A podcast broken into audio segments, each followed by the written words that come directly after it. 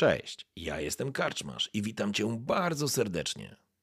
Niezwykle miło mi Cię gościć w progach mojej karczmy. A teraz usiądź wygodnie, odpręż się i daj porwać się historii, którą mam do opowiedzenia. A jeśli spodoba Ci się to, co usłyszysz, zawsze możesz rozważyć wsparcie mnie za pomocą patronite.pl. Link znajdziesz w opisie. Życzę miłego słuchania. Oby nam się! Czas upływa. Nie jesteś w stanie określić, ile już upłynęło tego czasu. Nie wiesz, czy. czy oni tam są, Mironie. Nie słyszysz już właściwie niczego poza waleniem własnego serca i. i tego specyficznego szumu krwi, która uderza do głowy. Siedzisz w jakimś wąskim tunelu pozbawiony światła,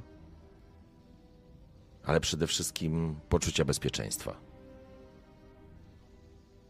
Właściwie to wszystko jest szalone i zastanawiasz się, co ty właściwie tutaj robisz. Pytania, gdzie są Klaus, Walandir czy Hilda, rozeszły się, rozpłynęły się jak ostatnie promienie światła z pochodni strażników, którzy zaglądali do tej dziury kloacznej, w której się ukryłeś. Słyszałeś coś o baszcie straceńców. Siedzisz tu odrętwiały.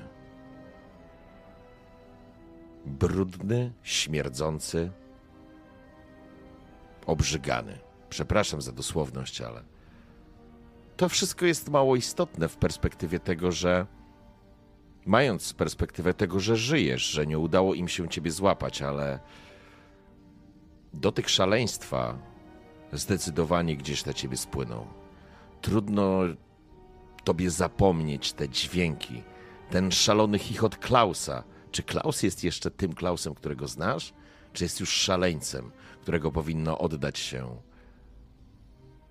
kapłanką Shaili? Albo może go stracić? Nie jesteś w stanie tego. Nie, nawet nie chcesz sobie tego przypominać. A potem, kiedy to szaleństwo zniknęło, zastąpił je strach. Taki zwyczajny strach. A twoja wyobraźnia i twój przestraszony umysł podsyłał ci obrazy, których nie chciałbyś oglądać. Zastanawiałeś się, czy oni nie czekają przy tej dziurze, po cichu, tak żeby nikt ich nie usłyszał, chcąc ciebie wywabić z bezpiecznej kryjówki. Pewnie tam są. Miałeś wrażenie, że nawet oddychasz głośno. Ale od pewnego czasu towarzyszy ci cisza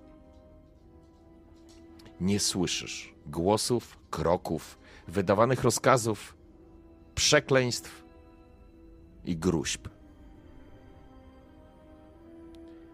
Znajdujesz się w tym tunelu, w którym się ukryłeś.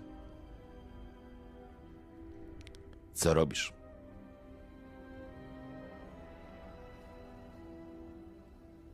Będę chciał wyczołgać się, znaczy wyjść tyłem do tego miejsca, gdzie będę mógł, do miejsca, w którym będę mógł wstać i wyjść, oczywiście nasłuchując cały czas.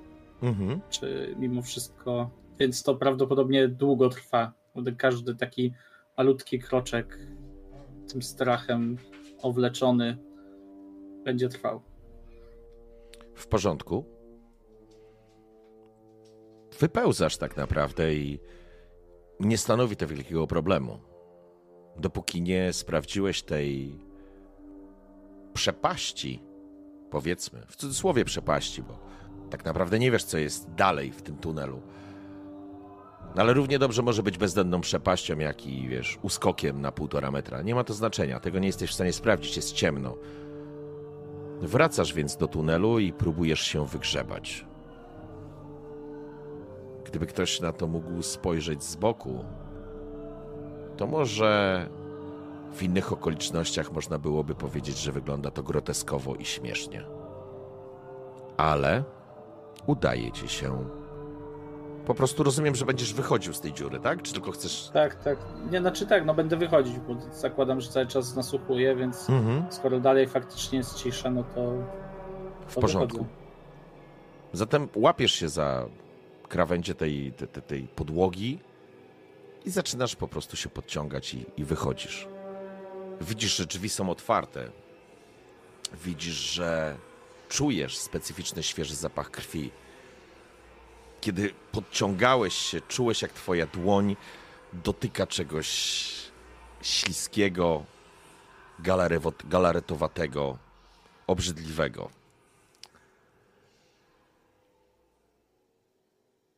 Kiedy wyszedłeś, zauważyłeś, co to było. Ale nie jest to teraz istotne. Na twoje szczęście drzwi do celi wyglądają na otwarte. Właściwie są rozwarte, w... przymknięte, powiedział może w ten sposób. Nie rozwarte, bo otwierają się do zewnątrz, więc, więc one są po prostu przymknięte. Widać było, że starali się ciebie tutaj szukać. Zresztą wiesz doskonale, że starali się ciebie szukać. Ale póki co nikogo dzisiaj nie ma. Tutaj, w tym momencie. Przepraszam, nie dzisiaj, tylko w tym momencie.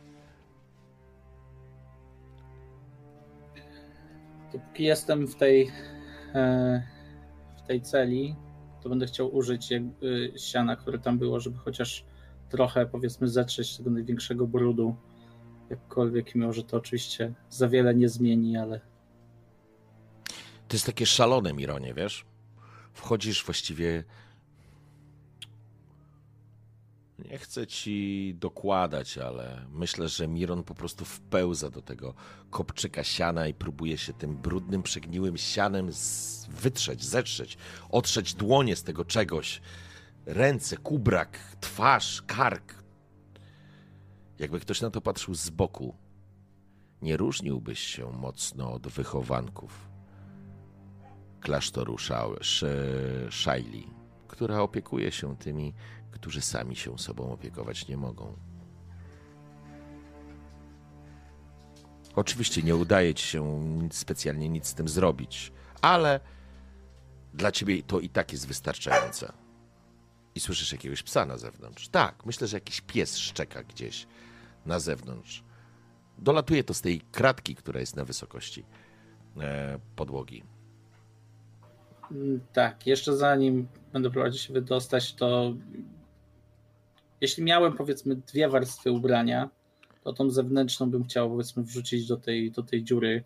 Żeby Mhm. Chociaż też to też jest taki dokładnie to, co powiedziałeś, czyli taki, taka próba powiedzmy oczyszczenia się, czy próba poczucia bycia bardziej czystym, mimo że to absolutnie niczego tu nie zmienia w tej sytuacji. Mhm. W porządku. Tak też się dzieje. Zrzucasz siebie tą... Właściwie ty jesteś w tym dworskim ubraniu. Więc właściwie wyobrażam sobie, że zrzucasz jakąś kamizelę albo, albo jakiś taki ala frak. Wiesz, coś takiego, nie? Tak, Ale- tak, tak. Ale trafia to do dziury, rzecz jasna. W porządku. W porządku, skoro dalej nic nie słyszę poza ujadającym psem. Oczywiście gdzieś tam z zewnątrz pewnie słyszysz jakieś dochodzące dźwięki. Jest późno w nocy. Na pewno jest jeszcze noc, dostrzegasz to, jesteś w stanie to ocenić. Ale jakiś tam ruch na zewnątrz na pewno jest. Na pewno nie, jest to, nie są to dźwięki balu, e, to na pewno, ale to też nie są dźwięki obławy. Więc e, masz wrażenie, że wszystko wróciło teoretycznie do normy, albo przynajmniej tak ci się wydaje. W porządku. W takim razie no, będę próbował się wydostać, czyli podejść do tych drzwi i nadal do, do samych drzwi też również delikatnie Mhm. nasłuchując najpierw, czy na pewno właśnie ktoś się nie czai. Ponieważ ten pan paranoja, że oczywiście jest mnóstwo strażników zaraz za drzwiami, jest jak najbardziej realny. Okej. Dobrze. Rzuć sobie na spostrzegawczość. Jeżeli masz coś z nasłuchiwania, to chciałbym, żebyś sobie dodał. Masz coś? Jasne. Jakiś talent? Mam, mam, mam, tak.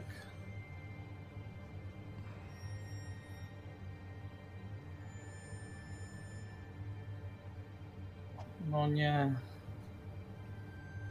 Wytężasz słuch. Będziesz to przerzucał? Nie. Okej. Wytężasz zatem słuch. Skupiasz się na tym bardzo mocno. Nawet przestałeś oddychać. I kiedy wśród ciemności widzisz, jak z tych półprzymkniętych drzwi wpada takie migoczące światło pochodni, masz wrażenie, że coś usłyszałeś.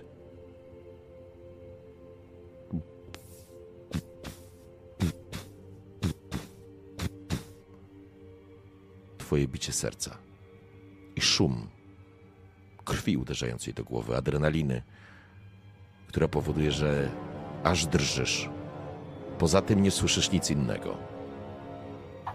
To światło z pochodni to widzę w korytarzu, czy widzę w. W korytarzu, bo te drzwi pamiętaj, że otwierają się do zewnątrz i one są przymknięte, one nie są zamknięte całkowicie, więc dostrzegasz ten korytarz, jak pamiętasz, e, miał trzy cele. Wy byliście w tej pierwszej, ty jesteś teraz w tej drugiej. Mm, Jakby w prawo jest ślepa uliczka, a w lewo jest e, droga do wyjścia, czyli droga do, do, do. Trudno ci powiedzieć w tym momencie, ale na pewno są tam schody. To w pierwszej kolejności będę chciał wyjrzeć w tą stronę, gdzie jest ślepa uliczka. Chodzi o to, żeby drzwi kompletnie nie ruszyć, e, żeby one nie wydały czasem dźwięku. Musisz je jednak uchylić, żeby się przez nie przesmyknąć. Nawet ty, Mironie Offner, nie zmieścisz się w tak wąskiej szczelinie. Dobrze, to w takim razie najpierw patrzę przez te szczeliny tyle, ile mogę, tyle, ile jestem w stanie. Czy to jest, czy powiedzmy, czy to światło pochodni widzę, że się powiedzmy przemieszcza, Nie, nie. to światło. Byłeś Okej, w tym czyli- korytarzu, więc absolutnie jesteś przekonany, że jakby blask tych pochodni jest blaskiem tych pochodni, które były w korytarzu. Więc e, to są te, które są zawieszone na ścianach. W porządku, w takim razie, e, skoro muszę, to bardzo delikatnie staram się uchylić te drzwi i cały czas słyszeć, słuchiwać, czy, czy czasem ktoś się nie odezwał, czy nie ma jakiegoś kroku. Uchylasz te drzwi. Słyszysz jednak, jak te stare, przerdzewiałe zawiasy delikatnie zaskrzypiały. W normalnej sytuacji, Mironie, uznałbyś, że po prostu to jest skrzypnięcie. Ale tu, teraz, w tym momencie, masz wrażenie, że ten dźwięk roznosi się, odbijając i potęgując się odbitym echem, niczym dzwony na katedrze. Zamarłeś. Kropla potu spłynęła ci po policzku. Ale to chyba tylko twoje wyobrażenie. Chyba nikt nie usłyszał. Przynajmniej nie słyszysz nikogo. Zerkam zanim wyjdę jeszcze w tą stronę tej ślepej uliczki, bo jakby na tą stronę się drzwi otwierają, także Mhm. najpierw to jestem w stanie zobaczyć. Jak uchylisz je bardziej, to będziesz widział tą stronę w kierunku korytarza i schodów, nie? Ale uchyla, one się już na tyle uchyliły, że widzisz cały ten korytarz i dostrzegasz faktycznie, e, były dwie, tam ten korytarz miał z jakieś 20 metrów, jak pamiętasz, mniej więcej do drzwi, więc widzisz dwie pochodnie po ścianach po prawej i po lewej stronie. Cele są tylko po lewej stronie. I i tam jest później załamanie korytarza i z tego korytarza również bije blask, więc ewidentnie jest również tam pochodnia. Również dostrzegasz, że pochodnia, która, którą walczył chyba Klaus, już właściwie nie pamiętasz, któryś z nich, albo Klaus, albo Walandir, em, ktoś wetknął za tymi drzwiami nową pochodnię, więc ten ślepy zaułek jest również oświetlony. I pusty. Musisz najpierw wyjrzeć. A, w porządku, w takim, tak, w takim Bo razie. jesteś, wiesz, przy drzwiach, nie? Tak. Rozumiem, rozumiem, rozumiem, Mhm. rozumiem. W takim razie wyglądam. W porządku. Nie, to strach. Strach i panika, która tobą rządzi, Mironie, powoduje, że masz wrażenie, że migoczące pochodnie na ścianach, odbijające się od nierówności, tworzą miraże i iluzje, jakby tam ktoś się czaił. Ale nie. Nie, Mironie. Nikogo tam nie ma. Chyba.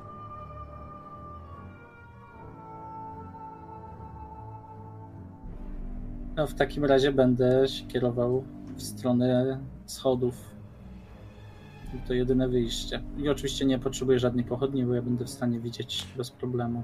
Bez problemu widzisz absolutnie. Zresztą ten korytarz jest rozświetlony. Faktycznie dostrzegasz teraz kątem oka, kiedy wychodzisz za tych drzwi, że za tobą ktoś wetknął tą pochodnię, którą chłopaki wzięli. Twoi towarzysze, ale oczywiście po towarzyszach nie ma śladu. Dostrzegasz w blasku pochodni plamy krwi, wiesz, ślady walki, którą tutaj stoczono. Może najpierw, może nawet wiesz co? Może nawet zobaczyłeś przez przypadek, natychmiast odwracając wzrok, ale nad tobą, gdzieś na wysokości głowy dużego człowieka, jakim jest Klaus, dostrzegasz plamę krwi i wbitego tam zęba. Ale nie masz pojęcia, czyj to ząb. Ruszasz dalej. Idziesz korytarzem, zbliżając się po cichu. Jak to niziołki potrafią do załamania korytarza. I kiedy się do niego zbliżasz, zostawiając za sobą swoją bezpieczną celę, zostawiasz kolejną i podchodzisz do załamania. Chciałbym, żebyś rzucił sobie na spostrzegawczość. I to będzie test nasłuchiwania. To jest też. Okej, okay, nasłuchiwanie.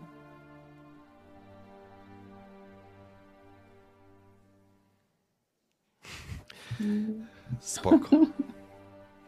Warhammer. Warhammer nas kocha. Siedzisz, stajesz za tym załamaniem, próbując nasłuchiwać. I znowu, znowu na Esmeraldę byś przysiągł, Mironie Offner, że że słyszysz szaleńczo bijące serce, które jak uwięziony ptak wali ci w klatce prysiowej. Słyszysz krew uderzającą ci do głowy. Bat! Nawet słyszysz furkot płomienia. Jakby tu gdzieś była Hilda, ta szalona piromantka, która podnieca ten ogień albo ściąga jego tą niszczycielską moc. Ile byś dał, Mironie, żeby była teraz? Ta szalona wariatka. Albo Klaus. Ten prostolinijny olbrzym. Albo ten tajemniczy elf. Na bogów którekolwiek z nich, Mironie. Jesteś sam. I nie wiesz, co się z nimi stało. I nie ma nikogo u twojego boku. Jak kiedyś. Mironie.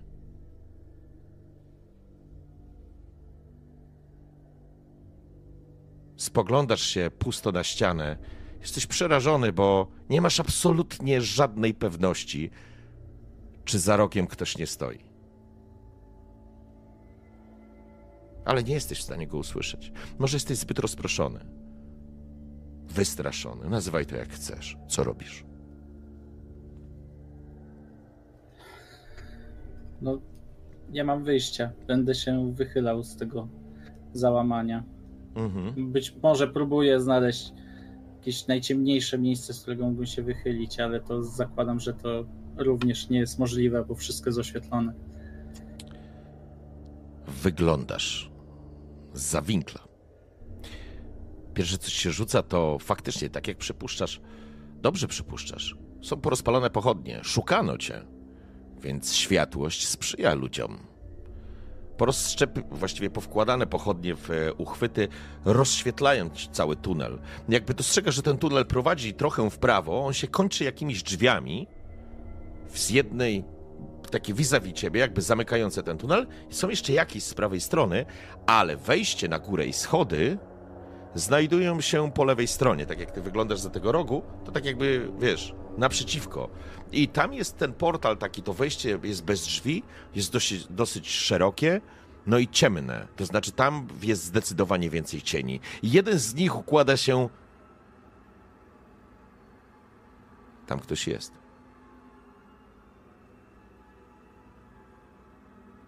No, chowam się. Jeszcze Przy... raz wracam. Przyklejasz się do ściany.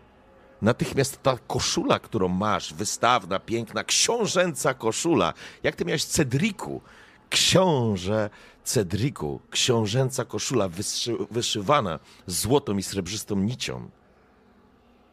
Czujesz, jak przykleja się do ciebie faluje w rytmie szaleńczego oddechu.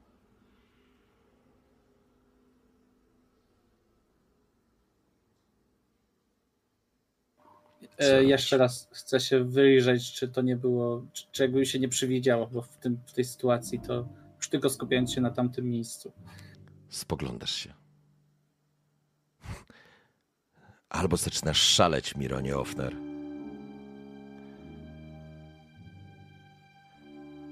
Albo bogowie z ciebie po prostu drwią. Nie.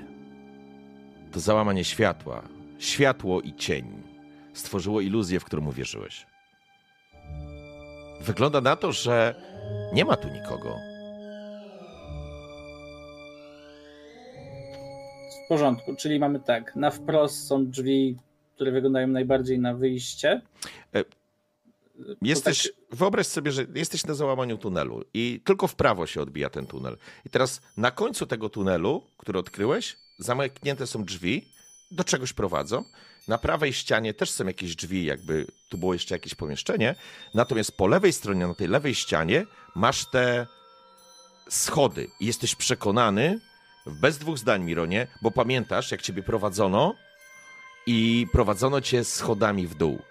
Więc schodami do góry jesteś w stanie dotrzeć na parter posiadłości Feliksa. Matre. E, a tam nie masz pojęcia, co tam się znajduje, ale możesz rzecz jasna to sprawdzić. To najpierw będę chciał e, wszystkie pary drzwi, które są, e, przyłożyć ucho i zobaczyć, czy usłyszę, mhm. że, czy ktoś jest za którymiś z nich po kolei. Najpierw te do, do, do, do rezydencji, a potem te, te dwie te pary, re... które są dalej te do rezydencji to nawet nie są drzwi, to jest po prostu otwór, który prowadzi do schodów natychmiast. Te schody są tak jakbyś, wiesz, widział taką klatkę schodową z okrągłymi schodami, którymi ciebie prowadzili w górę, więc tam nawet nie ma drzwi. Po prostu jest taki portal, przez który przechodzisz i, i, i tyle, nie? Natomiast drzwi są po prawej stronie, czyli będziesz musiał minąć to wejście na schody i pójść wzdłuż tunelu sprawdzisz pierwsze drzwi po prawej stronie, a dalej są te, które zamykają ten tunel. Czy... Czy to, najpierw, to najpierw wejdę powiedzmy kilka, schod kilka schodków na, do tego wejścia i w ten sposób nasłucham. Dobrze, w porządku.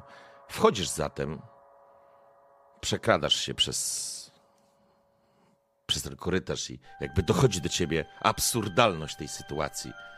Podkradasz się, ale jesteś w blasku pochodni, więc nawet ślepiec by cię tu widział, gdyby tu był. Ale nie zmienia to faktu. Podchodzisz do schodów. Zaczynasz nasłuchiwać. Schody są kręcone, prowadzą na pierwsze piętro, na, y, to znaczy na parter. Jesteś przekonany. Zapraszam. Spostrzegawczość i nasłuchiwanie. ja nie wierzę. Ja nie wierzę tego. Ale. Z... Próbujesz coś usłyszeć. Masz wrażenie, że dochodzą do ciebie jakieś dźwięki, ale one są bardzo stłumione. Nie potrafisz określić, co to w ogóle za dźwięki. To nie są głosy, ale to też chyba nie są kroki. Nie masz pojęcia. Coś u góry się na pewno dzieje, ale to nie jest tak, że biega tam armia ludzi krzycząc, wykrzykując rozkazy. Ale zaczynasz, Mironie, wątpić trochę sam w siebie. Jesteś po prostu tak przerażony, że nie masz pewności. Nie traktuj tego, że nie słyszysz, bo to nie jest tak, że ogłuchłeś. Po prostu nie wierzysz swoim zmysłom. Wychodzę z założenia, że Miron może być tak przerażony, że nie jest pewny tego, co słyszy. Tak jak nie jest pewny tego, co widzi.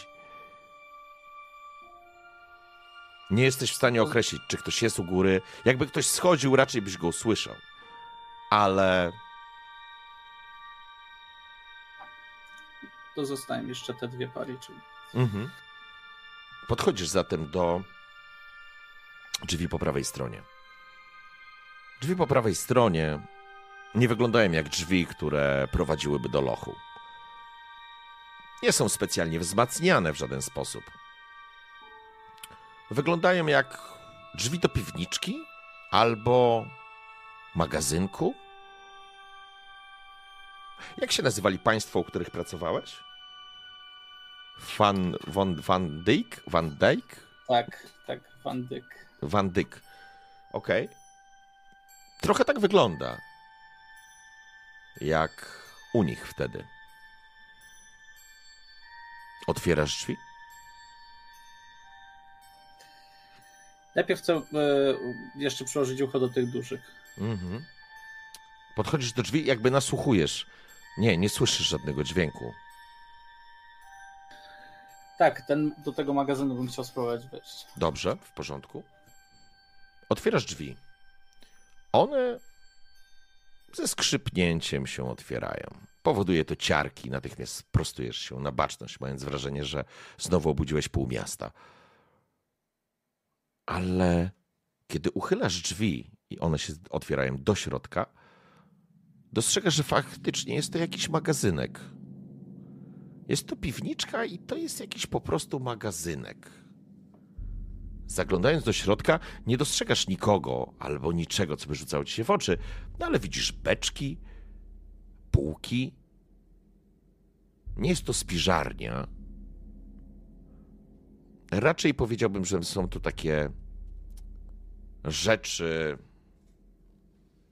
typu jakieś narzędzia, rzeczy, które są potrzebne, że tak powiem, w prowadzeniu dworku. Nie wiem, to mogą być, wiesz, jakieś zapasy, jakieś takie elementy, które można, może jakieś stare obrazy.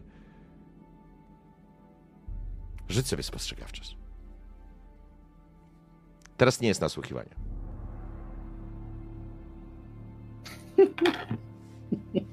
Cudownie. Cudownie. Tutaj, wśród ciemności, ale ten promień światła, wiesz, uchyliłaś drzwi, one wpadają do środka i tak jak otwierasz skrzydło drzwi, tak promień światła z zewnątrz po prostu rozświetla ci, poszerzając ci widok na, ten, e, na to pomieszczenie, rozumiesz? Więc ty oczywiście masz widzenie w ciemnościach, ale to jest widzenie przy świetle gwiazd. O. Więc w całkowitej ciemności nie dostrzegasz. Ale to jest taki moment, Mironie, którym zatrzymałeś się i coś ohydnie obślizgłego i obrzydliwie. Obrzydliwego, to bym chciał powiedzieć. Nie obrzydliwie obrzydliwego, tylko obrzydliwego spływa ci po karku i spada do samych stóp. Dostrzegasz w rogu, jak ten promień światła, kształt jakiejś istoty, która stoi i patrzy się na ciebie. Nie widzisz jej twarzy, ale tylko to promienie światła, które wpadają do środka, dają taki półmrok, a ty tym swoim niziołczym wzrokiem jesteś w stanie dostrzec i dostrzegasz sylwetkę. Ktoś stoi i patrzy się, jest niewysoki. Powiedziałbyś, że jest nawet niższy od ciebie. Stoi w rogu i ma przechyloną lekko głowę. Masz wrażenie, że w blasku tego światła wpadającego zalśniły mu się oczy. E, zamykam drzwi. Zatrzasnąć Wiesz- go chciałbym w środku. Wiesz, że on A- to stoi i patrzy się na ciebie. Po prostu chcesz Ale- zamknąć. Tak, że, znaczy, bo ja zakładam, że jestem jeszcze jakby w korytarzu. Tak, w korytarzu, jasne, jasne. Jasne. Ale nie zaglądniesz wtedy do środka. Pytanie, czy to robisz, czy po prostu się wycofujesz.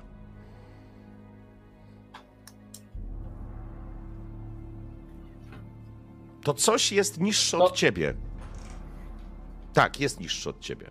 Ty sam jesteś niewysoki. Na pewno nie jest takie e, gabarytowe. Nie, bo ty nie jesteś jakimś pękatym niziołkiem, absolutnie, więc powiedziałbyś, że jest niższe. Trochę takie. Trochę takie dziecko.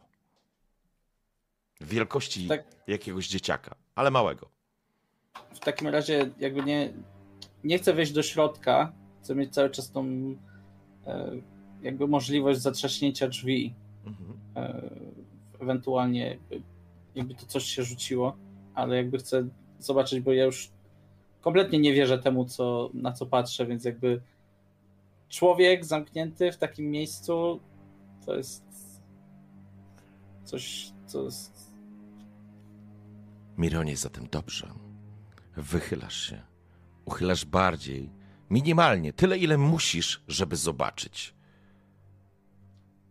Kiedy skrzydło wpada do środka bardziej, nagle dostrzegasz, że przez ciemność, przez mrok, przez półmrok, przez szarówę zaczynasz dostrzegać bardzo jasną twarz.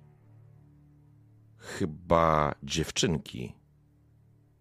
Czujesz, jak coś lodowatego chwyta cię za gardło, bo jej oczy lśnią. Twoja ręka zadrżała, te drzwi uch uchyliły się bardziej, może nawet skrzypnęły, kiedy dzieją się dwie rzeczy. Pierwsza to fakt, że patrzysz na lalkę porcelanową.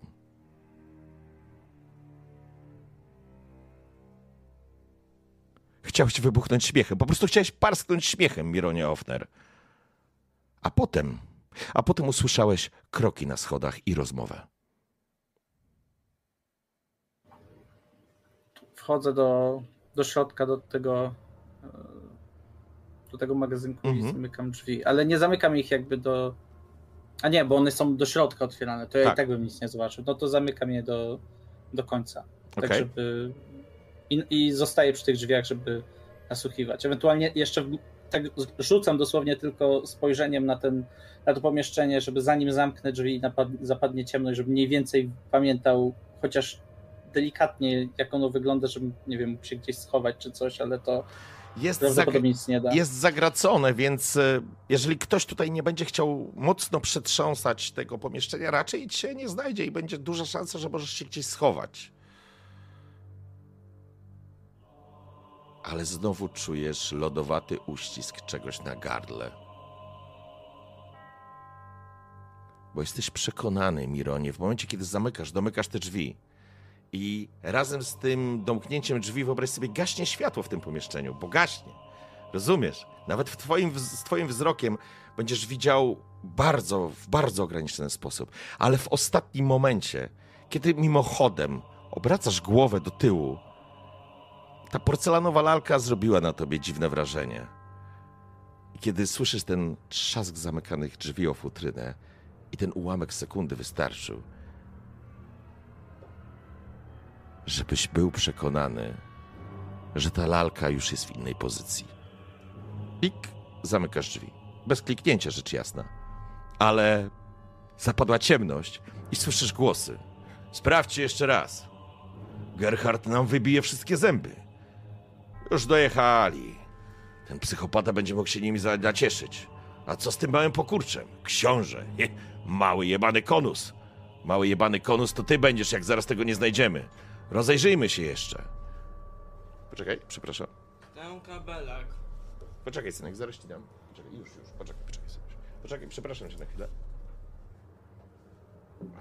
Synuś. Rozumiem tylko, że... Nie ma kabelka. Proszę bardzo, masz, masz. Proszę. Tak? Dobra. Sorry, już jestem. Spoko, spoko. I słyszysz, jak do środka zeszło dwo, dwie osoby zeszły.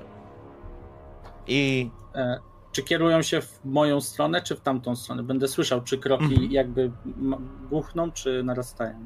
Okej. W pewnym momencie, kiedy nasłuchujesz przy drzwiach, bo w pewnym momencie słyszysz, jak. Zresztą nie musisz nasłuchiwać. Słyszysz, jak jeden do drugiego mówi: Dobra, ja sprawdzę jeszcze raz cela, a ty sprawdź magazyny. Ja nie wiem, nie sądzę, ale, ale sprawdź dla świętego spokoju. Ha! Święty spokój będę miał, jak go znajdziemy. Oby, oby. I słyszysz, jak osoby się rozchodzą.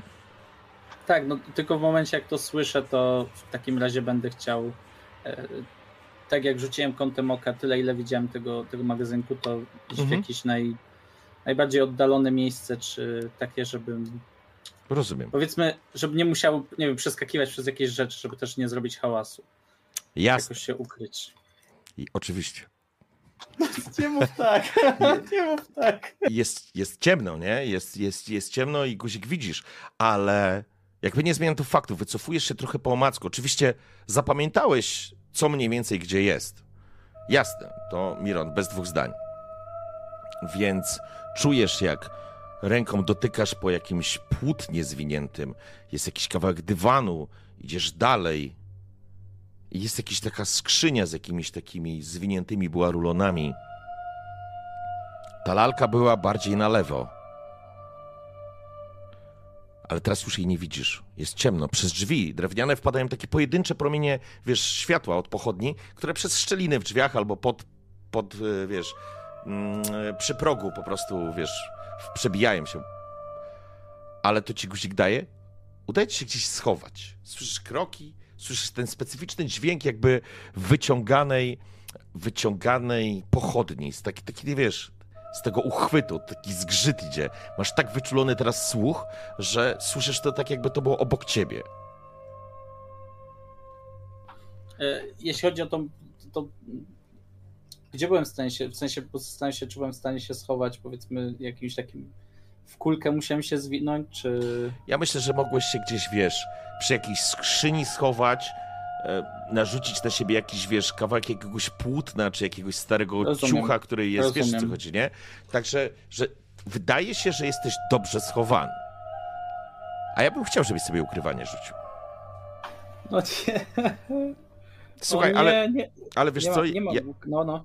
a t- ukrywanie się, czy jak to się tam nazywa? A czy to jest podstawowa umiejętność, więc na połowę się do zręczności rzuca. Poczekaj, tylko zobaczę sobie. E, dobrze, czyli ty, aha, czyli ty nie masz ukrywania jako takiego, Nie. Okej. Skradanie się ukrywa. A gdzie jest ukrywanie w ogóle? Bo ja ślepy jestem. E, z- o, A po- jest, ukrywanie się, okej. początku. Ukrywanie się, tak. E, będziesz miał ode mnie modyfikator dodatni, bo jednak dam ci nawet plus 20 do tego. Właściwie mnie interesuje tylko krytyczna porażka, więc W porządku. w porządku. No to masz zwykłą porażkę. także. Wystarczy. Dla mnie wystarczy. Bo drzwi się ze skrzypnięciem otwierają. I to jest moment, w którym furkocąca pochodnia, wiesz, wchodzi, jakby pojawia się pierwsza w tym progu. Za nią pojawia się mężczyzna, jeden z tych drabów, którzy was tutaj przyciągnęli, z ludzi Gerharda, ewidentnie, i to jest jeden z tych, którzy przetrwali walkę z twoimi towarzyszami. Jego kaprawa morda zagląda do środka. Widać, masz wrażenie, że nawet z tej odległości dostrzegasz dziobę po, po ospie i, i wyszczerzy z taką... Widać na jego twarzy, jest poirytowany w ogóle, że musi tam zaglądać.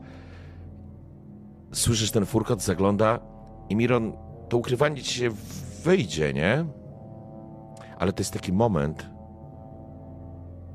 w którym w blasku z tego, chciałem powiedzieć, słońca, można powiedzieć dla ciebie to małe słońce, tej pochodni, dostrzegasz, że obok ciebie siedzi porcelanowa lalka. Ja bym chciał, żebyś sobie rzucił na siłę woli.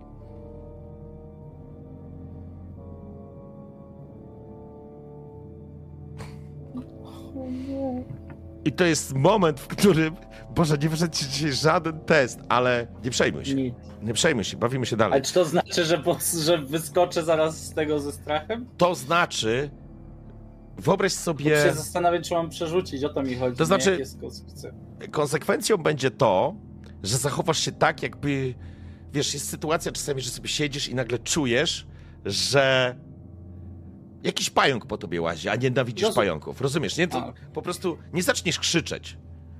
Nie, to byłoby za proste. Wolę, żebyś strącił tą rękę. Albo, wiesz, odepchnął. Wiesz, o co chodzi. Porządku, Ale To, e, to ewidentnie może zwrócić na ciebie uwagę. dobrze, to, no to biorę to ryzyko. Jeśli to jest tego typu reakcja, to, to biorę to ryzyko. Dobrze, cudownie. I to jest ten właśnie moment, w którym prawie krzyknąłeś, Mironie, Ofner, ale zamykasz się, zagryzasz usta, ale po prostu odpychasz tą lalkę. I ta lalka, masz wrażenie, jakby się na ciebie patrzyła tymi kryształowymi oczyma, od których odbija się blask i na tej pustej porcelanowej twarzy, białej, z pięknie wymalowanymi ustami, masz wrażenie, jakby ironicznie się uśmiechała, spadając i uderzając o ziemię, robiąc, tłukąc po prostu się. I słyszysz, co jest, kurwa? Widzisz, że ta lalka spadła z drugiej strony, ale twój oprawca, niedoszły, podnosi tą pochodnię, drugą ręką dobywa miecza. Wyłaź! Co robisz?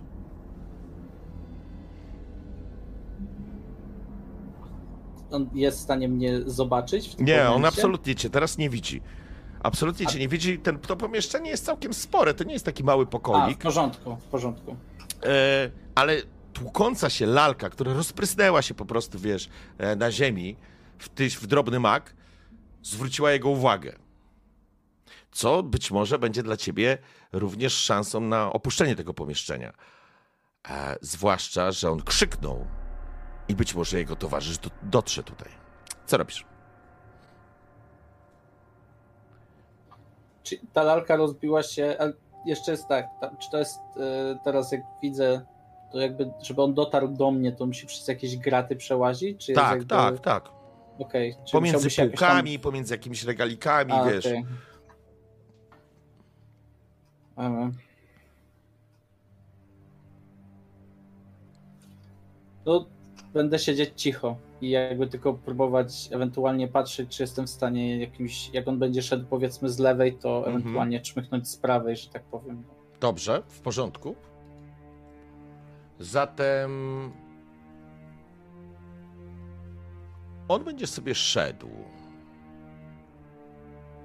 Jeśli jesteś tu, pokurczu, to wyjdź. Nie zrobię ci krzywdy. W jego głosie znajdujesz wszystko, ale nie to, że nie zrobi ci krzywdy. Wyjdź, wyjdź. Nie bój się. Widzisz, jak jego miecz przeszywa jakiś worek. Gdzie jesteś? Gdzie jesteś? Gdzie jesteś? Ja sobie rzucę za naszego pana. No ciekawe co wyjdzie.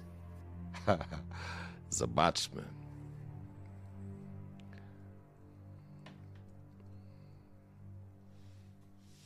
Oj, Je, jemu też jest ciemno. a jemu jest bardziej ciemno niż mi. Tak, tak, ale, ale on ma pochodnie, więc on sobie przypala tą pochodnią. Ja Miałem na myśli ilość porażek. Tak, ale generalnie jest tutaj całkowicie. No, to jest po prostu zawalony ten, ten, nie? Słyszysz tylko, jak ktoś krzyczy. Pier, co tam? I on tak roz, przychodzi, podchodzi, faktycznie widzi na, na tej kamiennej podłodze rozbitą tą lalkę. Ech, pierdolone szczury. Mark, nic, nic. Znowu te szczury. Obraca się i wychodzi. Twoja koszula jest mokra. Po, skroniach spływają ci po prostu strugi potu.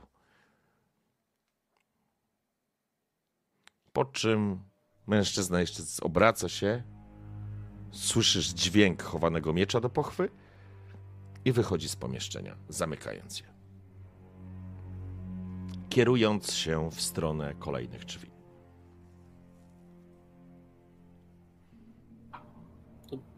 Słucham właśnie, Mhm. będę słuchać, Dobrze. gdzie pójdą dalej. Ewentualnie się też zrobię kilka kroków w tamtą stronę, tak żeby móc lepiej słyszeć, ale też W porządku. bez przesady. Słyszysz skrzypnięcie drzwi, słyszysz e, tego drugiego gościa, który tam woła. U mnie nic, u mnie też nic.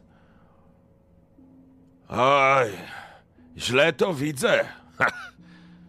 Ty się nie śmiej. Może czas faktycznie stąd spierdalać. Wolę... Może na południe pojedziemy. Gdzie na południe? Gerhard by nas, nas dorwał i obdarł ze skóry. I tak nas obedrze z tym psychopatem. Psychopatą. Słyszysz, jak jeszcze chwilę rozmawiają. Sprawdźmy jeszcze górę. Tam już też sprawdzałem. Sprawdźmy jeszcze raz. Po czym wychodzi? Co to był za huk? Ach, jakaś pieprzona lalka. Lalka! Jak sta...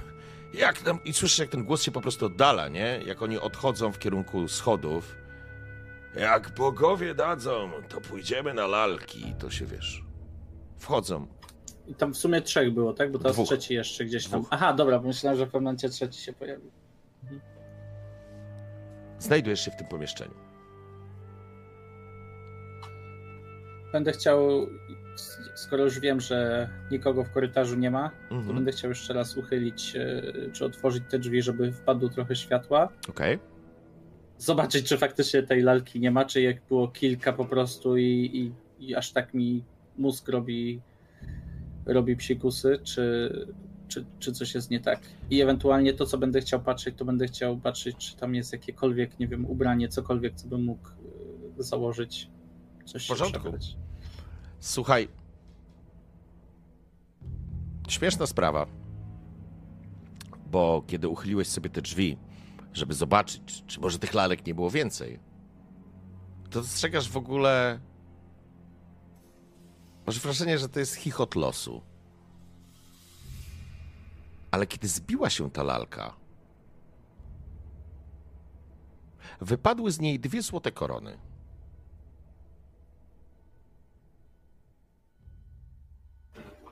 Podnoszę je.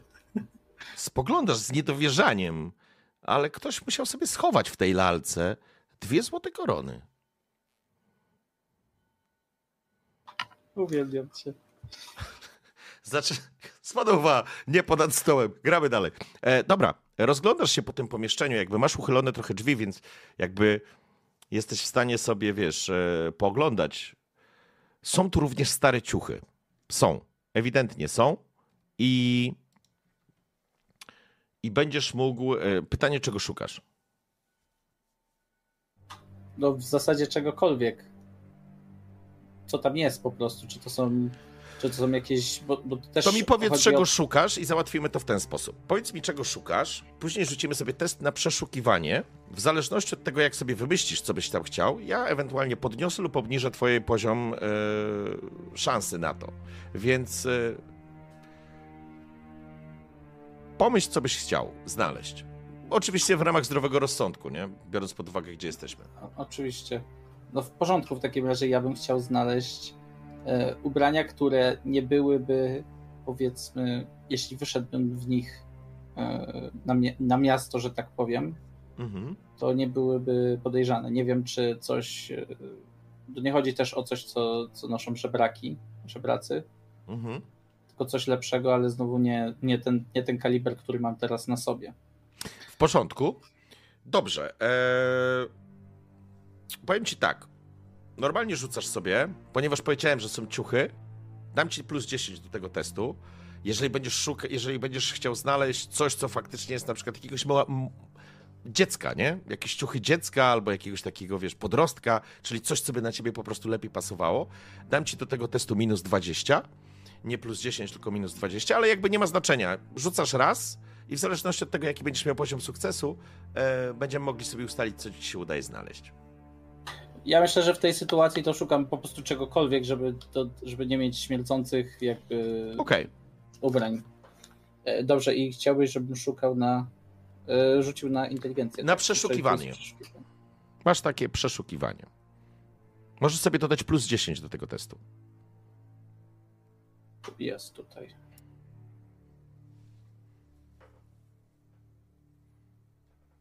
No i pięknie. Wow. Słuchaj, przeglądasz się po tych wszystkich miejscach i jest faktycznie taka skrzynia, w której znajdują się ciuchy. I to nie są ciuchy, powiedziałbyś, e, służby, ale to też nie są ciuchy, wiesz, baroneta. E, albo inaczej, może służby, właśnie może służby. Więc e, to są takie zwyczajne bawełniane rzeczy, e, bez jakichś ozdób, e, proste, w których mógłbyś się, w które mógłbyś się przebrać.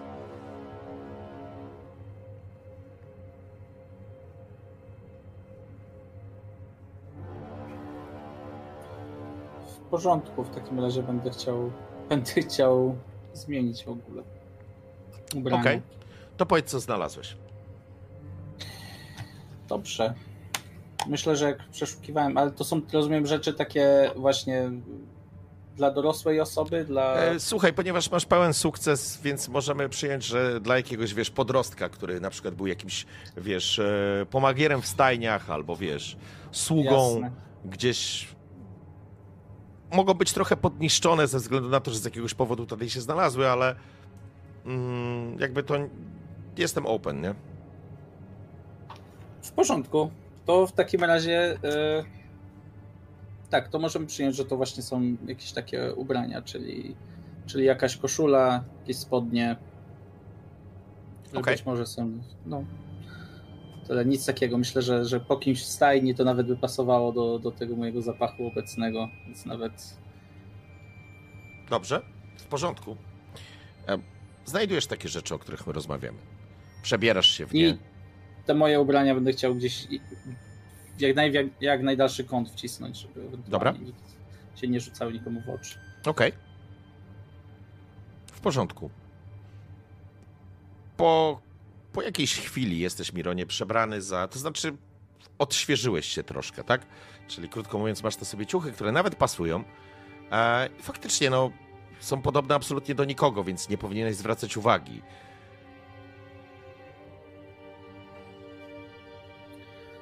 No to czas opuścić to miejsce. Ewentualnie, jeśli znajdę tam jakiś nóż, sztylet, coś takiego, skoro tam są jakieś, e, jakieś narzędzia, to być Mhm. może coś takiego by. Wiesz co, mogę ci na przykład Było. pozwolić wziąć jakiś. jakiś dłuto albo jakiś przecinak, może znajdziesz. W porządku. Że to, że to nie jest typowy sztylet, Jasne. ale taka broń improwizowana, którą możemy potraktować jako, jako sztylet, nie? Jako jakiś taki, nie wiem, młotek na pewno, młot czy młotek, no młot jakiś tam na pewno też byś znalazł, czy coś takiego jakieś. Ale przyjmijmy, że to jest jakiś kawałek właśnie przecinaka jakiegoś takiego dłuta, które może Tak, ci, to, wiesz... to jeszcze w takim razie to biorę razem z tymi koronami i Okej? będę stamtąd wychodził Mhm.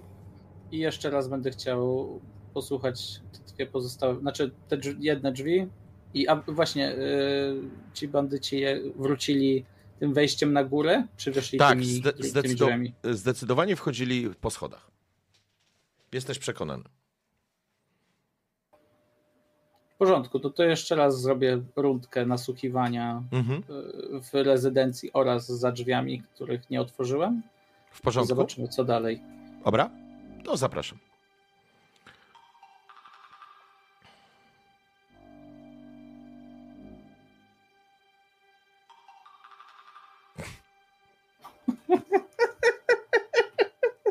Nawet wiesz co, pomyślałem, że dam ci plus 10, bo mówię, może się A wiesz, że ja mam, ja, mam, pl- ja mam plus 20 już w ogóle do tego. A ja wiem, że masz zasłuchiwania, no ale. Ale nie. To znaczy inaczej. Nic absolutnie nie słyszysz za tymi drzwiami drugimi, do których jeszcze nie sprawdzałeś, natomiast z góry dochodzą do ciebie jakieś dźwięki. Jesteś przekonany, że ktoś jest u góry, ale nie jesteś w stanie na podstawie tych dźwięków określić, czy ci ludzie tam stoją, dyskutują, wiesz, e, co będą robić. Nie masz takiej wiedzy. Po prostu słyszysz, że coś się u góry dzieje. No zresztą nic dziwnego przed chwilą. Było tutaj dwóch strażników, więc u góry z pewnością też są, nie? Jak jestem w tej, przy tych drzwiach dużych, e, to chciałbym jeszcze jakby kucnąć przy nich i przyłożyć rękę, zobaczyć, czy jest jakby przewiew. Mhm. Czy jestem w stanie wydedukować, czy to są drzwi już na zewnątrz, czy coś tam dalej jest. W porządku. Słuchaj, bo to nie są duże drzwi, tylko tak krańcowe, nie? E, więc jakby, czy czujesz przewiew? Czy możesz czuć... Znaczy też zależy, wiadomo, bo jeśli Mhm. to będzie w jakimś Dobra. załuku, to W porządku. Słuchaj, możemy przyjąć, że delikatny przeciąg czujesz. Ale to jest takie. No, tak, myślę, że tak, możesz czuć. To nie jest, to nie jest, wiesz, to nie jest przeciąg, który powoduje, że, że pochodnie jakbyś przystawił, to będzie, wiesz, rozdmuchiwać ogień, nie? Także robię głęboki wdech i będę próbował otworzyć te drzwi, skoro i tak nie słyszę nikogo, kto Mhm. jest, kto byłby za nimi. Okej. Otwierasz drzwi. I tutaj ze skrzypnięciem one znowu się otwierają? Ale to są też podobne drzwi do tych, które prowadziły do magazynku. Ale tu, tu jest moment, w którym twoim oczom ukazuje się duża piwniczka wypełniona beczkami, butelkami, dojrzewającą szynką. To jest moment, w którym twój żołądek skręca się w supeł. To nie jest tak, że nie jadłeś od tygodnia, rozumiesz, ale. Ale to jest. To jest jakaś taka spiżarka, musi być. No to z pewnością będę chciał Okej? coś przekąścić i się na jakąś butelkę. W porządku? Miron, wchodzisz i faktycznie twoim oczom ukazuje się ewidentnie dużo większe pomieszczenie z... Jest to spiżarka, są butelki, są, e, są... Jest to piwniczka na wina. E, Część tej piwniczki jest przeznaczona pod to. Są beczki, na pewno z jakimiś innymi trunkami. E, Są beczki wypełnione wiesz, czy, czy mąką, czy jakimiś tam ziemniakami, whatever, nie? Widzisz pod powałą wiszące, wiszące, wiszące po prostu szynki, kiełbasy. Dla ciebie, Mironie, to jest moment, w którym, no tak jak mówię, żołądek skręca się w, skręca się po prostu w, w, w, w, w supeł. A przewiew, o którym mówiłem, chyba jest z takich luków wentylacyjnych, które wyprowadzają, podostrzegasz jakby, że wyprowadzają również na zewnątrz. Jakby one też są na poziomie, to jest piwnica, więc jest na poziomie, wyjście jest na poziomie mm, ziemi, że tak powiem, a, ale też są zakratowane, więc y, nie jest to loch. Może gdybyś się przy tym pomajstrował, to może by ci się udało to e, wypchnąć w jakiś sposób, bo to nie są takie kraty jak, wiesz, jak w lochach, nie? No to na pewno będę chciał jakąś kiełbasę czy kawałek Mhm. szynki jakby wziąć i zjeść. Tylko to wybiorę oczywiście coś małego, tak że żeby nie było jakby, żeby nie było oczywiste, że ktoś tutaj Okej, e, się kręcił. W porządku. Zakładam, że pusta butelka nie będzie problemem, bo pewnie też gdzieś, będzie, gdzieś są puste butelki w jakimś kącie, także Okej.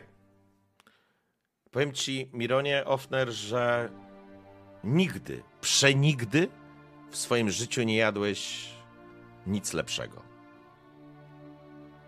To jest abstrakcyjna sytuacja dla ciebie, ale masz wrażenie, że masz niewielką ucztę, która pozwala ci świętować w ogóle to miejsce, w którym jesteś i że ci się udało.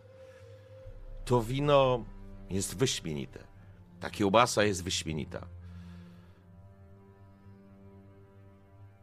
Ale kiedy przełykasz ostatni kęs, oczywiście dla ciebie to, to jest dopiero początek, ale zdajesz sobie sprawę, że no nie możesz zabawić tutaj i zrobić sobie balu. Czy tam jest gdzieś beczka z samą wodą? Czy to są tylko alkohole? Ja myślę, że wody tutaj nie będzie. Że tu, jeżeli będą, to będą alkohole. Myślę, że woda gdzieś z jakiejś studni jest czerpana, albo, albo gdzieś przy kuchni są po prostu e, beczki z wodą. No myślę, że i tak jakby twarz i ręce jakimkolwiek tym winem obmywam, żeby po prostu ten, Okej, żeby się dla siebie poczuć lepiej. Porządku.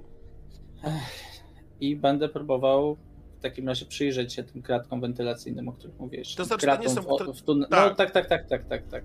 To wyjście, o którym rozmawialiśmy, ono jest troszeczkę, masz wrażenie, trochę większe, aniżeli te, które były e, z tej strony, wiesz, em, z lochów.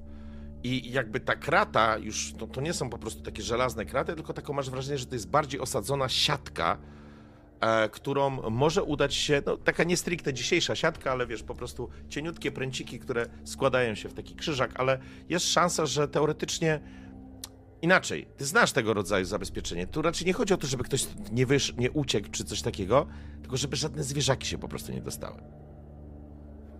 No to spróbuję to sforsować, że tak powiem. Dobrze? W porządku. Podchodzisz, myślę, że to nie jest problem, żebyś tam wlazł na jakąś beczkę czy na coś i po prostu, wiesz, chwycił się, bo to jest jednak u góry, no i będziesz musiał sobie z tym e, poradzić. Ja będę chciał, jeżeli chcesz to sforsować, to będę chciał, żebyś rzucał sobie e, mój e, Mironie Na na krzepę? krzepę. Tak. Co za niespodzianka, no. zaczynasz, wiesz, stoisz na jakiejś beczce. No, ona jest w miarę stabilna, przyjmijmy, więc to nie jest tak, że spadniesz, ale i tak nie jesteś w wygodnej pozycji. Nie jesteś też wysoki, twoje dłonie nie są specjalnie długie a, y, ręce, znaczy się, a też nie jesteś jakoś najsilniejszy, więc próbujesz, zaczynasz się z tym szarpać, jakoś próbujesz to wypchnąć czy wyrwać, no ale słyszysz, jak ona po prostu pracuje razem z twoimi paluchami, które wpijasz, ale poza bólem w swoich palcach nie dostrzegasz, żeby, żeby ci się udało to po prostu wyrwać siłą własnych mięśni. Możesz Taki- spróbować, wiesz, skorzystać jakby, bo masz tego świadomość, Miron ma tego świadomość. Były gdzieś tam narzędzia, może znajdziesz jakieś obcęgi. E, To zajmie trochę czasu, może jest większe ryzyko, ale z drugiej strony może gra jest warta świeczki. Czy ja jestem w stanie dostrzec, co, co jestem w stanie dostrzec przez to za, za tą? Dobrze. Za to, mój drogi, dostrzegasz część ogrodową.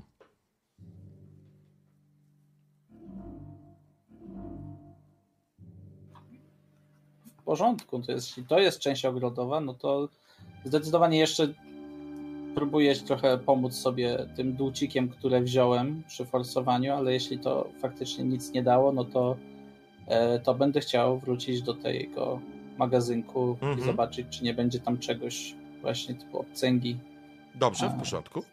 Co pomoże. Okej.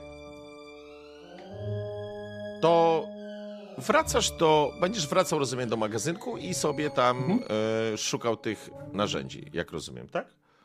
Tak jest. Dobra, ja sobie rzucę. Okej. Wychodzisz z powrotem na korytarz, nasłuchując wcześniej. Nie słyszysz nikogo. Chyba jest czysto. To znaczy, masz wrażenie, że jest czysto. Kiedy uchylasz delikatnie drzwi, ten korytarz absolutnie się niczym nie zmienił. Idziesz dalej i oczywiście wchodzisz do drzwi po lewej stronie. Zaczynasz szukać narzędzi. Przyjmijmy, że są to obcęgi, jak rozumiem, tak? Tak, tak. Okej. E, Skoro były tam narzędzia, znajdujesz tam również obcęgi. I intencja jest taka, że wracasz. Tak, intencja jest taka, że wracam i będę chciał dostać się, wydostać się y, za pomocą tych obcęgów. Jak gdzieś tam po bokach rozciąć. Dobrze, w porządku. Może nawet, być może nawet nie rozciąć całość, bo jeśli to są takie pręty, mówisz nie za grube, to Nie, to nie są nawet. stanie- To jest bardziej taka siatka. Wyobraźmy sobie, że to jest bardziej siatka. To nie jest stricte siatka, ale te pręty faktycznie. Tym jesteś w stanie sobie poradzić, nie? I nie To w robić. takim razie będę chciał, zrobił, chciał to zrobić w taki sposób, że powiedzmy trzy z czterech boków rozcinam, Mhm. tak żeby móc zasłonić to za sobą, żeby na pierwszy rzut oka nie było widać, że ktoś tam majstrował. W porządku. Zatem taka jest intencja. Trzymasz, przeszukałeś e, mm, jakby tą skrzynkę z narzędziami, znajdujesz, to trochę też trwa i będziesz wracał. W porządku, wracasz sobie i ja chciałbym coś sprawdzić. W porządku. Zatem wychodzisz, nikt nie zszedł. Masz wrażenie, że jesteś bezpieczny, przynajmniej teraz, na tyle, ile można powiedzieć o bezpieczeństwie w tej sytuacji. Bez problemu docierasz z powrotem do spiżarni i, przepraszam, włażąc po tych beczkach, dochodzisz do tego okienka, zaczynając po prostu przecinać te. wycinać sobie drogę, mówiąc wprost. To trochę trwa, ale kiedy obcęgi zaczynają być kluczem do Twojej wolności, nagle czujesz się zdecydowanie lepiej. Udaje Ci się. Udaje Ci się wyciąć drogę na zewnątrz. Podciągasz się, jak myślę, i będziesz chciał po prostu opuścić tą. Dokładnie tak. W porządku. E, Zwraca... Jeszcze być może wracam się na chwilę na dół, wypijam, nie wiem, butelkę do końca, bo to po prostu ta sytuacja jest, jest dramatyczna i Mhm. W porządku. upewniam się jeszcze raz, że to, co zostawiłem na pierwszy rzut oka nie, nie wzbudza podejrzeń. Okej. Zatem wypełzasz przez tą dziurę. Jest jeszcze noc. Dostrzegasz, że to jest chyba lewe skrzydło. Tak, to musi być lewe skrzydło. Jakbyś wypełzał spod lewego skrzydła tego, mm, tego, tego, tego domostwa. Przepraszam, spod prawego. A- Ale faktycznie jest niewielka dróżka, w powietrzu unosi się zapach ziół i kwiatów. Świeże powietrze natychmiast uderza w ciebie. W blasku księżycy niewielki Miron Offner wyłazi z lochów czy lożku baroneta Felixa Matre. Rozglądasz się i dostrzegasz wśród ciemności spacerujących ludzi z pochodniami. Udało ci się wyjść z piwnic, ale droga na wolność nie jest jeszcze taka prosta. Póki co nikt cię nie widzi. Jesteś w tej części ogrodowej. Dookoła ciągnie się płot i żywopłot oraz trochę labiryntu krzewów, stworzonego z krzewów, drzew. Myślę, że jest jakaś również tutaj fontanna, są poukładane kwiaty w jakieś różne wzory. Dlaczego nie? Może nawet we wzór baronii de Bonge. I strażnicy, chodzący, spacerujący, przechadzający się po tym, rozglądający się. Nie wyglądają jakby w szale szukali ciebie. Musiało upłynąć trochę czasu. Spoglądasz na układ księżyca, masz wrażenie, że niebawem zacznie świtać. Czy ja jestem w stanie stwierdzić, że to są powiedzmy strażnicy po prostu barona i zajmują się patrolowaniem terenu? Czy jak tu jest to pytanie? Bo teraz Wiesz- jeśli, bo to się zastanawiam, jeśli to jest po prostu ogród, no to raczej, nie wiem, patrząc na ogród, to nie jest tak, że nagle widzę chyba cztery patrole i oni są rozstawieni co 10 wiesz, metrów. Nie, nie, to nie jest tak, że oni idą, wiesz, y, linią i przeszukują, nie? To, to tak nie jest. Yy, Wylazłeś po prostu na jakąś ścieżkę, gdzieś tu, wiesz, w okolicy, wszędzie dookoła znajdują się ciebie, tak jak mówiłem, jakieś takie krzewy, drzewka i tak dalej, więc teoretycznie masa miejsc do tego, żeby się ukryć. Ale również po prostu pomiędzy tymi drzewami dostrzegasz chodzących ludzi i jakby to nie jest normalna noc. Jesteś przekonany, że jeżeli znajdziecie strażnik, nawet baroneta, to nie ma znaczenia to ci po prostu złapią, bo oni wiedzą, że ciebie muszą szukać. No, bo krótko mówiąc, słyszałeś to, że oni cię szukają. Tak ci się przynajmniej może wydawać, bo, bo jakby nie ma znaczenia, czyj ludzie, ale ryzyk, zbyt dużym ryzykiem byłoby założenie, że, że, że, że wiesz, ludzie baroneta potraktują cię inaczej. Zwłaszcza, że baronet po prostu cię wydał, Alberto, i koniec. Nie było dyskusji. No to jeszcze raz upewniam się, że ta krata, czy tam powiedzmy ta siatka jest na tyle, na ile jestem w stanie ją odgiąć do Mhm. normalnej pozycji. E, I będę chciał się przekraść w takim razie, skoro jestem y, w część tą ogrodową, żeby być dalej od, od budynku, Mhm. e, Okej. bo zakładam, że raczej strażnicy będą patrolować okolice budynku, a raczej same ogrody prawdopodobnie rzadziej, więc będzie łatwiej się ukryć. Dobrze. Ruszasz I zatem. teraz y, jeszcze Mhm. powiedziałeś o tym, że gdzieś tam jest fontanna. E, Tak. I teraz pytanie, czy ta fontanna jest jakoś, e, jeśli, czy ona jest bardziej w części takiej ogrodowej właśnie, gdzie mniej będą, będzie uczęszczana przed patrole, czy tuż przy wejściu na przykład jako takie... Nie, myślę, że na pewno jest w jakimś eksponowanym miejscu tej części ogrodowej, więc ona będzie raczej, nie będzie najlepszym miejscem na, do ukrywania się. Eee, tak, tak. Wiesz, otoczona jakimiś e, rabatkami kwiatów i tak dalej, a ławeczkami. A w samej części ogrodowej na pewno jest jakaś altana. Mm, tak, więc to nie. Trudno powiedzieć, że to jest na widoku, mówimy o nocy i jesteśmy jednak w ogrodach, ale, ale tak, to nie jest najlepsze miejsce, w którym mógłbyś się ukryć, absolutnie. Kwestia, która teraz gdzieś tylko ci podpowiem, jakby gdzieś ci tam pojawia się w głowie, to jest kwestia, którędy mógłbyś uciec. Teoretycznie mógłbyś spróbować się przedzierać przez te krzewy, po nich się wspinać, próbować przeskoczyć przez nie, opuszczając tą rezydencję. Nie wiesz, czy gdzieś tu jest jakieś tylne wyjście. Teoretycznie byłeś sługą na dworku, więc na pewno jest jeszcze jakieś wejście. W tej sytuacji być może dotarcie do tego miejsca byłoby dobrym rozwiązaniem. Z drugiej strony, oczywiście, frontalne wyjście na pewno będzie obstawione, ale wszyscy są postawieni w, a, na baczność. To w takim razie będę chciał iść w tą część ogrodową, bo zakładam, że po prostu część ogrodowa będzie najmniej patrolowana i Mhm. część ogrodowa również będzie miała gdzieś prawdopodobnie jakieś wyjście, ewentualnie właśnie jakaś dziura, czy, czy, czy po prostu przez płot. W porządku. Ja bym tylko chciał znać Twoją intencję. Czy szukasz przysłowiowej dziury w płocie, czy szukasz furty, która by mogła doprowadzić, wiesz, do jakby tylne wejście, krótko mówiąc, którymi, nie wiem, można wprowadzać towary, wiesz o co chodzi. E, to pamiętaj, że to nie jest, mm, nie jesteśmy w jakichś takich wielkich posiadłościach, to jest w centrum miasta, więc, więc jakby te działki nie będą specjalnie duże i prawdopodobnie będą również sąsiedzi, ale to może oznaczać, że z tyłu może być droga, mniej uczęszczana, gdzieś od tyłu, którędy można podjechać. Mm, więc musiałbym tylko, nakieruj mnie, jaka jest twoja intencja, czego szukasz konkretnie?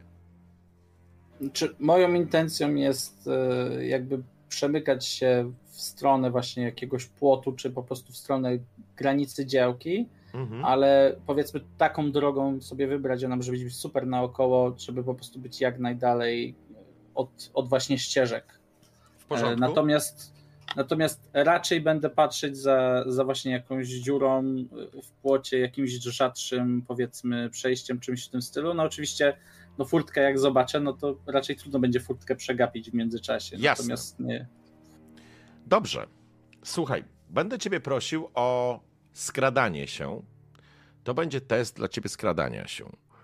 Jeżeli Nie mam, dobra.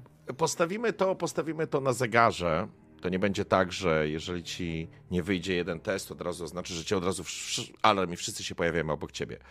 Ale zbudujemy to na zegarze, to znaczy, że będziesz wzbudzał coraz większe zaniepokojenie i coraz większy będziesz e, wzbudzał, e, no alarm, krótko mówiąc. Dam ci stary zegar złożony z trzech części. To znaczy, że jeżeli ci nie wyjdzie trzy razy, to dochodzimy do alarmu w posiadłości. To tylko, żebyś wiedział, jaka stawka jest. Nie, Czyli, jasne, czyli trzy rzuty muszę wykonać. nie, nie na, razie, na razie jeden. A, Zobacz, okej, okej. Zobacz, zobaczmy, jaki jest twój efekt, bo chciałbym sprawdzić, jak ci idzie skradanie się. A później będziesz szukał. O kurczę, w końcu.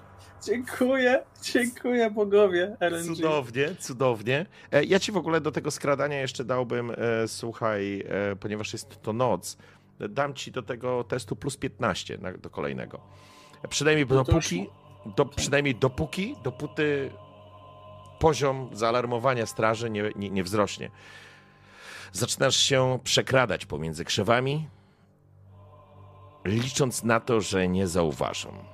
Dostrzegasz strażników, ale faktycznie to już nie są zbiry Alberto. To. To faktycznie strażnicy baroneta. Oni mniej gorliwie do tego podchodzą. Ewidentnie. Oczywiście są na posterunku, więc przechodzą, ale obok ciebie nawet nie zdając sobie sprawy, że, że tutaj jesteś. Udało ci się, wiesz, zakraść wiesz, do. y, po prostu opuścić to miejsce, z którego wyszedłeś i wejść w głąb tego ogrodu. I jakby no. Udaje ci się wodzić za nos na razie straż. Oni w ogóle nie wiedzą, że tu jesteś. Ale twój problem to inne pytanie. Dziura. Miejsce, przez które mógłbyś uciec. A to, mój drogi, będzie właściwie masz to samo. Czy to będzie spostrzegawczość, czy to będzie przeszukiwanie, nie ma znaczenia. Masz to na tym samym poziomie. Więc możesz rzucić na spostrzegawczość. Nie będzie to nasłuchiwanie, więc nie dam ci bonusu. Co więcej, ach, pięknie. No, To cudownie. To masz farta. To masz farta, bo chciałem ci jeszcze odebrać te 15 punktów ze względu na to, że jest ciemność, ale rzuciłeś 18.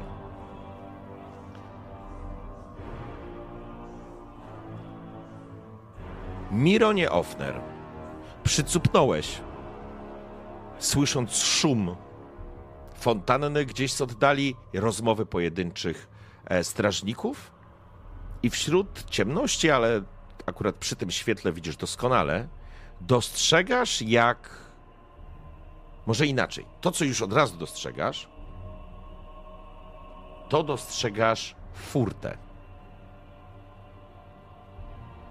Znajdujesz faktycznie furtę, która jest vis-a-vis ciebie. Jest tam jeden ze strażników, który stoi i rozmawia z drugim. Odległość to z jakieś 40 metrów może, może trochę mniej.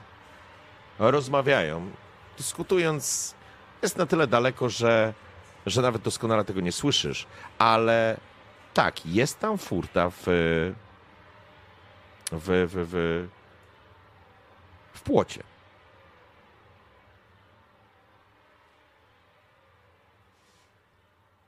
I ci strażnicy są po drugiej stronie, czy od strony. Nie, nie, oni są. Są na zewnątrz, czy w środku? Nie, nie, w środku, w środku, w środku. Ale widzisz, że tak jakby oni rozmawiali, a po czym rozchodzą się, idąc wzdłuż. Jakby odchodzą do tej furty. To znaczy od tej furty, po prostu idą wzdłuż tego płotu, jakby rozglądając się, czy dalej patrolując. Więc jeśli chcesz dostać się do furty, będę od ciebie potrzebował jednego rzutu na skradanie się. Jeżeli ci wyjdzie, dotrzesz do furty niezauważony.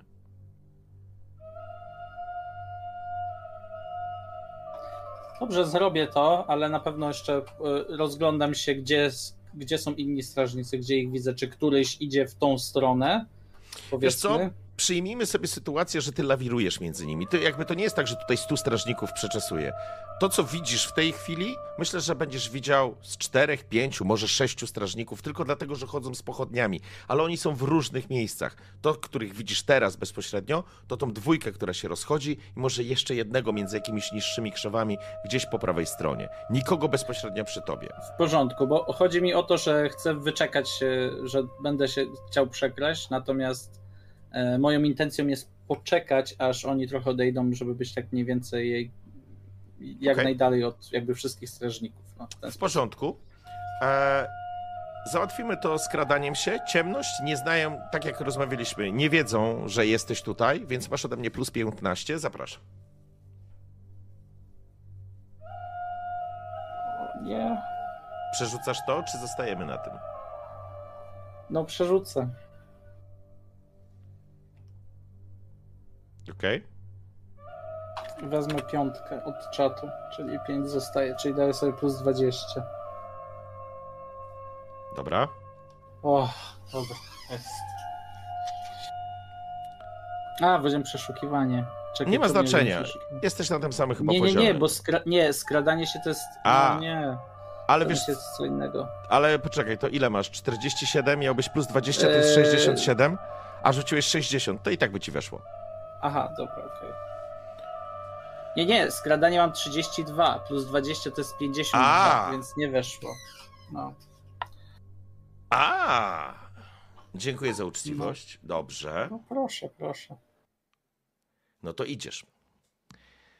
Idziesz, przechodzisz mniej więcej połowę tej odległości, kiedy nieopatrznie stawiesz krok na czymś.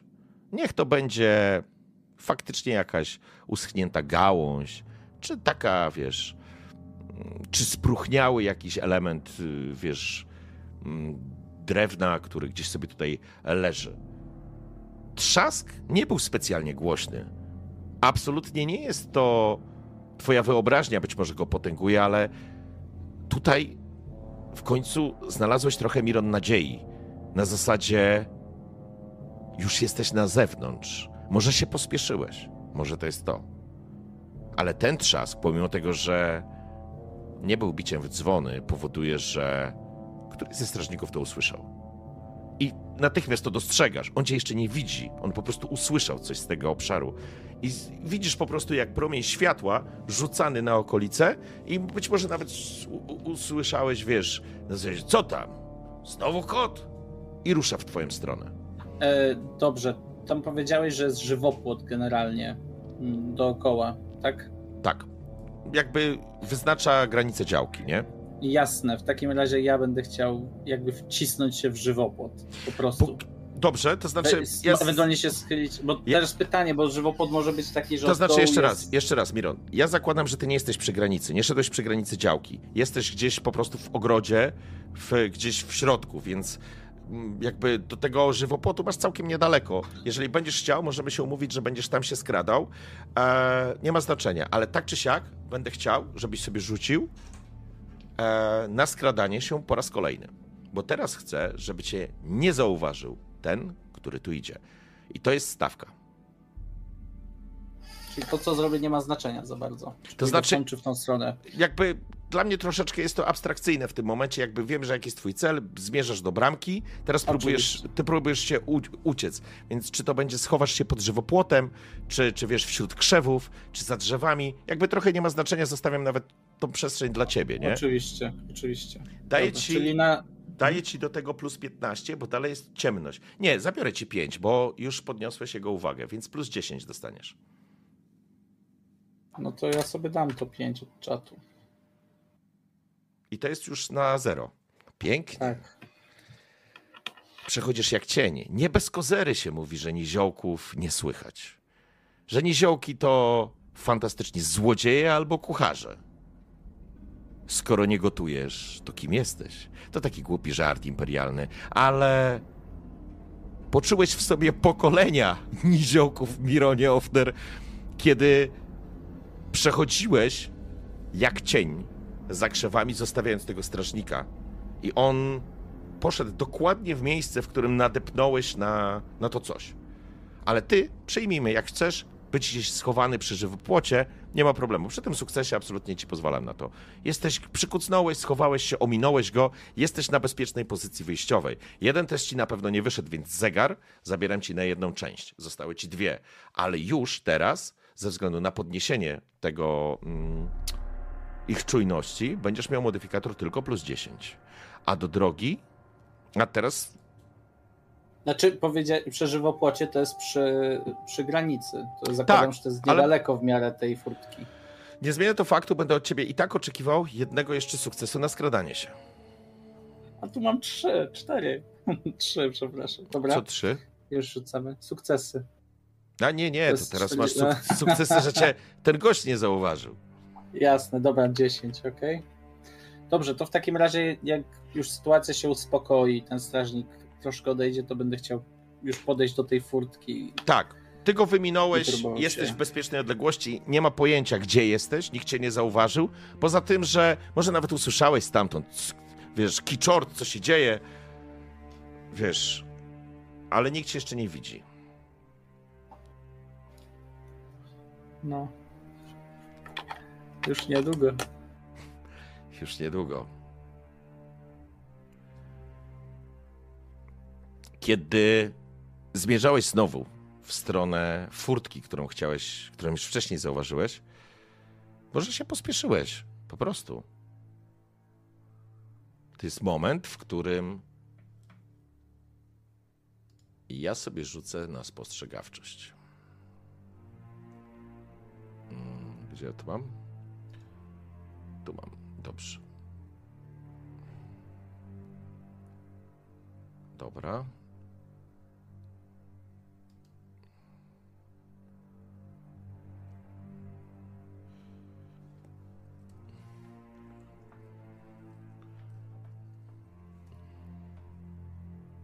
I już rzucam. To jest moment, w którym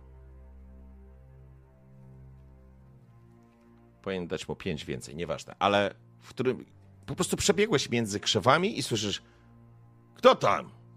Jest tam kto? I widzisz, jak on podnosi głos i powoduje to, że strażnicy, którzy są bliżej, słyszysz, jak zwracają się do niego. Coś się stało?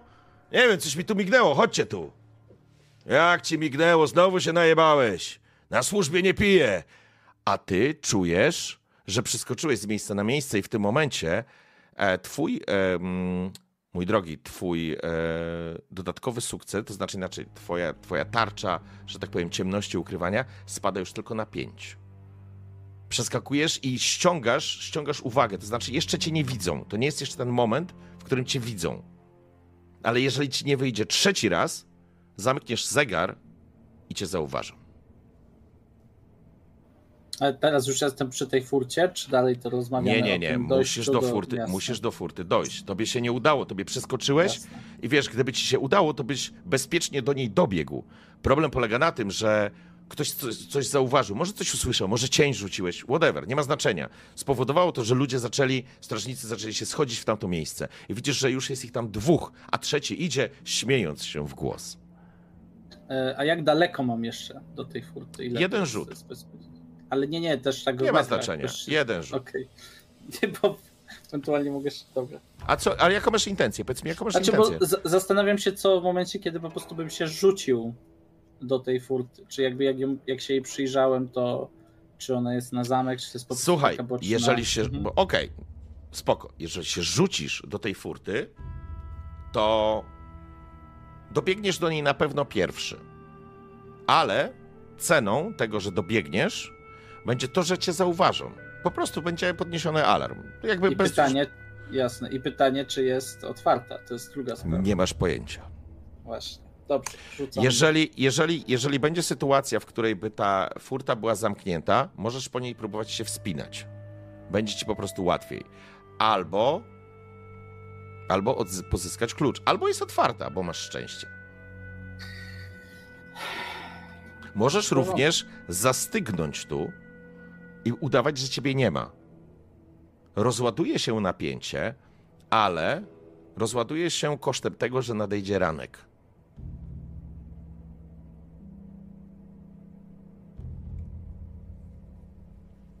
Będziesz być może, wiesz, Znaczy- wtedy... Co, co masz na myśli rozładuje się? Rozładuje się napięcie na zasadzie takiej, że jakby uznaję, że to jakiś zwierzak przebiegł czy coś, bo jakby póki co... Ale chodzi, chodzi tak mechanicznie, no bo mówimy o tych trzech częściach Mecha- zegara, nie? To, Nie, mechanicznie, mechanicznie będzie tak, że e, jakby nie będziesz już miał... Nie będziemy bawić się w wzbudzanie alarmu. Jeżeli ktoś cię zobaczy, to cię zobaczy, bo będzie dzień, koniec historii, ale wtedy być może będziesz miał jakąś inną opcję. To już od ciebie zależy, nie? Póki co, możesz teraz zaryzykować, możesz pójść, wiesz, na pałę pobiec i, i, i spróbować na żywca, ale kosztem jest to, że oni cię po prostu wtedy już wszczynają alarm. Możesz oczywiście. spróbować. Jeżeli ci nie wyjdzie, to cię zauważą i dojdziemy do tego e, punktu, o którym teraz mówimy, czyli wszczynają alarm. Możesz przycupnąć i po prostu czekać do rana. Będzie ranek, wówczas stracisz, że tak powiem, ochronę nocy i, i, i ciemności, ale może się pojawią inne wtedy opcje, nie? Nie ma dobrego wyjścia. Nigdy Dobrze. nie ma dobrego wyjścia. Próbujemy, próbujemy skradanie i teraz mam plus 5 już tylko. Tak. No to niech bogowie mają mnie w opiece. No nie! I to jest moment, w którym zrobimy sobie 8 minut przerwy. Szanowni Państwo, zapraszam na przerwę. I jesteśmy po krótkiej przerwie. Czaty, trzymajcie kciuki za Mirona. To jest ten moment, w którym ruszyłeś w stronę furty. Biegniesz w stronę furty i słyszysz... Hola! Kto tam jest? Tam jest! Tam jest straż! Łapać go! A ty biegniesz jak szalony, Miron. Biegniesz przesadzając przez jakieś krzaki, wspinę przeskakując przez jakąś ławeczkę, zostawiając za sobą jabłonki czy jakieś inne drzewka, prze, przeskakując przez rabatki kwiatów. Biegniesz na łeb, na szyję, byle by tylko dobiec do furty. Miron. Zanim oni się zorientują, masz przewagę. Pozwolę ci zrobić Dobra, i co chcesz zrobić, Miron? I, ta, i co, jest, co jest twoją intencją? No, chcę uciec. Ja rozumiem. Zbliżasz bo się do tej- do tej... Dobiegniesz tak, no do tej ją- furty. I co dalej? Będę chciał no, próbować ją otworzyć. No, jeśli szarpnę i, i się nie otworzy, no to będę przechodził przez nią górą. W porządku? Zatem masz 25% szans, że ta furta jest otwarta. W porządku. Ty Rzucam. rzucasz czy ja? Ty Okej. rzucasz.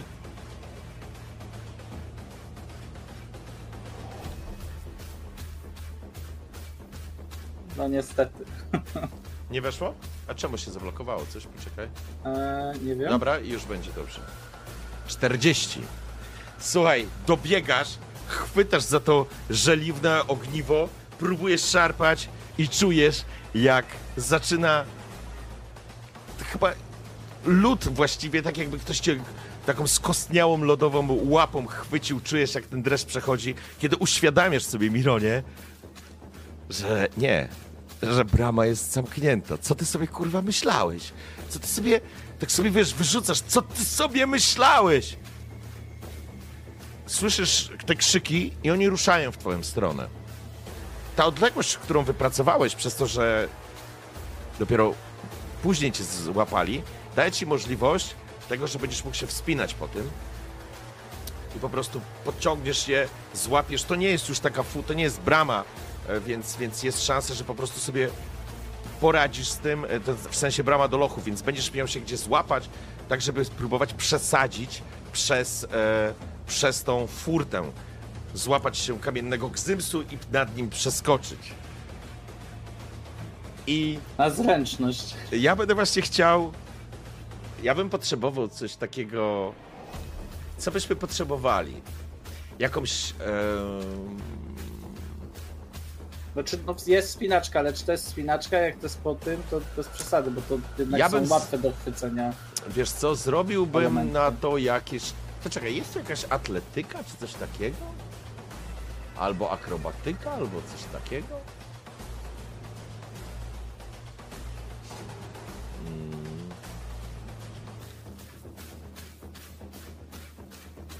Mm, Słuchaj. Nie widzę. To zręczność. Będziemy rzucać na zręczność. Bez modyfikator. Bez. O, to bez przesady, 64 to powinno wchodzić, no. O ja! Cudownie! Ale jesteś zręczny, Mironie. Można o tobie wiele powiedzieć, ale nie to, że nie jesteś zręczny. Chwytasz się za to żeliwne ogniwo, które otwiera to, te, to, te, to, tą furtę. Walczysz o życie, więc jakby strach dodaje ci impetu, powiedziałbym. Podciągasz się, chwytasz się za jakiś tam występek, czy jakiś ym, element, y, e, element, element jakiegoś zawiasu, stawiasz nogę i trochę jak pająk wspinasz się na to, łapiąc się kamiennego gzymsu. Dopiero teraz zauważasz, że tutaj również to takie żelazne wypustki, które teoretycznie są z jednej strony elementem, które mają chronić ten cokół, ale z drugiej strony raczej są takim elementem ozdobnym. Ale ponieważ udało ci się rzucić na ten test zręczności, więc wspinasz się i przepraszam, przełazisz na drugą stronę. Może nawet sobie gdzieś rozerwiesz kawałek, wiesz, koszuli czy, czy spodni, ale bez, bez konsekwencji żadnej wobec twojego tam, wiesz, punktów żywotności. Nic się złego nie stanie. Ale wlazłeś na samą górę, słyszysz tych ludzi i dostrzegasz, jak już jesteś na sobie na, na, na, na, na, górze, dostrzegasz, jak oni dobiegają i słyszysz, jak Franz! Klucz! Franz! Klucz! I słyszysz, że po prostu dostrzegasz z tej wysokości, masz piękny widok na ten ogród i widzisz te punkciki pochodni, które po prostu biegną w stronę wyjścia. Ale ty w tym momencie zeskakujesz, czy opuszczasz się na drugą stronę, spadając z jęknięciem na kamienną uliczkę między budynkami, gdzie widzisz tutaj wszędzie właściwie mury, jakby takich większych rezydencji oraz tyły budynków. Rzucasz wzrokiem w lewo, rzucasz wzrokiem w prawo. Nie masz pojęcia, gdzie właściwie jesteś, chociaż może dostrzegasz, może nawet z tej uliczki jesteś w stanie dostrzec bijące w górę basztę Lagobolet, czyli tą w kształcie, w kształcie nazwijmy to, e, nie nazwijmy, tylko dokładnie kielicha. Więc moje pytanie, w którą stronę chcesz biec? Jaka jest twoja intencja? E, czy jak rozglądałem się, to widziałem jakichś ludzi? Powiedzmy, czy ci strażnicy też są, powiedzmy, po stronie, od strony tej Nie, z tej, z tej strony nie ma żadnych strażników. Jest, wiesz, przed, przed świtem, więc jakby ta ulica jest w tym momencie pusta. E, Krzyki E- i alarm jest wzniecony, że tak powiem, po drugiej stronie płotu, więc kwestia tego, że oni dobiegną do niego, otworzą tą furtę i będą za tobą gonić, ale masz na razie przewagę. I teraz jest jeszcze ostatnie pytanie, jak rzucałem e, okiem, czy e, jakby są, jest oświetlone, jakby mówisz, że są budynki, tyły budynków, czy tam są też pochodnie powbijane, czy raczej ta ulica jest Ja ciemna? myślę, że to jest, wiesz co, Dokładnie. jesteśmy, jesteśmy w takiej e, zamożniejszej części e, Lagobolet, Niestety. więc, więc e, ja myślę, że tu są oświetlenia. To nie jest tak, że jest, wiesz, co dwa metry pochodnia, ale myślę, że są takie, powiedziałbym nawet takie miejskie pochodnie, nawet to nie są takie pochodnie, które wynikają z tego, że ktoś ma przy domu, tylko po prostu takie, wiesz, lampy to źle powiedziane, ale wiesz o co chodzi, one po prostu sobie Rozumiem. stoją i rozświetlają Rozumiem. takie przestrzenie, ale to nie jest tak, że cała ulica jest, wiesz, w świetle. Dla ciebie obraz jest, Jasne. widzisz doskonale. E, W takim razie, jeśli dobrze zrozumiem, to będę się kierować w prawo, to znaczy chodzi mi o, o to, że będę się z dala od e, centrum, powiedzmy, posiadłości Felixa. Jeśli dobrze Okej. zrozumiałem, To znaczy to możesz prawo, pobiec w lewo i w prawo tak naprawdę. Przed tobą gdzieś tak powiedziałbym na godzinie pierwszej, o tak nazwijmy to, żebyś sobie mógł lepiej wyobrazić. O, dobra, dobra, na godzinie no. pierwszej widzisz e, kształt Lago Boletti, czyli centralny punkt miasta. Więc jeżeli Jasne, pobiegniesz w prawo, to będziesz zbliżał się na- do tego. Na 12 mam jakby dziurę, przez którą wszedłem, czy bardziej Nie, za plecami. Ona już, już na szóstej, bo ty No zaskoczyłeś, nie? Okej. Masz za Dobra, sobą okej, drzwi, nie? Jest, a, w ten sposób jest, dobra, bo zastanawiałem się, czy, czy... Dobrze, no to niech będzie w prawo, to już nie robi To różnicy. znaczy w prawo będziesz biegł w kierunku, będziesz się zbliżał do samego kasztelu. Więc teoretycznie zbliżasz się do najbardziej dystyngowanej części miasta. A, dobra, w porządku. Dobrze, to w takim razie będę biegł w lewo. I będzie, że będę biegł w lewo w takim razie. Zaczynasz zatem biec, mój dobry towarzyszu. No i będę patrzeć cały czas za jakimś yy, alejką, ale to może te alejki z, z, jakiś czas. Na pewno będę chciał biec w jakimś mroku, żeby nie przy samych przy Jasne. samym świetle. Odbiegłeś, odbiegłeś już, e, wydawałoby się skory, spory kawałek. E, ile ty masz szybkości? Masz 12, okej. Więc e, zwiększasz tą odległość. Masz wrażenie, że w tym szale, w którym się znalazłeś, właściwie w tej panice, słyszysz mechanizm zamka, który jest otwierany. Kiedy nie wiesz, ile już odbiegłeś, ale masz wrażenie, że że zwiększyłeś znacząco ten, tą, ten dystans i biegniesz wzdłuż tej ulicy. Dostrzegasz coraz wyraźnie jakieś domki, coraz domy, posiadłości, ale wybiegasz i pojawia się alejka, która będzie, właściwie ulica się łączy, odbija w lewo, a tamta ciągnie się dalej prosto i kiedy dobiegasz do tej alejki, słyszysz za sobą, gdzieś z tyłu, jak wypadają ludzie. Jak wypadają strażnicy. Kątem oka dostrzegasz, kiedy wpadasz do tej alejki, dostrzegasz, jak po prostu pojawiają się tam ludzie, rozglądając się w lewo i w prawo. A ty. Ale że prawdopodobnie ja wpadłem do alejki w momencie, kiedy oni wyszli dopiero. E, tak, Na ulicy. nie, nie, nie, jakby nie słyszałeś, że tam jest brać go, ale nie jesteś pewien, czy cię zauważyli, czy nie. Właściwie też nie masz oczywiście. czasu, żeby się zastanawiać, chyba że zostaniesz tu i poczekasz. Ale wpadasz w alejkę i tu jest faktycznie taka alejka już odchodząca i masz wrażenie, że jakby czujesz również, że ta droga schodzi trochę na dół, jakbyś schodził, wiesz, ze wzgórza i nagle dostrzegasz, że pojawiają się te urokliwe domki po lewej i kamieniczki po lewej i po prawej stronie ze spadzistymi, ładnymi niebieskimi dachami.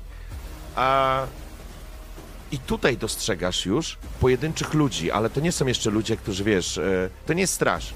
Widać, że po prostu to są jacyś kupcy albo jakaś taka wyższa klasa, ale to już nie jest, nie jest to szlachta, bo widać jakiś wóz załadowany, ktoś em, wydaje jakieś polecenia, jakieś kilku pachołków przy wozie załadowuje towar, ale ty ruszasz tam i teraz co będziesz robił dalej? Myślę, że to jest też moment, w którym widzisz, że ciemność zaczyna ustępować, księżyce już się chowają i to jest ten moment, w którym jeszcze nie wstał dzień, jeszcze się nie zakończyła noc. A ty zostawiasz w tej alejce za sobą e, ścigających cię ludzi baroneta. Dostrzegasz w ogóle, jak e, wzdłuż tej alejki, jak w- prawdopodobnie dojdziesz do jakiejś większej ulicy i będziesz mógł dostrzec z bezpiecznej odległości posiadłość e, baroneta, ale póki co wypadłeś na tą uliczkę. Nikt na razie nie zwrócił na ciebie uwagi. Chciałbym wiedzieć, co będziesz robił.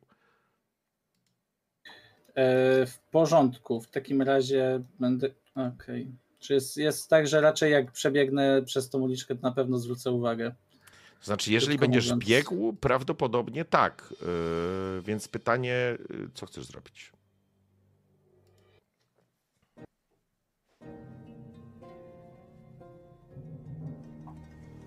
Nie, no. Biegnę, no to tutaj. Myślę, że Miron w tej sytuacji nie jest w takim strachu przed, przed złapaniem, że W tutaj porządku.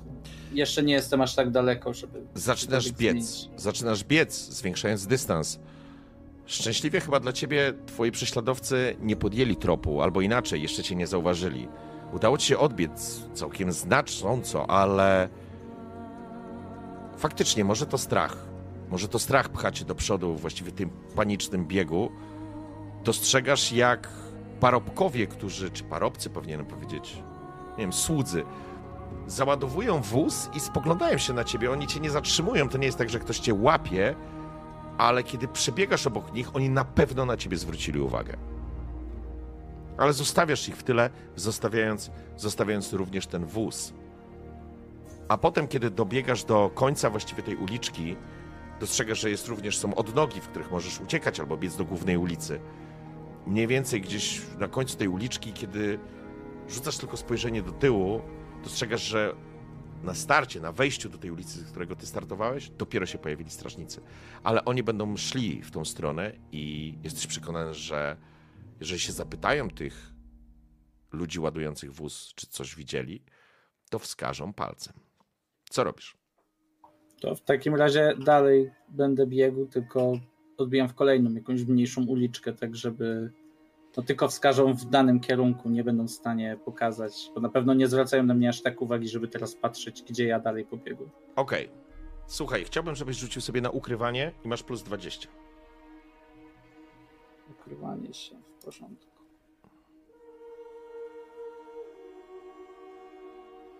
O,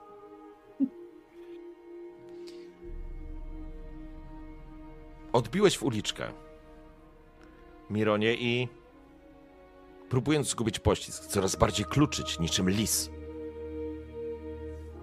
Biegniesz w takim opętańczym szale właściwie, wiesz, gnacie po prostu strach i walka o życie. Problem polega na tym, że nie znasz Lagobolet. I Esmeralda, Esmeralda ci nie sprzyja dzisiejszej nocy bo zorientowałeś się, że popełniłeś błąd, kiedy uliczka okazała się ślepą i musiałeś się wrócić. Tracąc na tym przewagę, którą udało ci się wypracować. Bo kiedy wracasz z powrotem na ulicę, żeby przemknąć gdzieś dalej, jakbyś był zamknięty w klatce, to oczywiście twoja decyzja. Możesz. Przyjmijmy nawet, że jesteś u wylocie tej uliczki do tej ja wiem, że bardzo abstrakcyjnie teraz się czujesz, jeżeli chodzi o topografię miasta, ale to dobrze, bo Jasne. Miron jest przerażony. Jesteś w jakiejś wąskiej uliczce, którą chciałeś pobiec dalej, żeby ich zgubić, okazała się ślepa. A teraz wracasz do głównej drogi, do tej drogi, na której stał ten wóz i widzisz, oni cię jeszcze nie widzą, ale dostrzegasz, jak słudzy, którzy ładują, pokazują palcem. W, w, nie to, że na ciebie, ale kierunek, w którym uciekłeś. I widzisz, jak oni ruszają biegiem. I teraz moje pytanie brzmi, Mironie. Czy będziesz próbował ukryć się w tej uliczce, czy po prostu biegniesz dalej? Pytanie jest, co jest w tej uliczce? Czy to jest e, jakby. Wiesz co, to jest ślepa uliczka, która, która ma tutaj, jest kilka kamienic z jednej i z drugiej strony. Teoretycznie to już nie są z ogrodami kamienice, tylko takie, wiesz, fronty budynków z drzwiami. E, z- wiesz, od razu po prostu, wiesz, na, wychodzącymi na ulicę, nie? Po schodkach wchodzi się, otwierasz drzwi i wchodzisz komuś do domu, mówiąc wprost, nie? Oczywiście na Okej. tej ulicy znajdują się jeszcze jakieś beczki, na pewno coś, gdzie mógłbyś teoretycznie próbować się ukryć, ale masz pełną świadomość, że jeżeli ktoś tu wejdzie i zaczną cię szukać, to jesteś w potrzasku. Ale może ci się uda, a może nie wejdą. Wiesz o co chodzi? A ewentualny sposób, jakby, bo skoro to jest, jest ślepa uliczka, ponieważ jakby wszędzie jest, wszędzie jest kamienica, czy jest po prostu jakiś wyższy. Nie, przyjmijmy, że jest ślepa uliczka, dlatego że kończy się murem. Okej, i prawdopodobnie ten mur jest taki zbyt wysoki, żeby tam. Nie, wiem, czy- wspiąć się, wspiąć. jeżeli chciałbyś się wspinać, Mhm. pozwoliłbym ci się wspiąć po tym murze, ale to byśmy już lecieli ze wspinaczki. W porządku, to nie, to w takim razie będę. Ry, Nie. żebyś miał też świadomość, ryzyko jest drugie, jeżeli wybiegniesz, e, no to oni cię zobaczą. Masz przewagę nad nimi, szybko przebierasz nogami, ale cię To jest, zobaczą. to jest tak, że oni mnie tak naprawdę nie widzieli w ogóle. Nie, oni wiedzą, w którą ja stronę wiem, uciekłeś. Ale ja wiem o tym, że oni mnie nie widzieli. Nie byli w stanie mnie dojrzeć, przyjrzeć się. Wiesz co, ja myślę, że e, nie jesteś w 100% przekonany, ale nie słyszałeś za sobą pościgu na zasadzie tam jest, łapać go, tak jak było w ogrodzie. Więc jak oni wypadli prawdopodobnie przez tą furtę ogrodową, oni nie byli pewnie w którą stronę pobiegłeś, ale było ich na tyle dużo, że mogli pobiec w każdą, czyli w lewo i w prawo. Siłą rzeczy trafili na ludzi, którzy ładowali wóz, a ponieważ zwróciłeś ich swoją uwagę ich uwagę swoim biegiem i ucieczką wskazali, w którą stronę biegniesz. I ty widzisz ich przy wozie. Odległość jest dobre z 60, może 70 metrów, może nawet i 100. Chodzi tylko o to, że jeżeli wybiegniesz na główną ulicę, to cię po prostu zobaczą. Ale będziesz mógł dalej uciekać.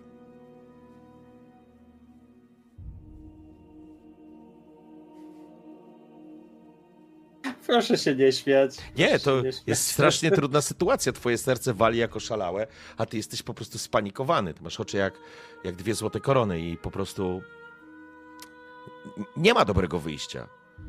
Nie ma czegoś, gdzie byś czuł się bezpiecznie. Mógłbyś to wypracować, ale cholerna uliczka okazała się ślepa.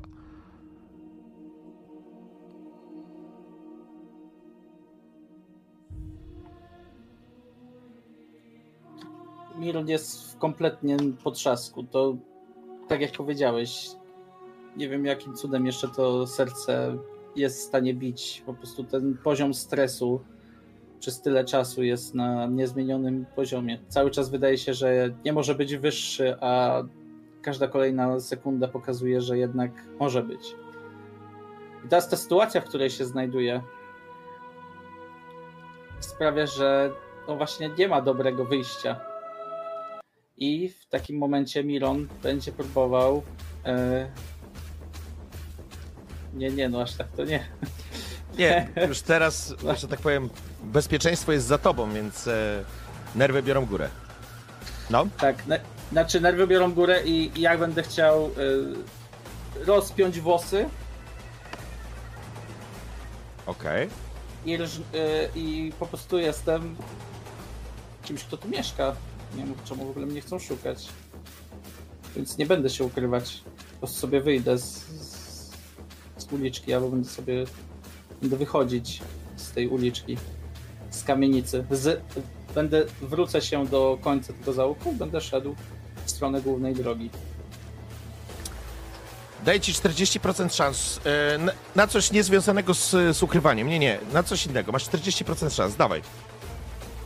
Bo rozumiem, co chcesz zrobić, dawaj.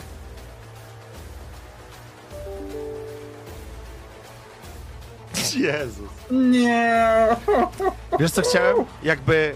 Ja ci powiem, co chciałem, bo ty idziesz, próbujesz ten dystans zrobić i widzisz sznury rozwieszone pomiędzy tymi budynkami nad drogą, nad tą alejką, na której suszą się rzeczy.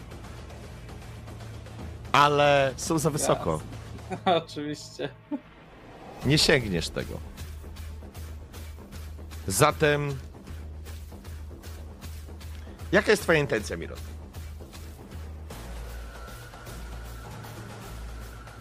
No, moją intencją jest y, w momencie ewentualnej konfrontacji, jeśli do mnie by podbiegli, to po prostu rżnąć głupa, że panowie strażnicy, ja nie wiem o co chodzi. Okej. Że nie jeden niziołek jest na świecie. Aha. Dobrze. Uciekłeś na sam koniec tej alejki. I to jest taki moment, alejka nie jest specjalnie I, jakby, tak, No. i ja będę chciał jakby iść w stronę głównej tej, że jakby to nie jest tak, że oni wpadną i zobaczą, że ktoś się chowa, tylko tak jakby ktoś po prostu wyszedł z domu, nie? w porządku. I to jest też taki moment, w którym ty masz już czytanie i pisanie, nie? Tak, już mam. I już mam bez modyfikatorów, bo już przeszliśmy trzy sesje z modyfikatorami. Okej. To dostrzegasz przy domu, na samym końcu, jest dom i jest e, tabliczka Krawiec Steinbach. I to jest moment, w którym ty jesteś przy tym domu i dostrzegasz na wylocie z tej uliczki, na tym takiej krótkiej krzyżówce, ta uliczka do głównej drogi, jest tam trzech typa i dwóch rusza główną ulicą, a jeden obraca się w stronę tej uliczki i wchodzi, i wchodzi w tą uliczkę. On cię teraz jeszcze nie widzi, więc moje pytanie brzmi: Idziemy tym tropem, że po prostu wychodzisz sobie spokojnie i udajesz, że że właściwie nie wiesz, idziesz do pracy na przykład albo coś, tak? Mhm. Tak, dokładnie. Będę Okej. szedł drugą stroną, powiedzmy, ulicy. Jak będę przechodził, to na pewno chcę po prostu pozdrowić. Nie wiem, czy w sumie pozdrawia straż jako tak. To jest dobre pytanie. Czy tak na Znaczy- dobry, czy coś w tym stylu. Jesteś sługą, jakby Miron był sługą, jest e, osobą, powiedzmy, bywałą trochę w świecie. Jesteś w dzielnicy nie plepsu, absolutnie nie plepsu, a, więc ty możesz e, faktycznie, faktycznie możesz, e, słuchaj, e, zagrać na przykład rolę zaniepokojonego mieszczanina. Problem polega na tym, że twoje ciuchy nie do końca odpowiadają Tak, mieszczaninowi, Ale- ale mogę być sługą mieszczanina. Zgadza się. Zatem, mój drogi, kiedy idziesz i wiesz, już się robi szaruwa po prostu, widzisz tego mężczyznę, on, on wygląda, w ręku ma obnażony miecz. Rozgląda się, wiesz, po, po, tych, y, po tej uliczce, ale... A, przepraszam, no. czy ja byłem w stanie, bo na pewno to o tym pomyślałem, żeby jeszcze w tym momencie wyrzucić te ostre rzeczy, które gdzieś miałem. Gdzieś w kąt, żeby nie mieć ich przy sobie w momencie, kiedy bym je Mówisz o tym dłucie, tak? O tym pół, tak, o tym dłucie. Okej. To gdzieś tam, gdzieś tam po prostu za czymś schowane. Tak, żeby nie. Teraz, moja, mój drogi, jak mam się do ciebie zwracać? Bo to jest ważne. Bo e, Znaczy, co masz na myśli no. poprzez e, powiedzenie, że rozpuszczasz włosy? Rozpuszczam jedno całkowicie, że one Okej. są luźno na, na ramionach. W porządku. Więc raczej, więc raczej będę rżnął głupa na zasadzie, ktoś sobie załatwił. e, Bardzo ważne pytanie. Ujawniasz swoją tożsamość, czy nie?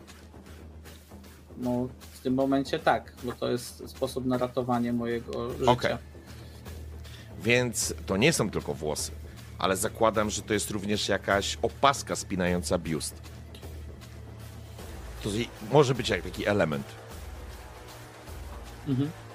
Jakby Miron na końcu tej drogi, obok domu krawca Steinbacha, zamienia się w Maję.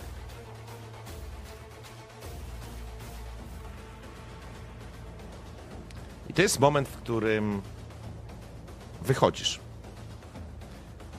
Ten mężczyzna idzie. To nie jest ten zbir od, wiesz, e, od, od, od e, Gerharda, ale, ale jest po prostu jakimś strażnikiem. Ten mężczyzna idzie, rozgląda się i nagle, wiesz, jesteś niziołkiem ostatecznie. Dalej. Ty! Kim jesteś? I teraz, Miron, ja bym chciał, żebyś sobie rzucił jedną rzecz. Wykorzystajmy twoje... Albo nawet nie, nie musisz rzucać. Jesteś sługą, ale inaczej, byłeś sługą. Pracowałeś dla ludzi z wyższych sfer. Nigdy nie byłeś szlachci- szlachcicem, ani nigdy nie będziesz szlachetnie urodzonym. Ale znasz ich. Wiesz, jacy są. Wiesz, kim są. I wiesz, że byle chłystek nie może sobie po prostu pogrywać, nawet ze sługami. To znaczy, jest takie ryzyko, że jak przedobrzysz, to może być kiepsko, ale ty nie musisz się tłumaczyć temu komuś. On nie jest strażą miejską.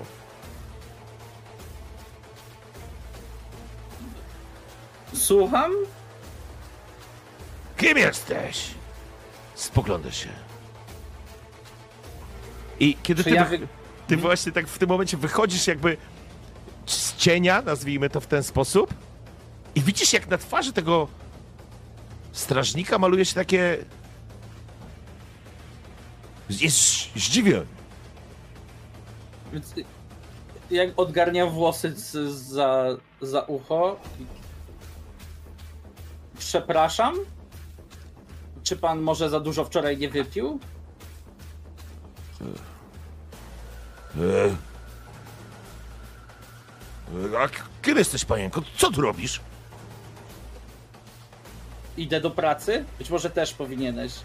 E... A... A u kogo pracujesz? A czy to jest takie istotne? Czy wszystkich tak zapytujesz? I jakby będę chciała iść po prostu, przejść Mhm. obok. Mężczyzna przygląda się tobie z podełba. Absolutnie zbiłaś go z pantałyku. I Absolutnie. w momencie, kiedy, No. w momencie, kiedy jakby przechodzę obok niego... to Jedna rzecz, jestem- po- Mhm, dodam. Zbiłaś go z pantałyku, on nie jest pewny. Ale jeżeli chcesz mieć pewność, żeby zamknąć mu japę, to będę chciał od ciebie jakiegoś testu przekonywania, albo co tam sobie wybierzesz. Oczywiście. Yy, Dobrze, czy to będzie, czy możemy uznać, że tutaj też jest, yy, czy tu wchodzi przekonywanie versus szlachta i arystokracja? Ja ci powiem tak, dostaniesz, zróbmy przekonywanie, e, ponieważ e, masz etykietę, która działa. On nie jest ze szlachty ani arystokracji, ale ty wiesz, w jaki sposób rozmawiać ze szlachtą, arystokracją, co pozwala ci lepiej uwiarygodnić swoją wyższą pozycję i wyższy status niż on. Ja ci za to dam bonus. Dodatkowo i to, że, że nie pasujesz mu w ogóle do wyglądu, to ode mnie dostaniesz ode mnie dostajesz plus 20, a za etykietę i to znajomość dostajesz plus 10. A czy to będzie intryga? to zdecydowanie jest intryga. Eee, intryga. Poczekaj, a co tam masz opisane, jak to działa? Też mam plus 10 do przekonywania związanych z intrygami. Wchodzimy No i w to. super, czyli Wchodzimy w plus to. 40. Wchodzimy Dobrze, w to. więc y, tylko tak powiem zanim rzucę, że jeśli to nie wejdzie, to ja już naprawdę... Ja- Jak rzucisz setkę, to po prostu gasimy światło, no. Dobrze. W momencie, kiedy ja przechodzę obok niego, Mhm. jestem już kilka kroków jakby z przodu, bliżej tej głównej ulicy i cały czas czuję wzrok na sobie, to odwracam się tylko do niego i pytam, czy powiedzieć twojemu panu, że na, na wszystkie na wszystkie kobiety się tak patrzysz? Okej. 98, 72. On jest absolutnie zbity z pantałyku. E, Nagle się mityguje. e, Przepraszam, panienkę. e, Proszę o wybaczenie, ale złodzieja szukamy. Widzisz, że chowa miecz do pochwy? Czy może panienka widziała kogoś, kto zwróciłby do- panikę uwagę? Dopiero Niewysoki. wyszłam, dopiero wyszłam z domu. Spogląda się. ży- życzę miłego dnia. Po czym idzie w kierunku. Jakby krańca tej uliczki, on będzie to sprawdzał. Idziesz. I tylko. Dziękujesz Esmeraldzie, Majo, że włosami mogłaś przykryć brud na szyi, policzkach, że mogłaś spleść ręce pod biustem, ukrywając krew, siniaki czy zadrapania, i stanąć w ten sposób, żeby zasłonić pęknięte portki. Ale ci się udało. Udało ci się. Wychodzisz na ulicę i to jest moment, w którym jest już większy ruch. Jest już większy ruch, pojawiły się, pojawili się mieszkańcy ruszający do pracy, że tak powiem. Zaczyna się normalne życie Lagobolet i będzie ci dużo łatwiej wtopić się w tłum. A dwójka ludzi mm, baroneta, która poszła w dół głównej drogi, w ogóle zniknęła ci z oczu. W tej chwili, Mironie, a właściwie Maju, jesteś bezpieczna. Udało ci się uciec.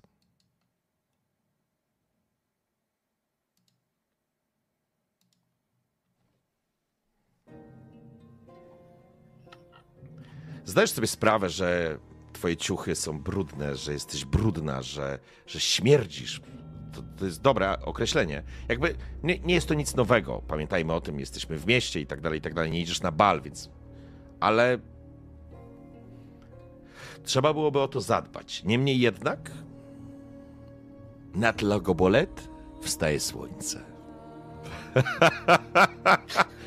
Dosłownie i w przenośni. E, po tobie, Mironie Offner, a właściwie Maju, tobie się udało. I za tą akcję, za tą całą akcję, za ucieczkę, za jakby przesta- jakby inaczej, przeobrażenie się, To jest moment, w którym możesz sobie zapisać punkt przeznaczenia. Ło, dziękuję. To znaczy, że masz jeszcze jeden punkt szczęścia na dzisiejszą sesję.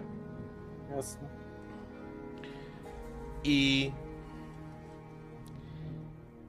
Co robisz? Porządku, jeśli jestem na tej głównej drodze, to znaczy dalej jestem w takiej bogatej części, więc e, chyba dobrym, dobrym, dobrym sposobem będzie to, że jednak wracam po, po jakimś czasie, powiedzmy, pokręcę się trochę tak, żeby ewentualnie, jeśli ten strażnik, będę obserwować, czy ten strażnik, który ze mną miał styczność, Mhm. faktycznie gdzieś się oddalił. E, i będę chciała e, spróbować wejść do tego krawca. W takim razie może W porządku. Słuchaj, jakby ta uliczka nie była długa, więc on tam się na pewno przeszedł do końca. Myślę, że jeżeli gdzieś daleko nawet nie odchodziłaś, to była sytuacja, w której po prostu zauważyłeś, że on po prostu wychodzi, nie? Oczywiście już bez obnażonego miecza, wiesz. Eee, po prostu wraca. A ty możesz wrócić oczywiście do tej uliczki, jak chcesz dotrzeć do domu krawca Steinbacha. Nie ma problemu. jasne, to tak robimy. Mhm. Będę chciała tam zapukać i zobaczyć, czy już, czy już wstał, czy już będzie Mhm. pracował. W porządku. Niech tak będzie. Myślę, że nawet wiesz, widzisz, że już słyszysz jakieś krzątaninę, może nawet drzwi są otwarte. Ktoś wychodzi, e, jakiś młody mężczyzna, właściwie e, parobek, który, który po prostu wychodzi mm, z jakąś belą materiału. Przerzuca sobie ją przez ramię Mhm. e, i wychodzi. Wygląda jak parobek. E, przepraszam, czy już otwarte? Można? Spogląda się, spogląda się na ciebie. E, tak, tak, już, już otwarte. Mistrz Steinbach już przyjmuje. Dziękuję. No i wchodzę do środka. Mhm. Kiedy otwierasz drzwi, wchodzisz do dużej pracowni od razu. Jakby cały parter, nazwijmy jest, albo ta część jest wielką pracownią. Dostrzegasz mężczyznę, który nazywa się, tak go nazwał ten parobek, mistrzem Steinbachem. Jest to człowiek o, powiedziałbyś, starszy człowiek. Może nawet trochę już przygarbiony. O siwych, srebrnych i rzadkich włosach? W nienagannym stroju, w nienagannym stroju. Dostrzegasz manekiny, na których są narzucone stroje, które on szyje, przygotowuje. Niektóre są w różnych, wiesz, fazach, że tak powiem. Ale dostrzegasz, że no, Mistrz Steinbach nie jest mistrzem tylko z nazwy. Mężczyzna obraca się w twoją stronę. Jego twarz jest pomarszczona jak papirus i masz wrażenie, że jego, kurczę, nie wiesz jakim cudem ten człowiek jeszcze widzi, bo masz wrażenie, że jego źrenice są lekko wodniste, ale może to po prostu wiek. Pomimo tego, że ten mężczyzna jest no już starszym człowiekiem, tak jak powiedziałem, ma na sobie nienaganny strój przygląda się tobie. Dzień dobry. Kogo bogi sprowadzają o tej porze? Ja przez chwilę jestem tak zachwycona tymi, tymi strojami, że nawet, być może nawet aż tak podskakuję w momencie, kiedy się odezwał. E, przepraszam, mistrzu Steinbachu. E, mam na imię Maja. Potrzebuję ubrań, ale to to, co tu widzę, to jest to jest, są jakieś arcydzieła i tak wyciągam rękę, bo chciał, chciałabym go to dotknąć, ale mam świadomość jakby w jakim stanie, czy jakby, że jest ten raz brudny, więc Mhm. tak powiedzmy tylko na, na odległość, żeby też oczywiście z szacunkiem dla, dla tej pracy Mhm. jego. Widziałem wiele strojów szlacheckich, ale no te są naprawdę niesamowite. Uśmiecha się. Widać, że połechtała się jego ego. Dostrzegasz, że w tym, na tym pięknym rękawie koszuli Ma po prostu całą masę szpilek poprzebijanych przez ten rękaw. A, no tak, Maju. Całe życie mi to zajęło. Obawiam się, że nie mam akurat nic na sprzedaż, bo wszystko szyję na zamówienie. A dla kogo chciałabyś zamówić? Traktuje cię jak służącą. Od razu, od razu to jakby wyłapujesz, em, uznając, że po prostu ktoś cię przysłał tutaj. Dla siebie. O, ciekawe. Podchodzi bliżej. Zdajesz sobie sprawę, że jeżeli skróci dystans, może zacząć dostrzegać twoje. Jakby to nazwać? Niedoskonałości wynikające z pobytu w lochach.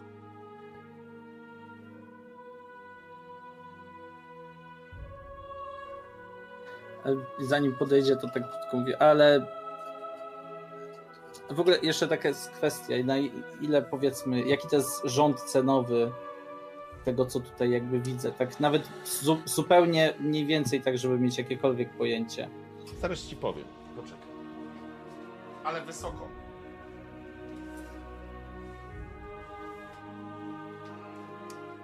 Zaraz sobie zerknę, bo jesteśmy na shoppingu, ale tak zupełnie szczerze. Wątpisz, czy jesteś w ogóle z tym, bo masz te dwie złote korony, które znalazłeś No w tak, lalce. tak. ale szansa na to, żebyś mogła coś u niego zamówić jest y, minimalna. Albo żadna. Za dwie złote korony, rzecz jasna. A z drugiej strony, jeżeli on szyje na zamówienie, to on prawdopodobnie nie ma nic takiego, co mógłby ci sprzedać tu teraz. Ale ci powiem. Muszę tylko znaleźć.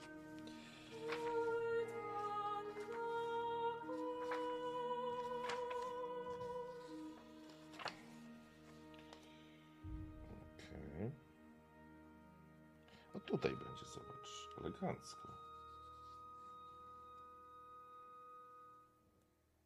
Bo jakby też nie mówimy o nie wiadomo jakich wystrojnych jakby też ubraniach, nie? Tylko, że mistrz Steinbach nie szyje, y, wiesz, Rozumiem, rozumiem. o to chodzi, nie? Że to jest Już problem. się naszył takich rzeczy, rozumiem. Znaczy, trudno określić, co on robił wcześniej, ale jakby Znaczy, no prawdopodobnie tak, jak ktoś robi takie rzeczy, to już wiesz, jakiś podstaw się nauczył, robił przez całe życie, nie? Już nie musi.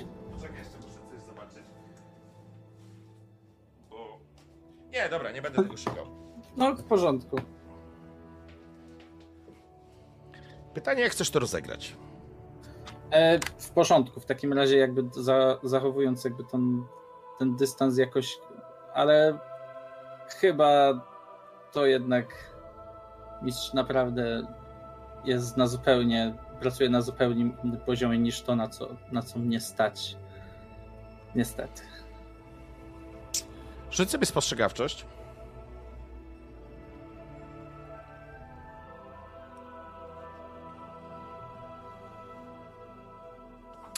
Ale masz dzisiaj rzuty fatalne. Piękne są.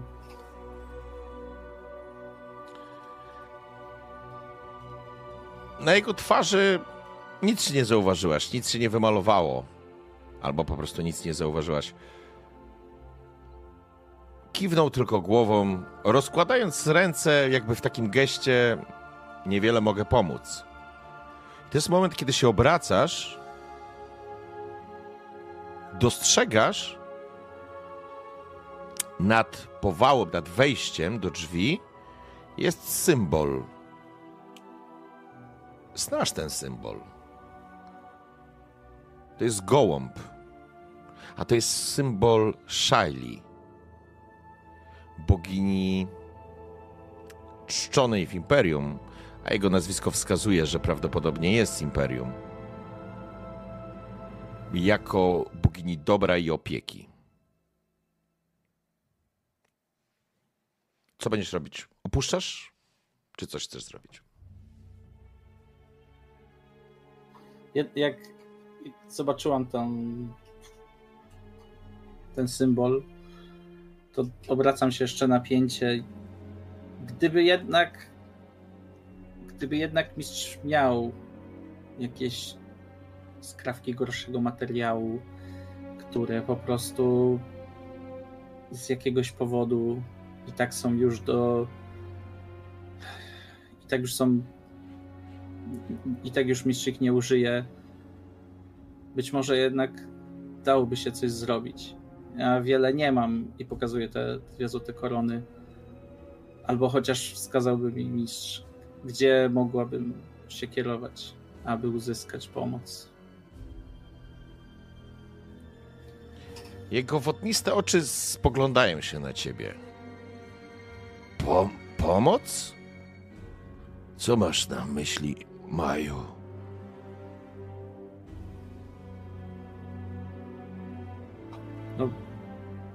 Sam mistrz widzi, jak wyglądam.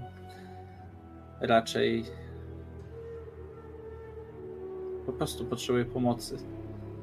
Ubrań, być może bali z wodą, Mhm. ale muszę zacząć od jednej rzeczy naraz, a nie znam tej części miasta.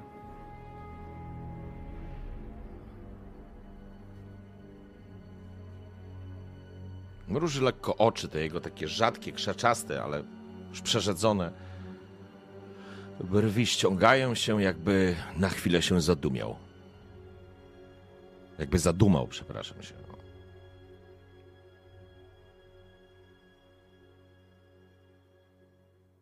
Czy jesteś mordercą, Maju?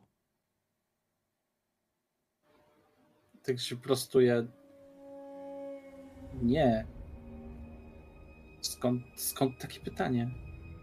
Ja wiem, że w księstwach każdy ma swojego trupa w szafie, ale to nie jest mój trup w szafie. Kiwa głową. Chciałbym, żebyś sobie rzucił na przekonywanie.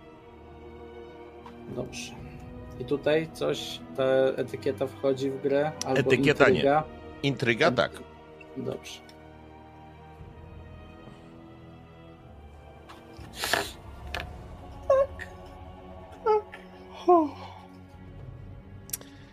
Mistrz Steinbach, kiedy usłyszał i uwierzył w to, że faktycznie nie jesteś morderczynią. Biedny stary mistrz Steinbach. Źle cię przeczytał, no ale cóż. W każdym razie, Poczekaj. Jeśli potrzebujesz pomocy, to ja ci pomogę. Pozwolę ci się wykąpać i przygotuję ci jakieś ubrania. Niech mi policzą to kiedyś. po czym obraca się, wskazując ci taki drewniany, wysoki stołek.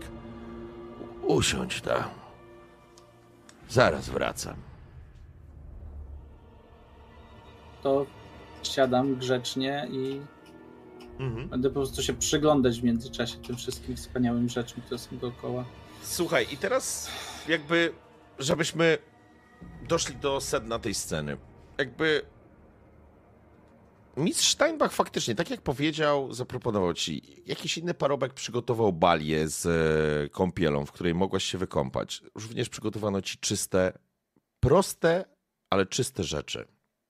To nie są żadne wykwintne, to znaczy, wiesz, arystokratyczne albo bogate ubrania, nie, ale są czyste. Po raz pierwszy od, od długiego czasu właściwie, Mironie, właściwie Maju, jakby są dwa, dwa elementy. Jakby pierwszy element, masz wrażenie, że po tych wydarzeniach, w tych lochach i w tym wszystkim po raz pierwszy wydaje ci się od miesięcy czujesz się w miarę bezpiecznie i spokojnie.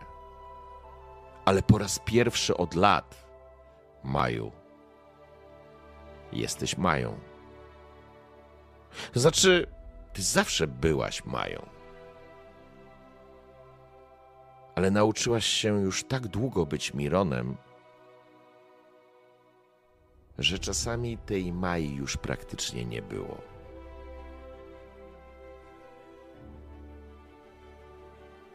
I kiedy w zupełnym i spokojnym i bezpiecznym anturażu mogłaś się wykąpać, odpocząć, przebrać. Myślę, że na pewno też dostałaś coś jeść. To jakby trochę czasu minęło. To nie są dni, wiesz co chodzi, to są godziny. Już z samego rana, więc ja myślę, że gdzieś w okolicach południa wiesz o tym, że czas najwyższy opuścić gościnę mm, mistrza, bo nie ma sensu wodzić na pokuszenie. Ale faktycznie mistrz Steinbach ci pomógł. I przyjmijmy, że to jest ten moment, w którym ty jesteś w jego pracowni. Właśnie zjadłaś, a masz na sobie jakąś spódnicę? Myślę, że na pewno damskie jakieś ciuchy są, nie? A on tam przyszywa coś. Kiedy wchodzisz, on się obraca. O, zupełnie inna istota. Po czym podchodzi i tak wiesz, poprawia ci kołnierz, jakbyś go źle poukładała, nie? I pomimo to, że to są proste ubrania, on zaczyna ci poprawiać je na tobie. Nie wiesz, jak to, nie wiesz, co on potrafił zrobić. On po prostu podwinął ci rękaw, złamał ci inaczej kołnierz, poprawił ci jakiś, wiesz, w taki prosty sposób ułożenia. Jak fryzjer, który układa fryzurę, tak on potrafił z tego prostego ubrania zrobić coś, co robi wrażenie.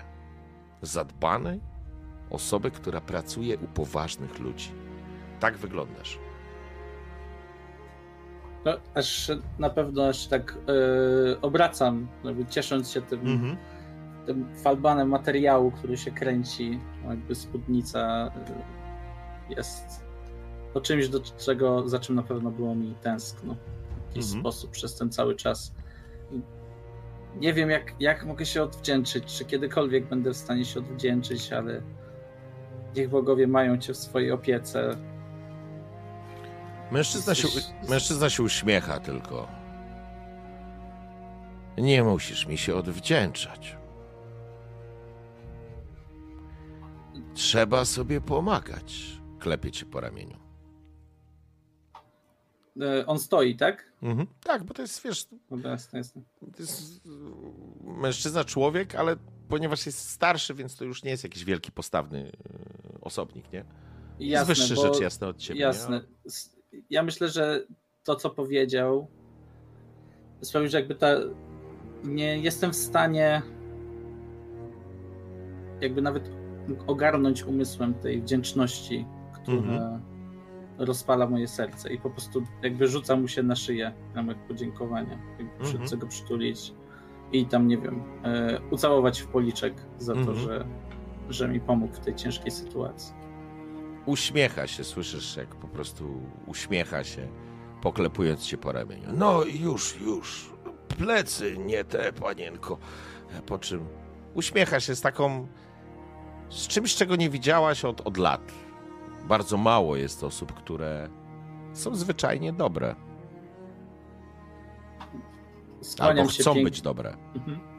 To cofam się kilka kroków, biorę właśnie tą w prawą rękę kant e, sukni i tak właśnie w taki dworski sposób się kłaniam, używając właśnie e, właśnie sukienki jako kawałka, kawałka tego Uśmiecha się, ukłonu. uśmiecha się, doceniając.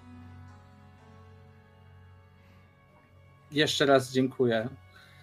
Rzecz jasna, spora. nie przyjął od ciebie żadnych pieniędzy. A, nawet tych właśnie, dwóch bo to też jeszcze jasne. Bo to też... Nawet jeżeli chciałabyś mu dać, to on tego, Ja- tych pieniędzy Znaczy, nie przyjmie. ja, tak, ja tak założyłem, że właśnie była taka sytuacja, bo ty tak to też wcześniej powiedziałeś. Mhm.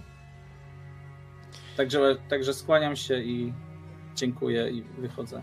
Już, już. Niech cię Shiley prowadzi. Dobra, duszko. Kiedy drzwi się zamykają, wychodzisz znowu na tą uliczkę. I co teraz, Maju? Teraz czeka nas ukrywanie w pełnym blasku. Wśród tłumu. Oczywiście byłeś u krawca, więc e, lustra są czymś oczywistym. Powiem ci tak.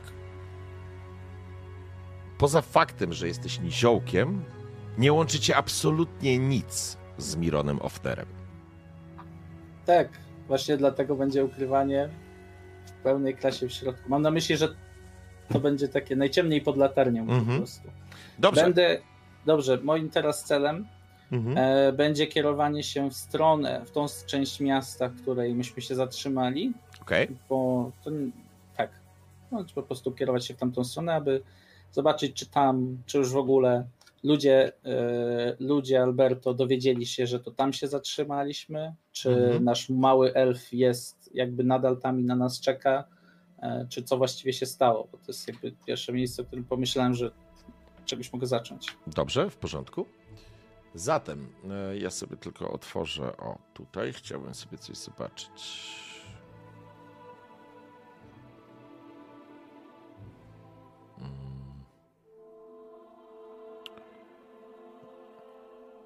Dobrze.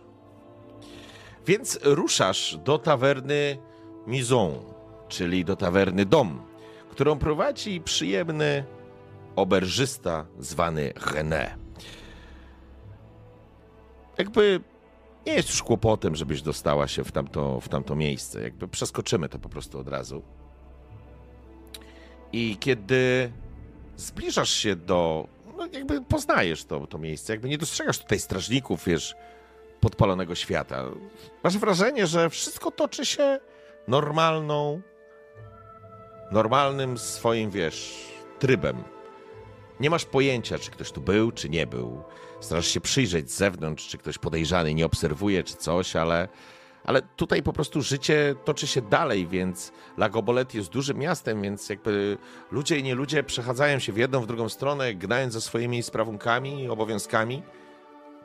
Nie wygląda, nie dostrzegasz, Mironie, nic, a właściwie Maju, co by zwróciło twoją uwagę albo uruchomiło alarm. Czyli podczas jakby całej podróży, bo jakby też idąc przez miasto, nie było takiego wrażenia, że wszyscy wiedzą o tym, że ci ludzie, że jakby całe miasto wie o tym, że, że coś... Nie, absolutnie nie Okej. widziałeś jakiegoś podniesionego poziomu alarmu. Nie, nie, nie, nie. Czyli Wszystko raczej wygląda jakby to było załatwiane po cichu. tak, zdecydowanie. Chociaż rzecz jasna, nie opuszcza cię wrażenie, że wszyscy, ale dosłownie wszyscy się na ciebie patrzą. No ale mam takie ubrania, że to dlatego na pewno Z tak sobie pewnością. to tłumaczę. Z, z pewnością. E, W porządku, czyli w takim razie nie. Czy, czy jak dochodzę, dobrze, dochodząc do, do tej karczmy, Mhm. e, chcę zobaczyć, czy faktycznie jakby na w ogródku, czy z tyłu karczmy jest nadal jakby jakieś miejsce, w którym, gdzie ten nasz, e, ja sobie muszę przypomnieć, jak się nasz mały elf nazywał, Selaner. Em, Salaner, e, Selaner. strzelał, Selaner. Mhm. E, do tego, do tej, do te, na ten dziedziniec wchodzi się przez karczmę. Nie można przez niego przejść e, A, uliczką, bo to jest taka gęsta zabudowa ciągnąca się wzdłuż głównej ulicy, więc jakby musicie po prostu, musiałbyś wejść do karczmy, żeby wejść na tyły. E, W porządku, w takim razie wejdę do karczmy. Dobrze. Zatem, kiedy właściwie drzwi są otwarte, to jest ciepły dzień, kiedy wchodzisz do karczmy, dostrzegasz, jak René, doskonale go znasz, całuje się z jakąś kobietą. To jest Iwet. Tak, to jest Iwet ta piękna kobieta, która jest pomocniczką René. I kiedy wchodzisz, oni kończą się całować, ale jeszcze cię nie dostrzegają i słyszysz, jak ona mówi do niego: Och, René! A potem słyszysz piskliwy głos gdzieś z tyłu: René! René, gdzie jesteś, kochany? I wiesz, że to Edith, jego żona. René jak oparzony po prostu odskakuje od Iwet. Iwet również. I to jest moment, w którym z kuchni wychodzi żona, a, a ty wchodzisz do środka i słyszysz, jak jego żona, ta Edith, mówi: A co wy tu znowu robicie? Nic, głupia kobieto. Muszę wytłumaczyć. O, spogląda się na ciebie. Bonjour, bonjour, panience. W czym mogę pomóc? Po czym podchodzi do ciebie w ogóle ignorując żonę, a Iwet rozpływa się w powietrzu, nie zwracając na siebie uwagi. A poproszę jedno piwo. Och, piwo! A może wino? Szlachetna panienka by się napiła. Mamy najlepsze wino i ser. Ser mamy wyjątkowo dobry. E, Teraz też muszę mieć świadomość, czy jakby będzie mnie na to stać. Jakby tak, Masz e, dwie złote korony, absolutnie. Nie tak, musisz bo się to też nie o to przejmować. chodzi, że muszę wszystko wydać e, tutaj, nie? E, jeśli wino jest naprawdę dobre, to z serem jak najbardziej. Madame, moje wino jest najlepsze. docenić. Jest cudowne, po czym on się skłania, chwyta cię delikatnie za dłoń i zaczyna całować. To znaczy, całuje cię w dłoń, nie to, że całuje cię Tak, po no, dłoniach. pozwalam, pozwalam. I za nim natychmiast wyrasta jego żona, która jest od niego niższa, o blond włosach, właściwie takich, nawet nie blond włosach, ciemnych włosach. Jest wściekła, widzisz, spogląda na... Teraz jesteś Mają i to, co było dla ciebie absolutnie naturalne przez lata, kiedy byłaś Mają, jako Miron gdzieś ci zaczęło uciekać. Ale teraz nie sposób, nie sposób nie wyczytać z jej oczu czystej zawiści i zazdrości, którą obrzuca cię, jakby sprawdzając, jak daleko się posunie jej mąż. A René puszcza twoją dłoń, spogląda się wściekły, ma taki lekki wąs i jest lekko łysawy. Odejdź stąd, głupia kobieto! A panienkę zapraszam i już po wino i po, po ser byś poszła, po ten dobry, po ten najlepszy. Po czym ona spogląda się na niego, coś wymieniając zdania, on ci wskazuje miejsce przy stole. Jasne. W międzyczasie się, Mhm. tak, w międzyczasie jakby rozglądam się i jakby na razie się rozglądam po prostu, czy Okej. ktoś tam jest w ogóle, porządku. czy... W porządku, spoglądasz na ten puste miejsce po obrazie, e, ale jakby jest niewielki ruch jeszcze o tej porze. Niemniej jednak faktycznie René przynosi ci e, m, smakołyki, faktycznie ser, który jadłeś, czy właściwie wtedy jadłeś, a teraz możesz pojeść znowu, e, i, i kielich wina. Nic nie przykuwa twojej uwagi, jakby, jakby wiesz, nic się nie wydarzyło, Nik, nie, żaden podejrzany typ nie siedzi w kącie, wiesz o co chodzi, jest René zachowuje się jak zachowywał, kiedy go po raz pierwszy spotkałeś.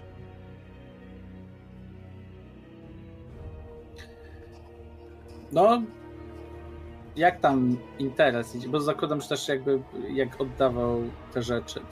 Mhm. Jak y, interesy tutaj idą? Bywają, Och! przyjeżdżają. Ciekawi goście być może. Teraz niedługo przecież mamy, jutro prawdopodobnie jest ten... Ta... Cztery dni były. Cztery dni, A, więc cztery dni. za No dwa dni chyba jeszcze, Niedługo, dobrze tak, liczę. za dwa dni, za dwa dni uroczystości ku czci naszego barona. Ach, oczywiście, oczywiście. To najlepszy moment dla La Gobole i Mizon również będzie tętnić życiem. Od jutra z goście zaczynają się zjeżdżać, po czym drzwi się otwierają i staje w nich na Esmeraldę, ale widzisz błazna w takich okularach, połówkach, w, wiesz, w czapie z dzwonkami. Jest przebrany, ale patrzysz na tę twarz i ta twarz jest nieco za stara na błazna. René obraca się. O, witam kolejnego gościa. Mówiłem panience o specjalnych, specjalnych i ciekawych osobistościach, które właśnie na tę okazję przyjeżdżają do La Gobole. Bonjour. Widzisz, mężczyzna obsuwa lekko okulary. To ja, Leclerc. Ach, Leclerc. Przestań mi dupę zawracać. E, wracajmy zatem. E, w czym mogę jeszcze służyć? A co, to za goście? Masz już jakiś konkretnych? Możesz coś powiedzieć? Jest to bardzo ciekawe. Jakby tak yy, składam tak ręce. No co? Składam tak ręce i jakby może nawet kręcę palcem kos, kosmyk włosów i Przepraszam. E, e, bła- błazen, który został zrugany przez René, ściąga czapę i już po prostu idzie do jednego z. idzie do jednego ze stolików. E, René, oczywiście. Oczywiście. Okej. Sam książ, książę, e, niziołek, jak panien. I ugryzł się w język. E, e, Książę? Ziołek? Ach, tak sobie tylko e, powiedziałem. Jest absolutnie zmieszany. Próbuję się z tego Zła- wycofać, e, nie? łapie- Chcę go złapać za rękę. Jakby jak on ma ręce na, Mhm. na tym, to chcę go złapać za rękę i słyszałam podobno. Na, na przedmieściach mówili, że wszedł z wielką pompą, z kobietą, która miała ogniste włosy. Spogląda się. Ja, skąd panienka wie? Przysiada się. Słyszałam, słyszałam jak ludzie na podgrodzie mówili. Na podchodziu? I co mówili? Och, tam była czachodziejka, czachodziejka i, i książę. Książę Cedric, książę Cedric, a jakiś książę Cedric spust miał, panienko, ale nie przymierzając, to takie dobre wino i ser można jeść. I był jeszcze tajemniczy elf, panienko, i mały elfik też był. Cała zgraja była dziwna i jakiś drap, pius jakiś, ale podobno wszyscy ze świty. O, panienko, a i co mówią na mieście? Bo bo to problemy tylko. Problemy z tym Cedriciem całym będą. Ludzie On baroneta szukali. Byli tu. Och, co ja zrobię? Mon Dieu, co ja mogę zrobić? Jak mogę prowadzić tawernę? Lak, lak, zapłaciłbyś w końcu. I już niebawem, René, zapłacę, zapłacę. Występy, powy... Zamknij się już. Zapłać w końcu, a nie mi obiecujesz. O, jest strasznie załamany. Głowa mnie tak boli. Pojawia się nagle za nim Iwet. Och, René, jakoś może ci masaż zrobić. Och, Iwet, ty jedyna mnie rozumiesz. Ty mnie rozumiesz. I ona go zaczyna masować po plecach. A on jest zrozpaczony i w Mhm. ogóle... To, to Umrze za straszne. To, to, to, to naprawdę straszne. To jest, naprawdę musi być ciężko. Ale to Och, dlaczego, prawda. dlaczego oni tutaj byli? U baroneta? Pojechali. Na gościnę pojechali. Do samego baroneta. Już, już, Iwet, bo zaraz to głupie stare babsko tu przyjdzie. Ona odchodzi, puszcza go. No, do baroneta właśnie pojechali. Wszyscy. E, tylko tego młodego tu zostawili. Ale młodego nie było, jak przyjechali ludzie baroneta. Zbiry straszne. Kazali mi natychmiast pokoje otwierać, gdzie oni siedzieli. Kipisz zrobili, szukali. Mówiłem o tym małym elfie, ale znaleźć go nie znaleźli. Ale powiedzieli mi, że jak przybędzie ktokolwiek, a najlepiej to sam książę Cedric, to mam im zaraz powiedzieć. A ja o swoich gościach dbam, byle komu nie gadam. A już na pewno nie baronetowi, który nigdy z moich gościnności nie skorzystał. A co ja będę panience gadał w ogóle? Może Sara? e, Gładzę go tylko po ręce. Jesteś bardzo odważny. Takich ludzi potrzeba. A Gdy- tego, tego, tego poproszę. Ten, jeszcze ten kawałek tego. Ale tylko mały kawałek, bo trzymam, trzymam klienta, rozumiesz. A może rodzynki? Rodzynki wyśmienicie smakują. Och, jak dobrze, że mnie rozumieją. Och, Jeśli rodzynki, to, to w takim razie z tym serem, bo ten ser jest troszkę delikatniejszy. Więc On- ja- pasować. Iwet faktycznie przynosi rodzynki za chwilę.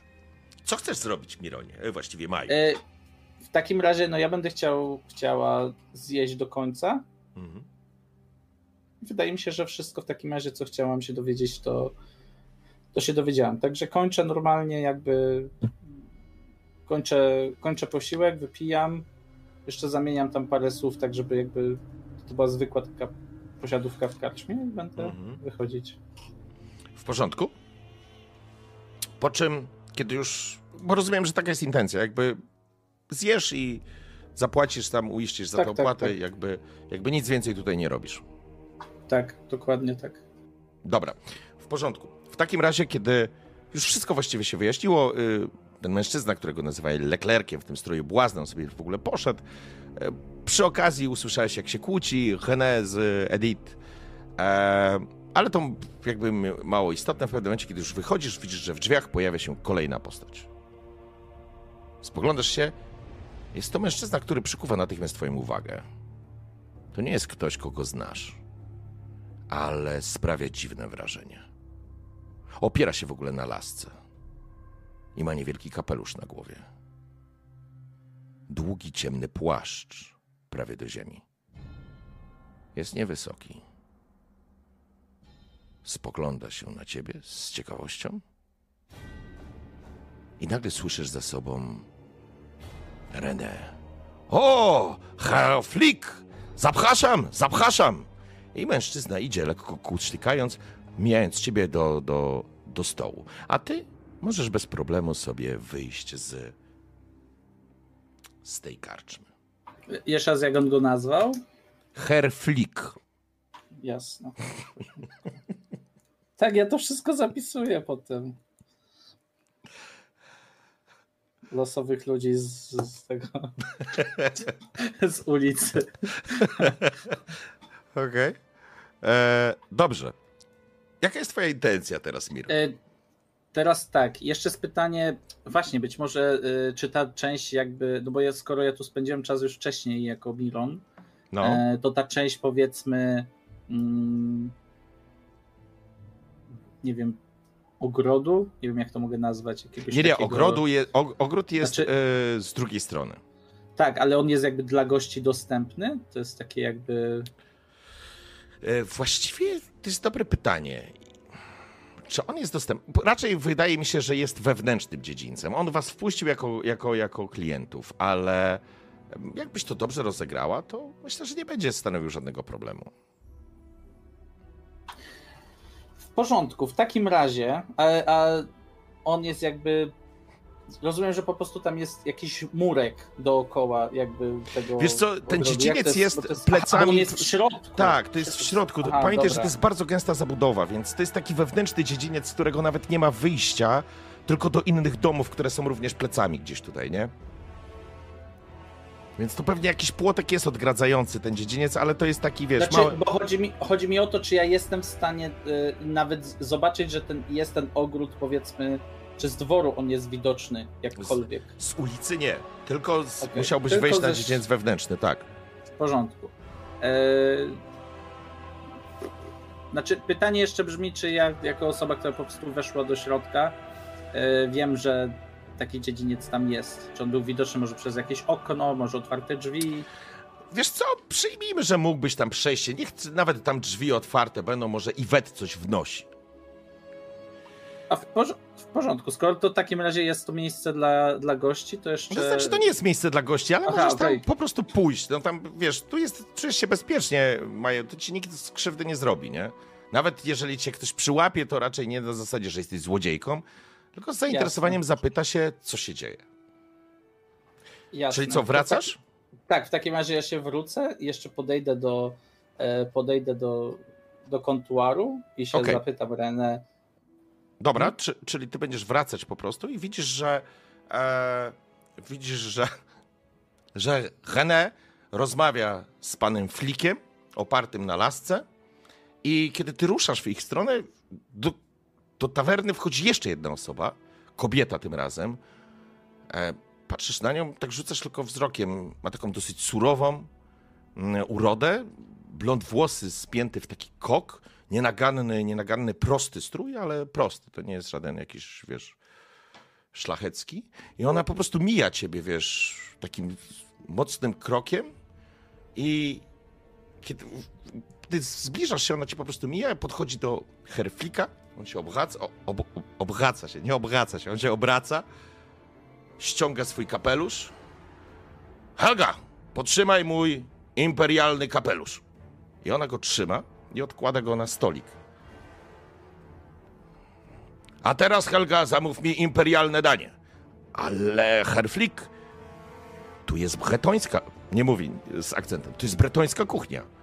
Bretońska najlepsza kuchnia! Bretońska najlepsza, Herflik! E, po czym ty podchodzisz? Spoglądają się na ciebie. Zwracam się tylko bez, tylko tak skłaniam się do, do gości, którzy weszli i do Renę. E, Jeszcze zauważyłam, że masz tam ogród. Czy mogłabym zobaczyć? Widziałem otwarte drzwi.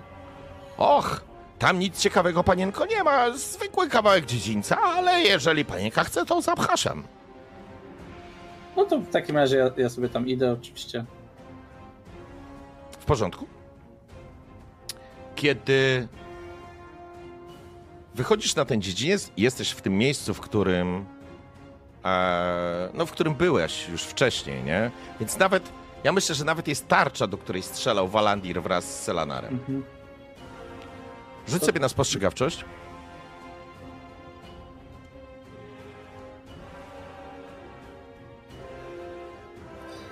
Dobra, dawaj, przerzucamy, mam teraz punkt szczęścia dodatkowy. Okej? Jej! No niestety, nie udało No, nie ci się dopatrzeć, ale masz wrażenie, że z piętra wyżej, z pomieszczenia, które na pewno nie jest pokojem gościnnym, jakby zasłony zostały poruszone. Ale to tylko wrażenie. A może faktycznie ktoś tam był. E, w takim razie, co chcesz zrobić, Mironie? Trzymaj. Y, No chcę jakby tylko podejść do tego. Chcę podejść do tej tarczy, jakby dotknąć ją. Jak... Nie wiem, w jaki sposób zachowują się elfy, ale zdając na przykład Valandira, to być może y, być może wszystkie elfy tak mają, żeby na przykład być może Salanar, Mhm. e, Salanar, przepraszam, z daleka gdzieś obserwuje i jeśli by zobaczył, że ktoś się tym zainteresował, a nie jest strażą, to jest jakiś jedyny sposób, żeby być może złapać z nim, z nim kontakt. Rozumiem. I tylko się rozglądam do, dookoła i, i będę wychodzić, skoro nic nie, nie znalazłem. I tylko rzucam, rzucam okiem, że są jakieś kwiatki, żeby ewentualnie coś, coś powiedzieć tam. Zauważyłem, że są jakieś bratki, powiedzmy. Okej, w porządku. No, Mhm. W porządku. W porządku. Dobrze, to jaka jest, jaka jest intencja, Miron? Co robimy No dalej? to, tak, tak jak powiedziałem, no zobaczyłem, jakby podotykałem, popatrzyłem e, i będę opuszczał teraz faktycznie tą karczmę. Okej. Jakby Tylko widzisz- rzucam, rzucam, Mhm. rzucam do René, że y, śliczne bratki, bardzo ładnie O, utrzymane. skłania się. Bchatki, piękne bchatki. To Iwet zasadziła. Piękne, piękne jak Iwet, uśmiecha się. Rozglądając się, No. czy nie ma gdzieś żony. Śliczna, śliczna Iwet i śliczne bratki, to prawda. Mhm. Jak też się skłaniam i jeszcze raz się skłaniam tym gościom, którzy siedzą przy kontuarze, bo zrozumiem, że oni przy kontuarze Oni siedzą. przysiedli się, Aha, ten Herflix z Helgą y, siedzą przy jakimś stoliku i widzisz, jak on takim władczym tonem wskazuje, co on by chciał i właściwie wydaje polecenia, a ona to robi. To jest absurdalne aż, ale właściwie wiesz. Rozumiem, no to będę wychodził w takim razie. Dobra? W porządku. Wychodzisz z powrotem na ulicę La Gobolet. I co teraz, Mironie Ofter, a właściwie Maju? E, René się żegnał, au revoir, Mhm. do zobaczenia i w ogóle, ale... Oczywiście, w takim razie ja tylko przejdę się, mm, najpierw chcę się przejść po prostu tymi e, uliczkami Mhm. dookoła tej tawerny, czy powiedzmy nawet trochę bardziej, że jeśli tutaj jest Selanar i chcia, i zwróciłam jego uwagę, to żeby miał tą okazję jakoś zwrócić moją uwagę, Mhm. e, a potem chcę się dostać to chyba na targ, żeby kupić sobie jakąś, nie wiem, broń czy coś takiego. Dobrze. Mm, Zamknijmy to w, po prostu w, jakby w opisie tego, co się udało ustalić. Em, pokręciłaś się w okolicy, tak żeby dać szansę, jeżeli tu gdzieś jest Selanar, a z tego, co powiedział e, René, nie znaleziono go i on sam go nie znalazł. E, Był tym zmartwiony, ale faktycznie młodzik się nie pojawił.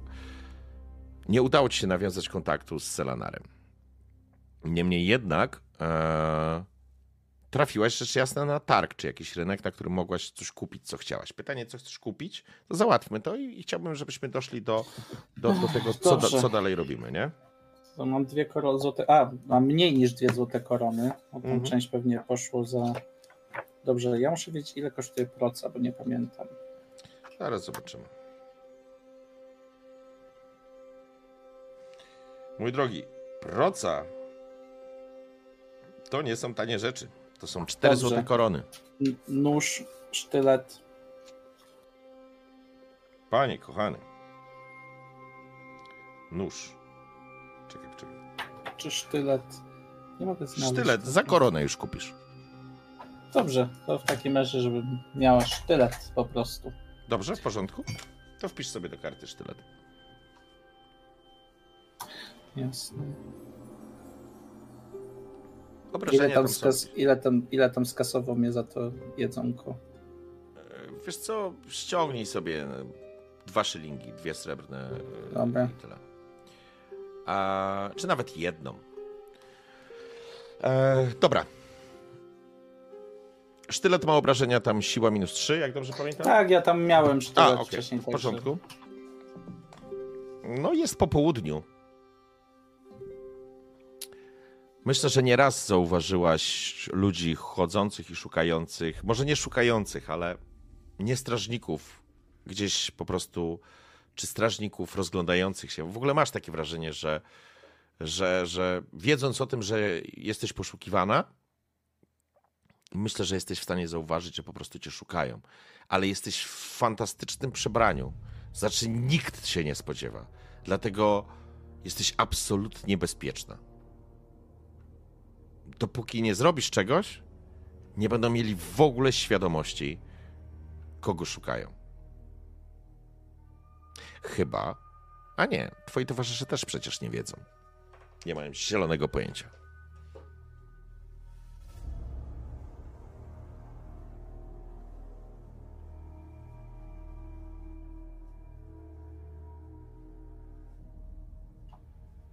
Jestem w kompletnej kropce. Jakby myślę, że Mhm. sytuacja kompletnie mnie przerasta.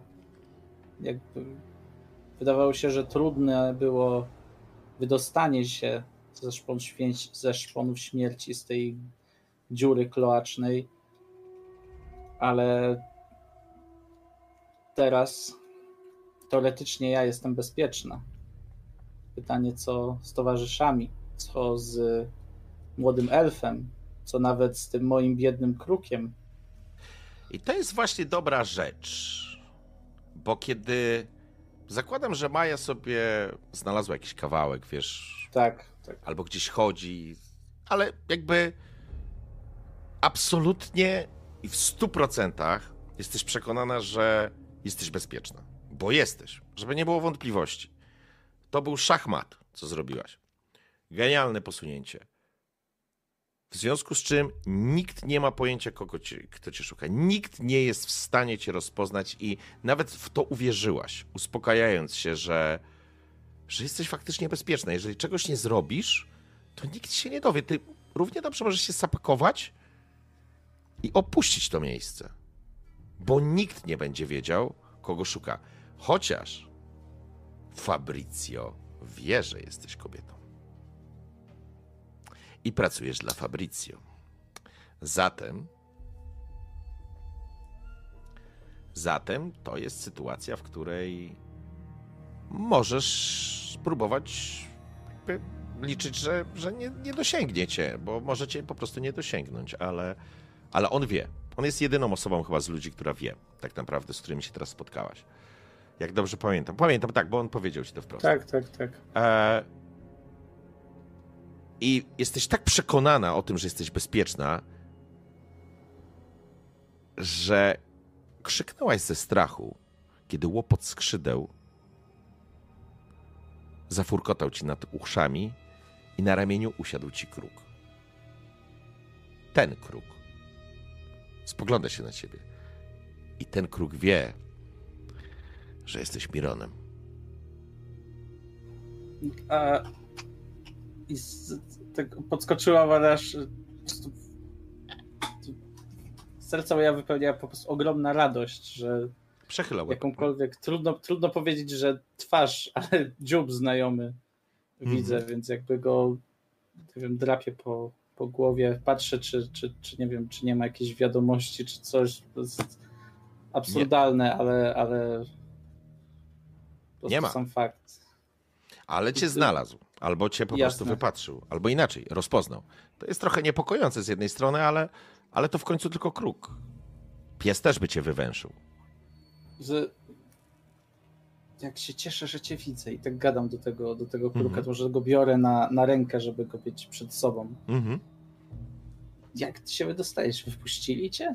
Wypuścili cię z tej klatki? Może Senala? Otwiera, otwiera dziobek kracząc, ale rzecz jasna, nic nie rozumiesz. Gdzie jest Selanar? Gdzie jest elf? Ja zdaję sobie sprawę, że to nic nie da, ale po prostu jakkolwiek próbuję w tej sytuacji. Słuchaj, w. Warhammerze jest taka niepisana zasada, że masz 1% na to, że bogowie cię posłuchają. Jak chcesz, pozwolę ci rzucić, dlaczego nie? Już były takie sytuacje. No to lecimy. Aż się zaciął. W drugą stronę, w drugą stronę Prawie, byłeś blisko. Prawie, dokładnie. No nie, niestety nie ma żadnego efektu i oczywiście, oczywiście masz pełną świadomość, że jakby no jest to, no nie ma to sensu, nie? No to może w międzyczasie, nie wiem, tam kupuję coś, żeby mu dać tylko coś do jedzenia. To nie ma znaczenia, jakby No, to tak, jakby tak. zdaję sobie sprawę, że możesz kupić jakiegoś precla czy, czy jakiegoś rogala, to, to, to, to nie ma znaczenia. Mnie bardziej interesuje, Miron, co dalej? Co teraz? Co chcesz zrobić? To, to jest wspaniałe pytanie.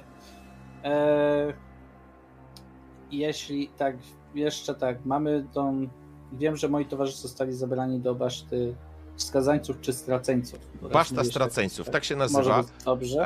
E, ja myślę, że łażąc po tym całym, wiesz, em, rzuć sobie na jakieś plotkowanie albo gadaninę. No, no i pięknie, plotkowanie. No, Ale będzie szlachta i arystokracja? Nie, bo raczej z normalnymi ludźmi gadałem. ale pozwolę ci, wiesz, jakby wykorzystujecie intrygowanie, pozwolę ci to zrobić. Ale to jest do przekonywania akurat. Aha, okej, więc dobra, to- by nie wchodziło. Dobra?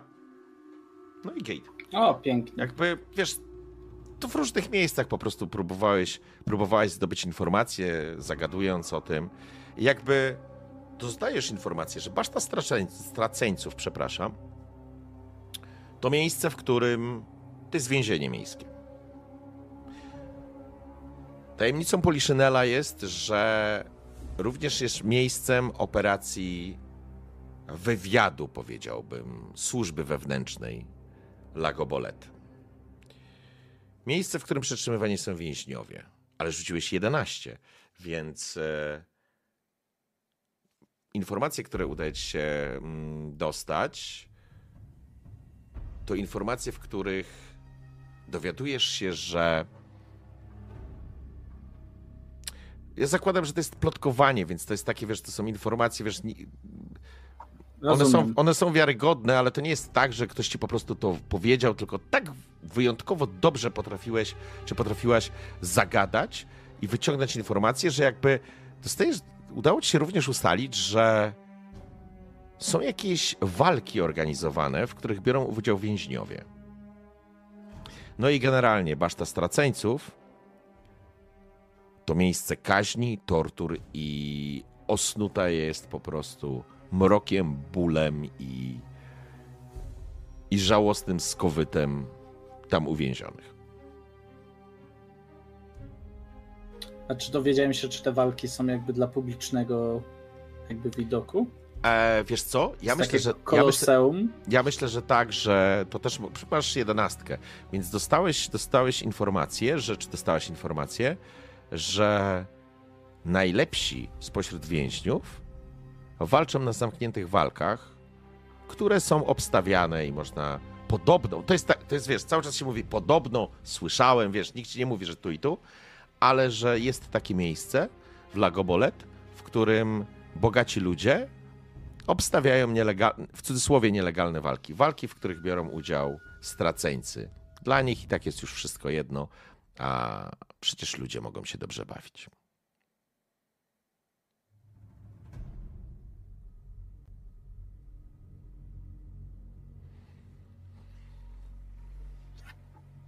O.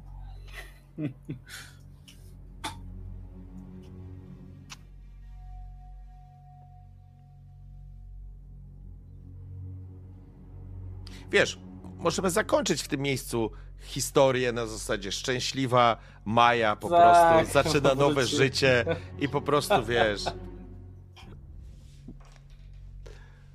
To po co mi ten dodatkowy pepek wtedy? Nie, ja rozumiem, tylko Ja, ja wie, wiem, w jakiej jesteś sytuacji. tak, to nie jest, wiesz, to nawet nie jest proste, wiesz, co zrobić, żeby pomysł nie był po prostu absurdalny, typu idę z kawałkiem noża szturmować, wiesz, główne bramy więzienia. No to jest, Aha. o to chodzi, nie? E, W porządku, w takim razie, skoro to są zamknięte walki i one są obstawiane i one są oglądane, to. Czyli ja wiem, gdzie to jest i Nie. kiedy i tak Nie, dalej. nie, Aha, nie, nie, tylko nie. po prostu, że się. Dowiedziałeś się, się, że coś takiego jest. Jeżeli chciałbyś się czegoś więcej dowiedzieć, musiał pewnie byś popracować przy źródle, bo to jest tak, że się mówi o tym, nie? W porządku, w takim razie będę chciała przejść w tamtą stronę i być może od strażników się coś dowiedzieć, bo teraz właśnie, czy też przy tej plotkowaniu jakby, że mam taki sukces, to wiem, że wiem, u źródła to są właśnie, nie wiem, strażnicy, czy po prostu Znaczy wygląda na, konkretni ludzie. wiesz co, wygląda na to, że jakby jest to tajemnicą Poliszynela i jakby trochę z przymkniętym, z, wiesz, przymykane oko jest na to, więc na pewno pracownicy czy strażnicy baszty na pewno mają świadomość tego, co się dzieje. Zresztą się mówi o najlepszych. Usłyszałaś o tym, że najlepsi wychodzą się bić ku uciesze gawiedzi. Może nie gawiedzi, ale tych e, panów. W związku z czym w jaki sposób ci najlepsi muszą być wyłaniani. Więc to nie jest tak, że byle chłystek. Czyli- Jasne, tam czyli musi nie, się coś na miejscu tak, też że jak dziać, ktoś nie? się zapyta, to od razu dostaje kula w łeb, czy tam strzała w... To znaczy, Okej. pewnie nie, ale wiesz, to nie jest, ta- ale to z drugiej strony też nie jest tak, że wiesz, że możesz przyjść i, i po prostu powiedzieć, ej, kiedy się bijecie, bo ja bym chciała postawić, nie? I no Rozumiem, wiesz, to, to, rozumiem. bo to jednak jest, e, że tak powiem, w szarej strefie, o, tak bym to nazwał. Rozumiem, w porządku. E, W porządku, w takim razie. W takim razie tak, ja, no, ja będę chciała się dowiedzieć czegoś więcej o tych walkach, bo to wydaje się w tym momencie jedynym, e, jedyną opcją, aby jakkolwiek zbliżyć się do, do straceńców w baszcie. Do zobaczenia, co tam się dzieje i, Okej, i tak dalej. dobrze. Słuchaj, jak chcesz to zrobić? Bo jakby, żebyś miał pełną świadomość, Maja jest absolutnie bezpieczna. Nikt nie ma pojęcia, że Miron to Maja. Nikt. Jedyna No nie rzecz... podpuszczaj, bo sobie pójdę, no. Nie, nie, nie, nie, nie. To jakby, żebyś miał tego świadomość. To jest absolutnie sytuacja, w której w tym momencie wśród tych ludzi w Lagobolet nikt o tym nie wie. Więc oczywiście to nie jest tak, że niziołków jest tu, wiesz, yy, tysiąc. Absolutnie nie. Więc sam fakt, że jesteś niziołkiem może zwrócić uwagę, ale jakby to jest tak, a okej, no ale to, to, to babka, nie? Więc w ogóle nie jesteś w ogóle brana pod uwagę, nie? Także to, to jest istotne, żebyś, żebyś wiedział, jakie jest ryzyko twoje. Na tym etapie jest żadne. Oczywiście możesz się wypiąć na nich i jakby i na nich, i na Fabrizio i tak dalej, ale wiesz o tym, że Fabrizio o tym wie. Więc jakby gdzieś nie oznacza to, że od razu, wiesz, mordercy się pojawią na drugi dzień. Nie, ale jakby to jest jedyna osoba, która może ci w tym momencie zagrozić. Tak jakbyś sobie, wiesz, zaczął kalkulować, kto może w ogóle o mnie wiedzieć. To wie o tobie Fabrizio. To jest jedyna osoba. Ale Fabrizio jest w Fuerte del Sol, więc to jest kawał drogi stąd. Ale. Nie, no nie chciałbym tak zakończyć. Nie, nie, ale to jakby ja nie No, mówię, że wiem, masz tak zrobić, no, nie? Porządku. mówię ci, że to jest... Nie, e, zdaję sobie sprawę. Mi chodzi tylko i wyłącznie o to właśnie to, co powiedzieliśmy, że na ile to jest tajemnica, że po prostu jak ktoś wie, a ktoś sprawdzi, że on nie jesteś na liście, no to cię odstrzeliłem. Mhm. Okej, rozumiem, że tak nie jest, ale że to też nie jest tak, że do, No dowolna jest- osoba podchodzi. Rozumiem, rozumiem. W takim razie będę, tak, w takim razie będę się, tak jak powiedziałem, kierować w stronę tej baszty straceńców Mhm. i być może gdzieś tam przypadkiem e, zobaczymy, jak wygląda sytuacja, jeśli chodzi właśnie o jakiś tam e, czy pracowników, czy strażników. W porządku. No Jakby Dobrze. zdecydowanie Maja idzie na żywioł. Tutaj nie ma ani możliwości przygotowania się, wymyślenia planu, to no jakby nie ma takiej, nie ma takiej, nie ma takiej sytuacji. Okej, Nie jest to możliwe. w porządku. Póki jeszcze jest dzień, to jakby zdecydowanie, że jeśli do końca dnia się nic nie stanie, no to raczej, e, raczej no na razie jest dzień, więc na razie nie uprzedzajmy faktów. Okej. Dobrze. Zatem, mm, kiedy zbliżasz się do baszty, jakby basztę już widzisz z daleka. To jest wysoki budynek, który, który jest faktycznie basztą, wysoką wieżą, szeroką i dużą, która wyrasta ponad domy i ponad okoliczne budynki. Nie jest może tak wysoki jak cytadele, y, nie cy, cytadela y, barona albo jakieś świątynie, niemniej jednak rzuca się w oczy i już z daleka można ją zobaczyć. Jest raczej usadowiona w mniej, w, inaczej, w gorszej dzielnicy. Zdecydowanie to jakby jest pewne. Jest potężną wieżą, w której osadzeni są więźniowie i ona wyrasta w mieście, otoczona jest murem. I kiedy ty tam zbliżasz się, oczywiście dostrzegasz, że jakby wchodzisz w taką gorszą dzielnicę. Jakby jest brudniej, pojawiają się żebracy, pojawiają się. Towarzystwo się po prostu zmienia, krótko mówiąc. To, co było Twoim atutem w tych lepszych dzielnicach, tutaj przestaje być Twoim atutem w pewnym znaczeniu. Ale to też nie jest tak, że rzucają się ludzie do gardeł. To nie jest jeszcze najgorszy ściek ale faktycznie nie jest to już tak wysublimowana okolica.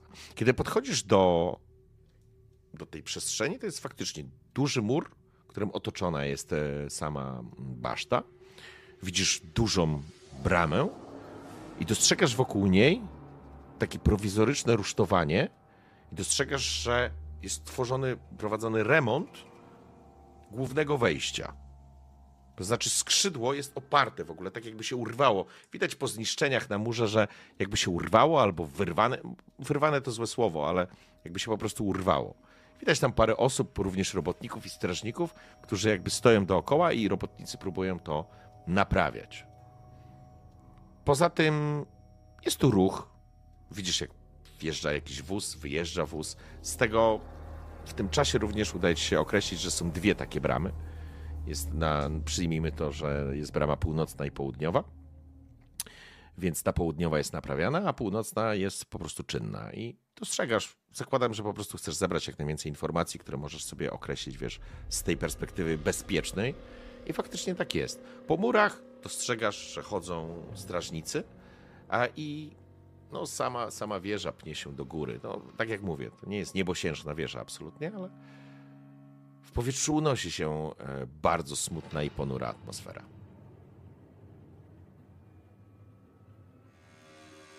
E, te wozy, one są powiedzmy jakoś sprawdzane na wjeździe, wyjeździe?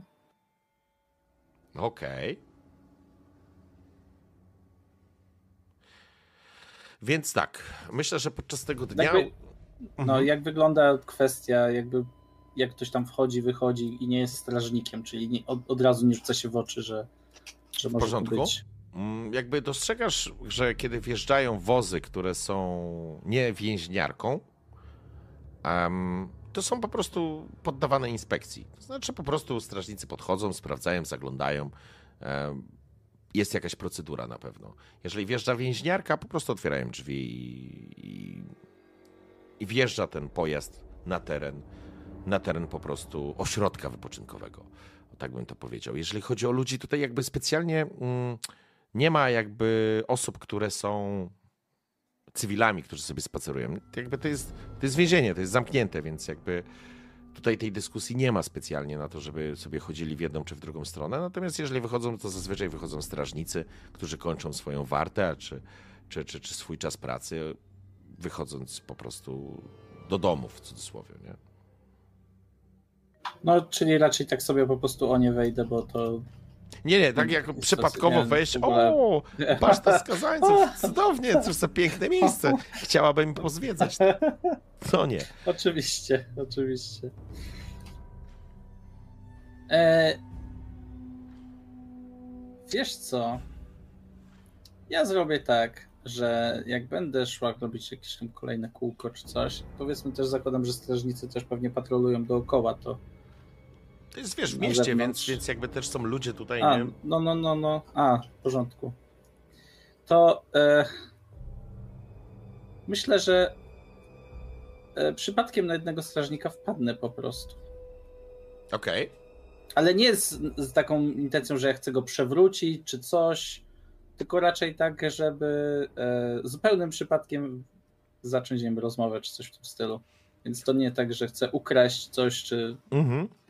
W porządku. Jakby dostrzegasz również, że im bliżej samej uroczystości, to miasto też nabiera takich specyficznych kolorów. Jest coraz więcej sztandarów, coraz więcej em, jakby proporców, e, które oznajmiają o tym, że będzie uroczystość, są zbliżenia, jakieś lampiony, kwiaty upięte i tak dalej. E, Tutaj również na wieży znajdują się potężne herby rosochacza, właśnie Baroni de Bonge e, ze smokiem w środku. Natomiast e, niech tak będzie maszerujesz sobie drogą i po prostu wpadasz na strażnika i on po prostu, co jest? Obracasz się do ciebie, to znaczy obraca, spogląda się na dół. Ma lekko zmarsową twarz, ale jakby patrzy na ciebie, że nie jesteś jakimś, wiesz, żebrakiem, więc jakby zawiesza trochę głos, ale najmocniej przepraszam i jakby skłaniam się tak, że jakby faktycznie zamyśliłam się, kompletnie się zamyśliłam nad, tym- nad tym, co się ma niedługo dziać. Proszę uważać, bo wóz panią potrąci. po czym chce ruszać dalej. No, właśnie, właśnie, wóz. Hmm? Czy to prawda? Co prawda? No, że to, że to wiedźmę tutaj macie. Tą, co na, tą, co... To, to, to, Okej, tak, dobre, to, dobre. że okej. macie, macie tą wiedźmę, tą, która robiła flagę z ognia, tam, na, na dziedzińcu. Ludzie tak na mieście gadają. Przepraszam, ale musiałam tutaj przyjść zobaczyć. Dobrze, okej. Ja bym chciał, żebyś sobie rzucił plotkowanie. Dobrze. I to nie jest szlachta, ani arystokracja. Nie, zdecydowanie nie, ale żebyś. E, no teraz już i tak zacząłeś. Także. No zobaczymy, trzymam kciuki. Sukces. Okej. Mężczyzna spogląda się? A skąd pani wie? Skąd wie? Że wiedźma Ja jest tu. To mówili ludzie, a samą flagę na, na, z ognia to sama widziałam. Była taka wielka. No, ja o tej fladze też słyszałem. Służbę miałem, więc gówno widziałem, ale słyszałem, że piękna była. Ale o wiedźmie, Wspaniała. O, Wspaniała. o wiedźmie to słyszałem też. Mamy ją. My wszystkich mamy. Nawet wiedźmy. Ha, ha, ha. No, wczoraj w nocy ją przywieźli. O, już się nią dobrze oprawcy zajmą w lożku. Sprawiam ją raz, dwa. Aj, klepie cię tak, jak, jak, jak wiesz, jak, jak kolegę do rozmowy, czujesz na sobie ciężką łapę. Oczywiście to ci nic nie robi. O, panienka wybaczy. A nasza straż najlepsza. No, Bardzo dobrze, bardzo zdecydowanie. dobrze. Aż się czuje lepiej. Chociaż, chociaż, chociaż y, troszkę mi jej szkoda, bo akurat no, widok był wspaniały, ale jednak wiedźmom to ufać nie wolno. S- No. Zawsze podejrzane. A, a właściwie, właściwie czemu ona tu wylądowała? A, tego to już nie wiem, ale podobno przywieźli ją w nocy więźniarce. Ją i jeszcze innych dwóch. Chyba jeden nawet to elf był. Da panienka wiarę? Elf tutaj. Niemożliwe. Aha, a to, to też faktycznie jakieś tam, chyba jakieś elfy tam były wtedy na tym, na tym bo to ten baronet, ten baronet robił jakieś A, no tak! Ma panienka rację. Rzecz jasna. Przecież, no tak, przecież przygotowania, przecież wszyscy o tym trąbili. Sam miałem pójść na arenę, ale ślepy jestem jak. Ach, nieważne, w każdym razie to oni? No wiedźma to tak, ale ta dwójka to też. Nie wiem, wi- chy, chyba widziałem tylko jednego elfa, ale kurczę, być może. No nie wiem, nie wiem, ale no skoro razem, to zresztą skąd oni się tu wzięli? No nie wiem, ale no to jak... No, ale zajmą się nimi, panienką, proszę się nie martwić. Z wiedźmami też mamy sposób dobry, knebel w pysk. I nic jej nie pomoże. Zabawią się z nią. Och, panią, Proszę wybaczyć, nie powinienem mówić, bo to, ale mamy profesjonałów, mistrzów, którzy znają się na robocie. Czasami mam okazję posłuchać, jak wyją, jak proszą. Prawdziwi majstrzy w swoim fachu. I co, dadzą ich do tych... do tych walk? Uuu, zaskoczony jest. Zaskoczony jest, patrzy na ciebie. Przymrużył lekko oki. Walk? Jakich walk? Ja, mi- Miron, ponieważ ruszyłeś wątek zupełnie inny, e, rzuć sobie jeszcze raz plotkowanie. Jasne. Ale załapałem z nim flow. Czy dostanę z tego powodu jakiś plus? Wiesz co? E, dam ci 10. No cudownie. Jest. Widać, że panienka tutejsza. No, e, e, do walk, do dołu może któryś trafi, ale słyszałem, że ten elf ledwo żyw w ogóle był. Więc on tam gówno zobaczy, nie wyjdzie już z sali tortur. Nie, na pewno nie wyjdzie. Pozabrali ich na sam dół. Tam, gdzie wie panienka kto urzęduje. Tam ci mają najlepszych fachmanów. Uuu. Kto wchodzi na dolne pięterko już nie wychodzi, oj, nie wychodzi, chyba że nogami do przodu. A, ale oni już tam się na tym znają. A do dołu, do dołu to podobno był jakiś jeszcze dryblasek. Może dryblaska wrzucą do dołu. Tak w ogóle jakby cię zignorował i zaczyna sobie myśleć. Hmm, dryblasek, dryblasek. Ale czy dryblasek sobie poradzi? Czy on by sobie poradził? Właściwie to nie wiem. Ale może, może. Hmm. Musiałbym pomyśleć. Może warto byłoby na niego postawić. Ale musiałbym zobaczyć. Musiałbym zobaczyć, jak to pójdzie.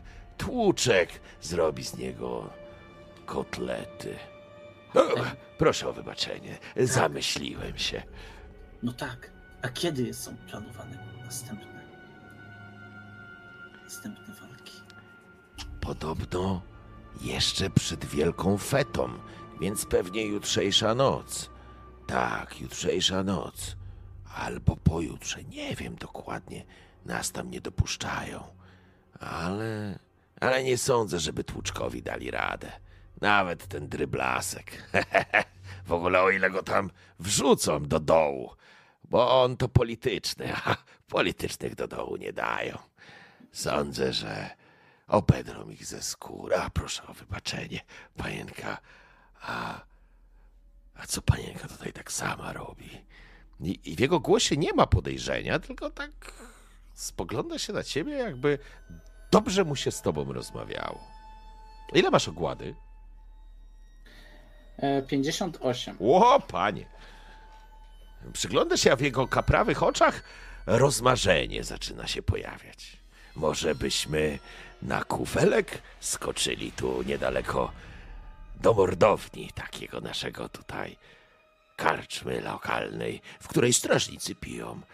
Złe typy mówią na tą mordownię kajdaniarze, ale można w miłym towarzystwie e, wieczór spędzić. Hmm. To bardzo ciekawa propozycja. Naprawdę? On jest zaskoczony, on nie wierzy.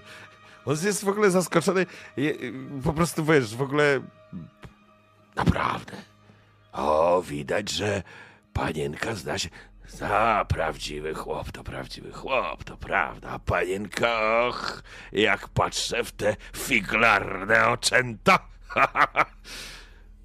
Wy, niziołki, macie coś w sobie.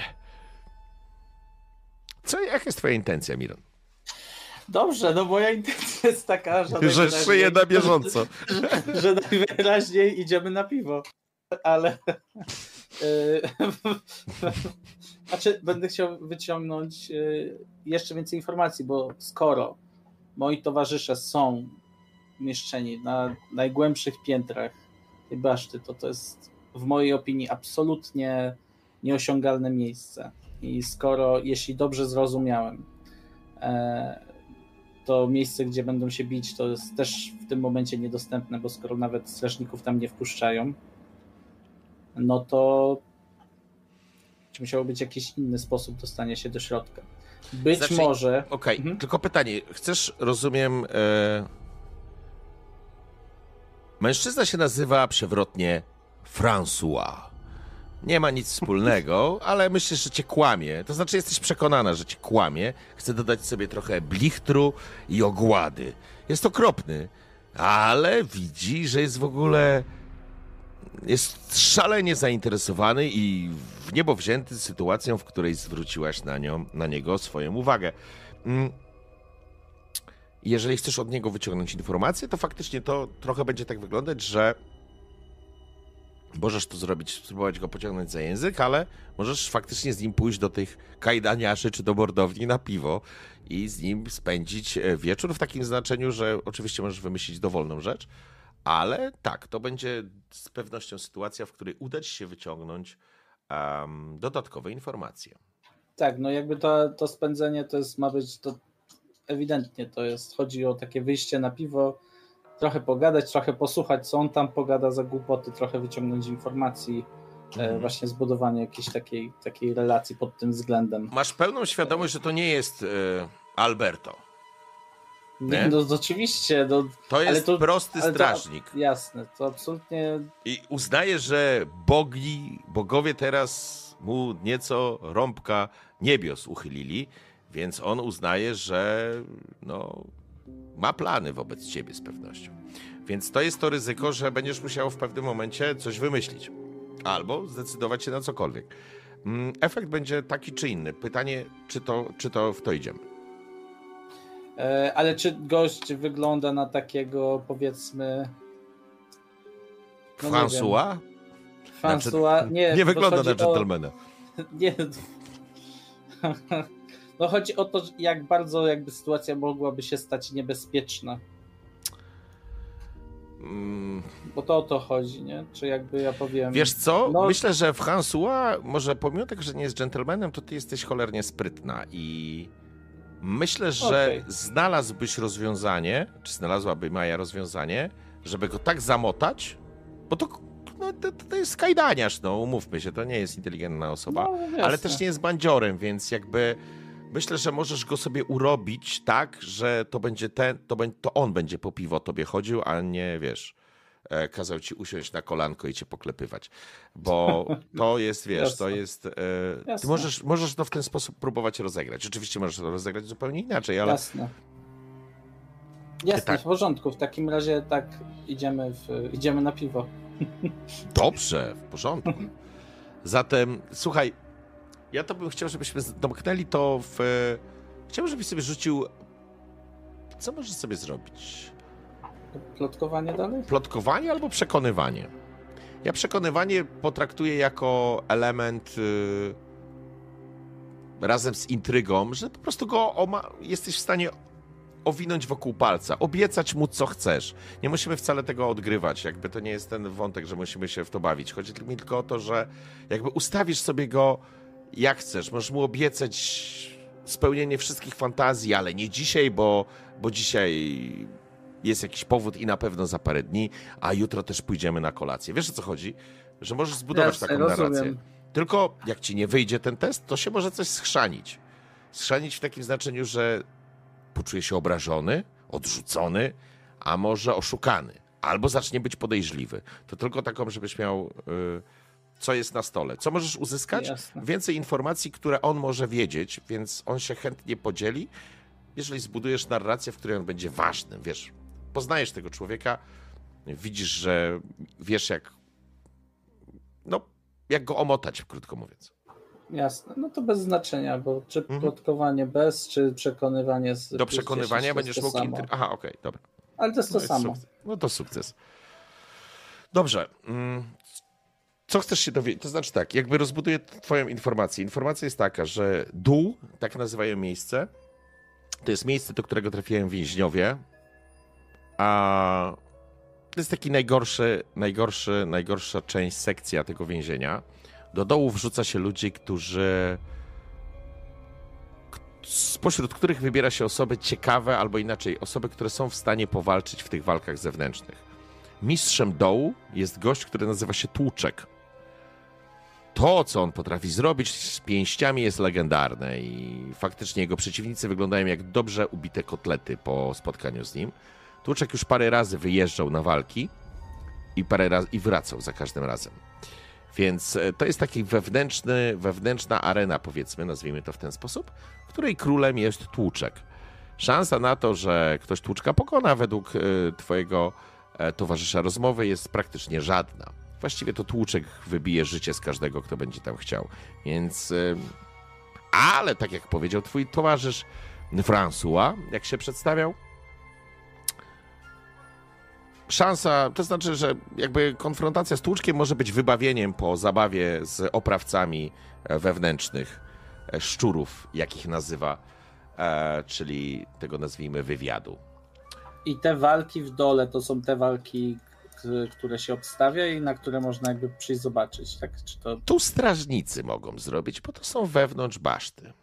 I tutaj e, pracownicy baszty sobie wchodzą, ale to nie jest, to nie są te walki na zewnątrz. Te walki na zewnątrz są, są, zupełnie gdzie indziej i tam już oni nie mają dostępu, nie? Oczywiście wyzywa mhm. wszystkich e, szczurów, traktując ich jako największe kurestwo i nikt ich nie lubi. Szczury, czyli agenci, czyli tak naprawdę wywiad, czyli jakby potwierdza ci, że to, co udało ci się ustalić, że w części baszty jest po prostu mm, zajmowana jest przez wywiad baronii de Bonge. do którego najprawdopodobniej mhm. należy Alberto, nie? Więc, tak. e, więc faktycznie pozycja twoich towarzyszy jest no, niezachęcająca. Obstawa, nawet ten wątek, jakby wiesz, ja już ci po prostu podaję czyste informacje, żebyśmy tego nie odgrywali. Jasne, jasne, jasne. E, chodzi mi po prostu o to, że nawet jeżeli Klaus, Walandir albo Hilda z jakiegoś powodu, który z nich by miał trafić do dołu, gdzie twój towarzysz powiedział, że nie, oni są polityczni. Szczury zajmują się politycznymi, krótko mówiąc. To tam rzadko kto trafi. To znaczy, tam już nikt nie wychodzi od szczurów, nie? Nogami do przodu. E, więc szansa na to, że w ogóle ktokolwiek trafi do dołu jest niewielka, ale być może ktoś z nich trafi. A nawet jak tam trafi, to czy pokona tłuczka? Według twojego towarzysza rozmowy, François, tłuczek zrobi z nich mielone. Z kogokolwiek. na wywiad robi swoje, swoje, że tak powiem, tortury również w tamtej części? Tak, oni zajmują dolną też, część wieży. Też w dole. Też oni, w dole. Dół jest sekcją wieży, jest jakby taką, wiesz, um, okej, okay, można to nawet ładnie nazwać. E, dół znajduje się na poziomie minus jeden, nazwijmy to w ten sposób, czyli jest piętro pod ziemią, natomiast szczury znajdują się na samym dnie. Na drugim no to, poziomie baszt. To tak czy in, e... A natomiast w górę są cele, gdzie są normalni więźniowie.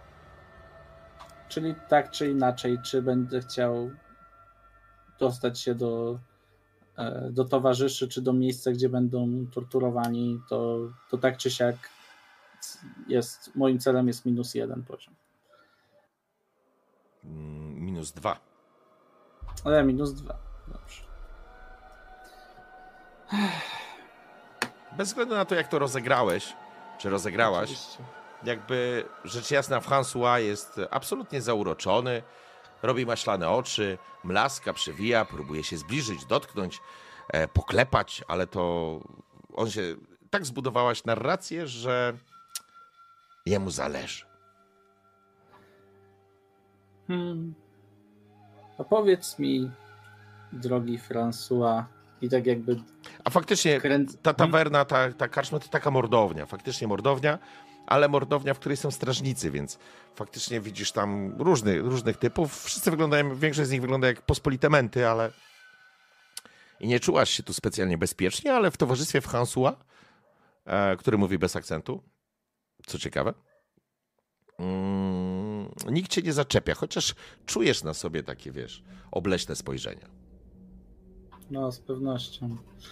E, kręcę winem w, w, kufle Yy, Piwem. czy piwem, Szczynami. tak? To nawet nie. Szczynami. Wspaniale. Nazwijmy je szczynami i nie będziemy się mocno mieć z prawdą. No to. No to co?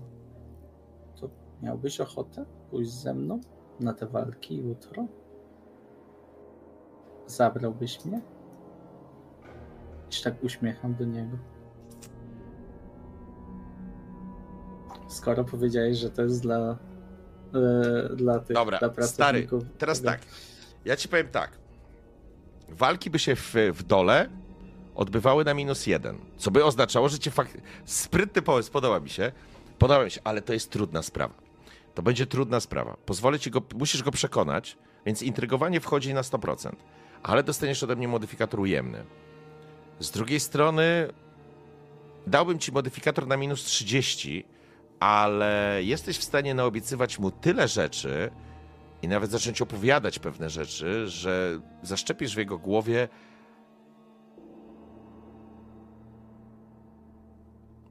na minus 15 będziesz rzucać ten test. Dobrze, i z intrygą. Czyli na. na Nie, nie, to już jest. To, yy... Aha, to już. Poczekaj, intryga daje ci plus 10, a Tak. tam byś dostał minus 30, to byłoby się miał minus 20. To, już na wszystko będziesz miał. Poczekaj, poczekaj, poczekaj. poczekaj. Minus 10. Będziesz rzucał na minus 10. W porządku. W porządku. Ach, kurczę, szkoda. Ale to był dobry pomysł. Pomysł był zajebisty. Naprawdę.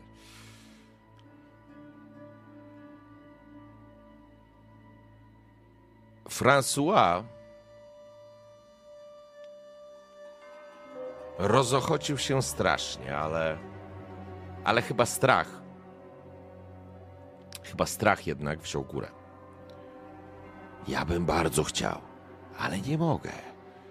Nie mogę cywilów na teren więzienia wprowadzać. I zabieram ręce ze stołu. On, je, on jest rozpaczony, nie? On jest rozpaczony tą sytuacją. No. No trudno. Być może jeszcze kiedyś będzie okazja zobaczyć te, te czarodziejskie twory. I tak patrzę w górę jakby. I być może, być może nawet się tak, tak trochę teatralnie rozglądam po innych mężczyznach w, tym, w barze. Tak tylko, ale nie, że tak, tak po prostu. Ja wiem, rozumiem, rozumiem intencje. I, I wracam do niego.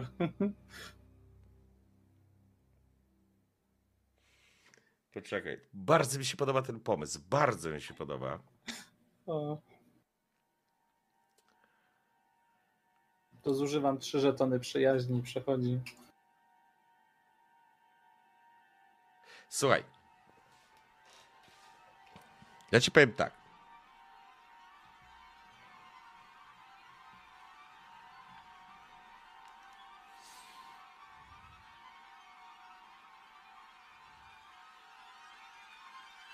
Jak to? Poczekaj, poczekaj. Kurde, no. Szkoda, że tego szczęścia już nie masz, ale O, to prawda.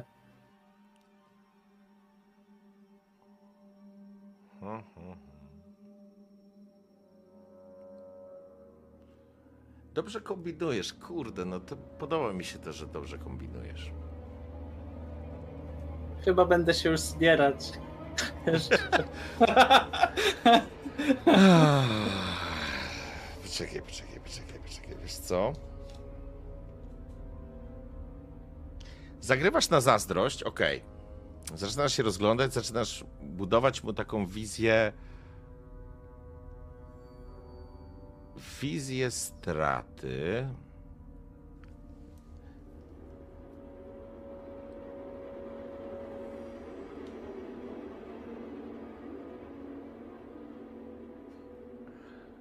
Kurwa, no.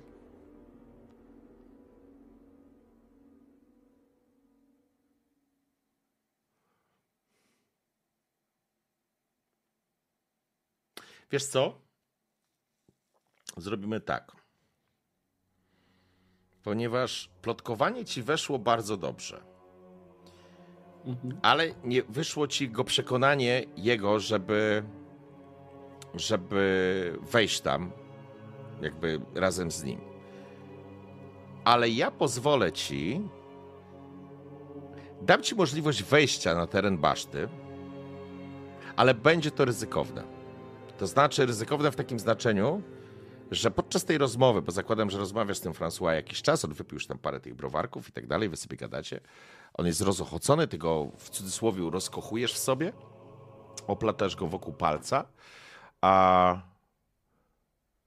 I ja ci pozwolę zrobić to w ten sposób. Inaczej, pozwolę ci się dostać do środka z ryzykiem, bo dowiadujesz się, że południowa ba- brama, że jakby w cały szereg jego przekleństw, że nikt tego nie, w to nie, nie pakuje pieniędzy, to się za, za chwilę wszystko rozleci, że skrzydło, które się urwało od bramy, zabiło jednego ze strażników, że Matias był równy gość. A, I wiesz o tym, że będzie to pilnowana, ta brama jest pilnowana, ale nie będzie dzisiaj zamknięta i ona nie zostanie zamknięta, jakby naprawa tej bramy przez najbliższe kilka dni nie zostanie domknięte, ale jutrzejszej nocy, kiedy będą te, kiedy będą te walki, będzie sierżant miał urodziny i będzie impreza po cichu. I on, ma, on ci to opowiadał w takim układzie, że jest trochę w kropce, bo on by chciał te walki zobaczyć, no ale na, na, na imprezę do sierżanta należy pójść, bo, bo, bo, bo trzeba. Więc zostawiam ci przestrzeń, w której będziesz mogła wejść na teren baszty. Będzie to obarczone ryzykiem. E, Kurwa, na imprezę to nie pomyślałem.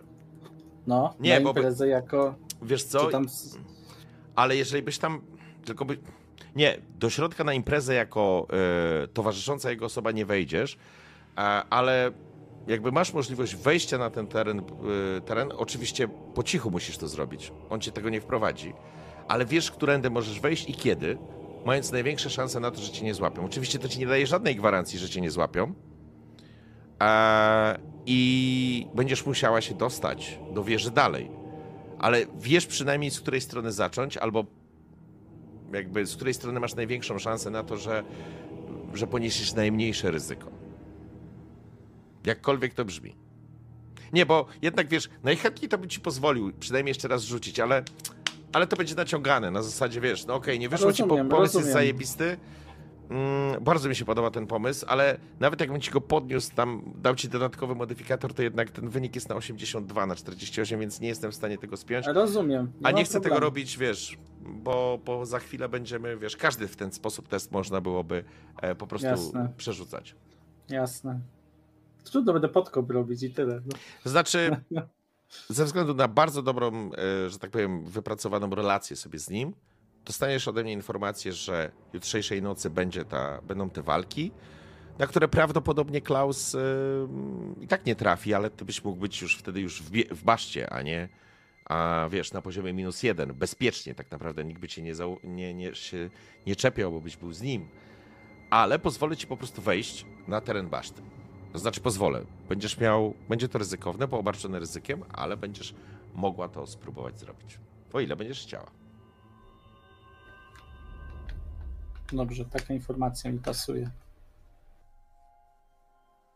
Nie wiem, czy to coś zmienia w kulistości Ziemi, ale, ale uznałem, że, ale uznałem, że jakby udało ci się zebrać trochę tych informacji. On nawet nie opowiadał tego, wiesz, w kategoriach jak wejść do baszty, tylko wiesz, narzekania, tak, tak, tak dobrze mu się z tobą Narzekania na rozmawiało. pracę. Tak, tak. Mhm. Dobrze, więc e, mimo wszystko tak by resztę tego wieczoru, jakby moim intencją jest ją jakby prowadzić, już Mhm. jakby no zakładam, że to jest wszystko, co tam od niego wyciągnę, więc e, reszta tej imprezy... Chyba że, masz jakieś tego- py- chyba, że masz jakieś pytania, o które chciałbyś e, zapytać.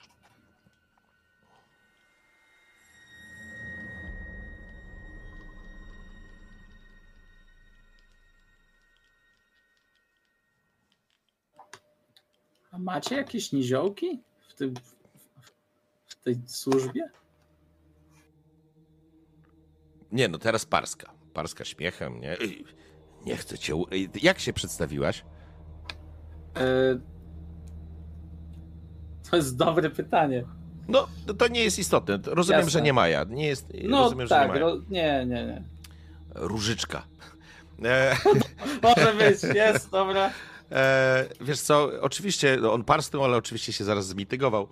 E, i, i, no nie, bo to niebezpieczna praca. No, no tak, tak. Po prostu. Tak, bo on się stawia w roli takiego obrońcy mieszkańców Lagobolet. Rzecz jasna, budując swoją wizję tego, jaki jest ważny i niezastąpiony. Także mm, w związku z powyższym, moje pytanie brzmi, Mironie Offner, a właściwie Maju. Co robimy?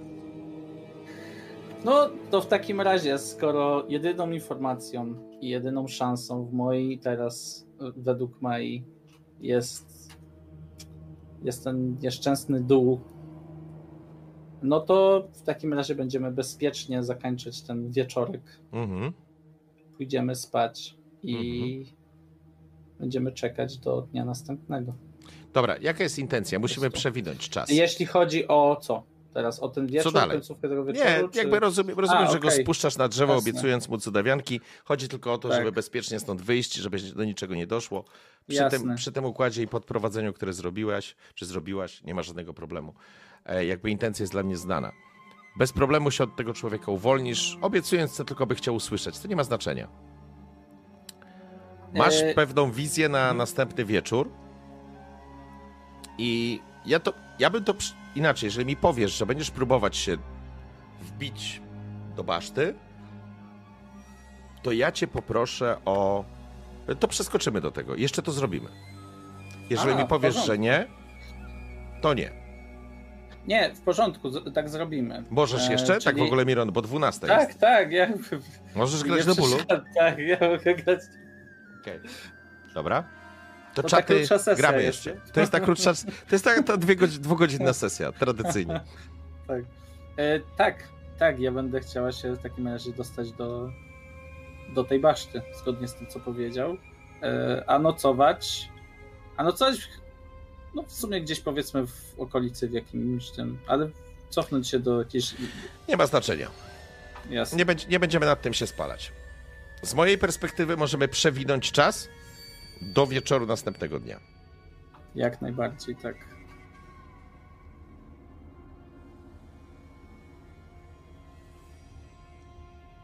Okej.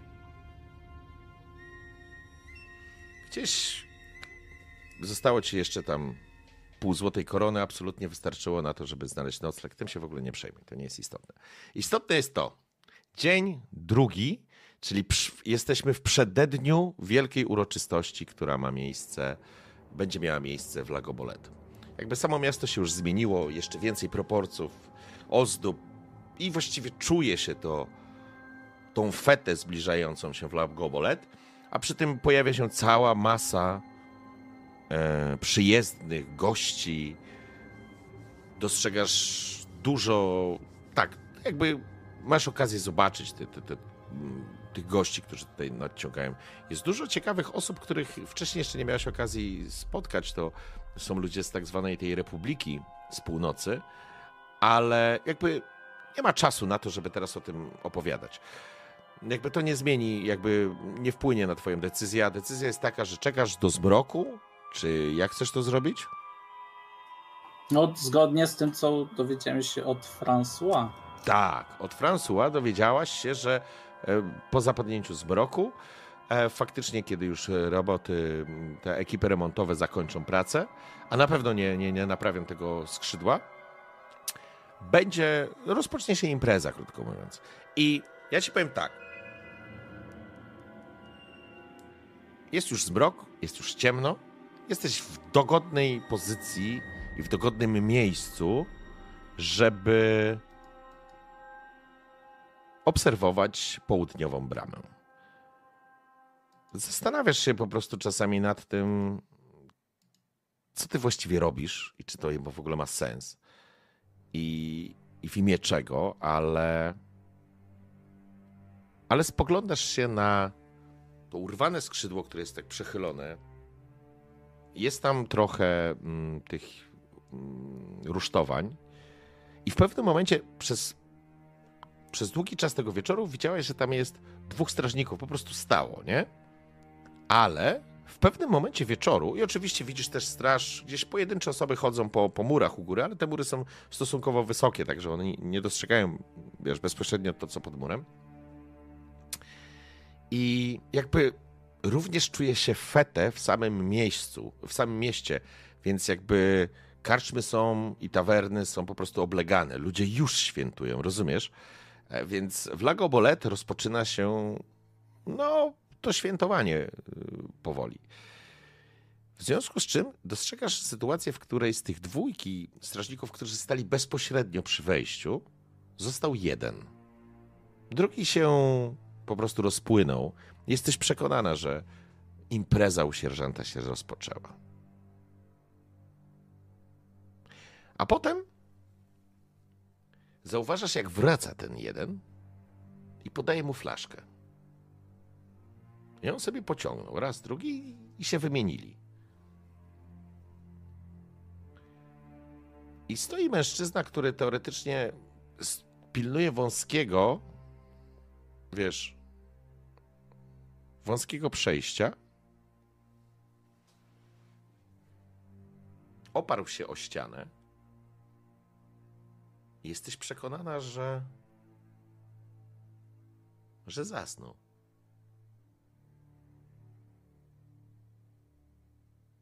A potem. Czy może po prostu usnął?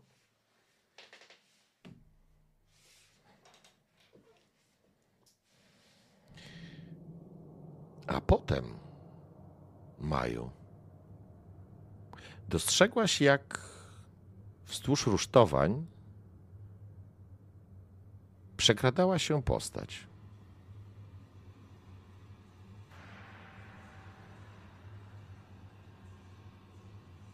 Duża, Bar- mała? mała, zwinna, sprytnie lawirując między żerdziami. Zeskoczyła, masz wrażenie, bezszelestnie i stanęła przy zniszczonej czy zremontowanej bramie. Niewysoka postać o blond włosach. Potem po prostu przeszła, jakby nigdy nic, obok śpiącego strażnika. To Selanar. I w którą stronę się ta skieruje? Bo tak Wchodzi przez bramę Proszę. Do baszty. To znaczy na ten plac, a potem nie wiesz, bo ci znika z oczu.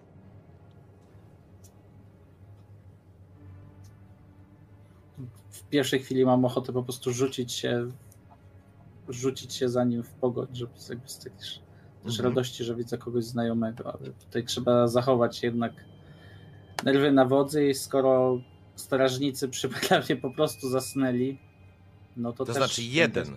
Wiesz jeden, o tym, drugi- że oni się wymienili i prawdopodobnie z urodzin wróci ten za chwilę, nie? Albo za chwilę staną obaj, nie? Ale teraz jest jeden. Tak, więc i teraz wygląda jest na to, szansa na to, że się mogę przekraść. Tak, wiesz, trzyma włócznie, oparty jest o, o, o, o, o ścianę, nie? O ten mur.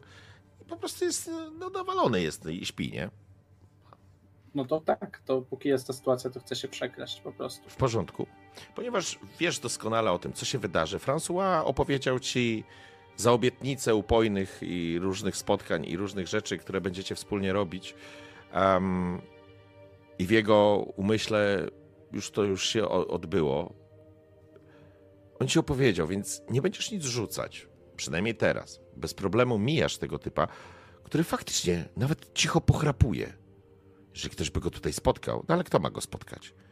Sierżant przecież sam pije. Ale wchodzisz przez bramę do baszty straceńców i patrzysz do góry, bo ten obraz ci się jakby, wiesz, pojawia, kiedy przechodzisz przez tą bramę. On śpi, absolutnie jesteś bezpieczny. I patrzysz i wyrasta przed tobą po prostu ta wielopiętrowa, wysoka wieża,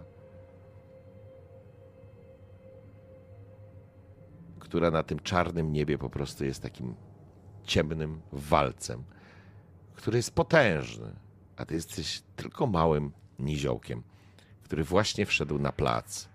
I dostrzegasz, że oczywiście dostrzegasz strażników chodzących em, po murach bardziej. Widzisz jakąś tam strażnicę, ale sierżant musi być spoko gościem, skoro wszyscy teraz sobie w pewien sposób folgują, przynajmniej do pewnego momentu. Wejście do baszty jest jest podniesiona krata. I widzisz przy baszcie, przy podniesionej jej kracie, dwóch strażników. Oni stoją już normalnie. Nie wyglądają na pijanych. Przechodzisz, wiesz, jest taki, jest po prostu plac, nie? To nie jest jakiś taki wielki, no ale mimo wszystko, no ta wieża jest, ta baszta jest słusznego, słusznych rozmiarów, więc jakby dostrzegasz również pod murami jakieś gospodarcze budynki, magazyny, stajnie i tak dalej, i tak wozownie, ale mm, spoglądasz się i jakby dostrzegasz jak... Rzuć sobie spostrzegawczość.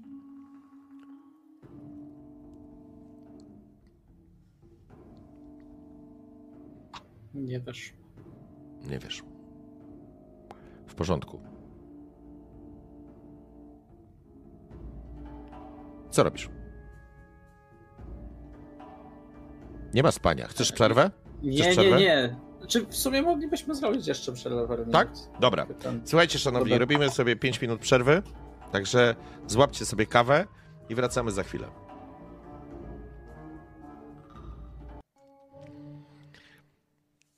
Witamy szanownych gości po krótkiej przerwie i widzów. Jest dopiero 20 po 12, a my dalej buszujemy w Lago Bolet. A ze mną Mironowter, a właściwie Maja, która idealnie, można powiedzieć, teraz stała się szpiegiem. Dobrze. Zatem ja sobie przełączę muzyczkę.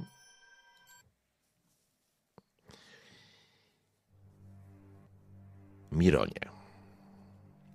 Jesteś bezpieczny w tym momencie, w bezpiecznym miejscu, schowany za, przyjmijmy, jakimś wozem z materiałami budowlanymi, który jest zaparkowany niedaleko bramy. Widać, że po prostu robotnicy z tego korzystali. No ale rzecz jasna, teraz robotników nie ma. Strażnik pochrapuje za tobą. Tak jak mówię, nawet gdyby się teraz ocknął, to by cię nie zauważył. Oczywiście po placu ktoś od czasu do czasu przechodzi. To nie jest tak, że przepraszam, nic się tu nie dzieje. Ale dwóch strażników, którzy trzymają wejście do wieży przy sobie, przy baszcie, jest faktycznie. Za nimi jest podniesiona krata, nie? Taka jest po prostu jak w zamku zasuwana krata, ale teraz jest zamknięta. Jest dwóch strażników, którzy, którzy nie wyglądają na pijanych. Wyobraź sobie, że no jest to taki okrągły plac, prawda? W centrum którego znajduje się ta baszta, więc nie widzisz, co się dzieje za basztą, ale zauważyłeś, że przy tych murach, poza wejściem na mury, rzecz jasna, znajdują się różnego rodzaju takie budyneczki techniczne, e, gospodarcze i tak dalej. Mm, Więc to jest to, co zauważyłeś. Nie udało ci się rzucić na spostrzegawczość, więc nie zauważasz nic więcej. Poza oczywiście wielkim herbem em, baronii de Bange. E, Ale teraz w związku z powyższym chciałbym się dowiedzieć... A, i oczywiście nie dostrzegasz również Selanara. Co chcesz zrobić?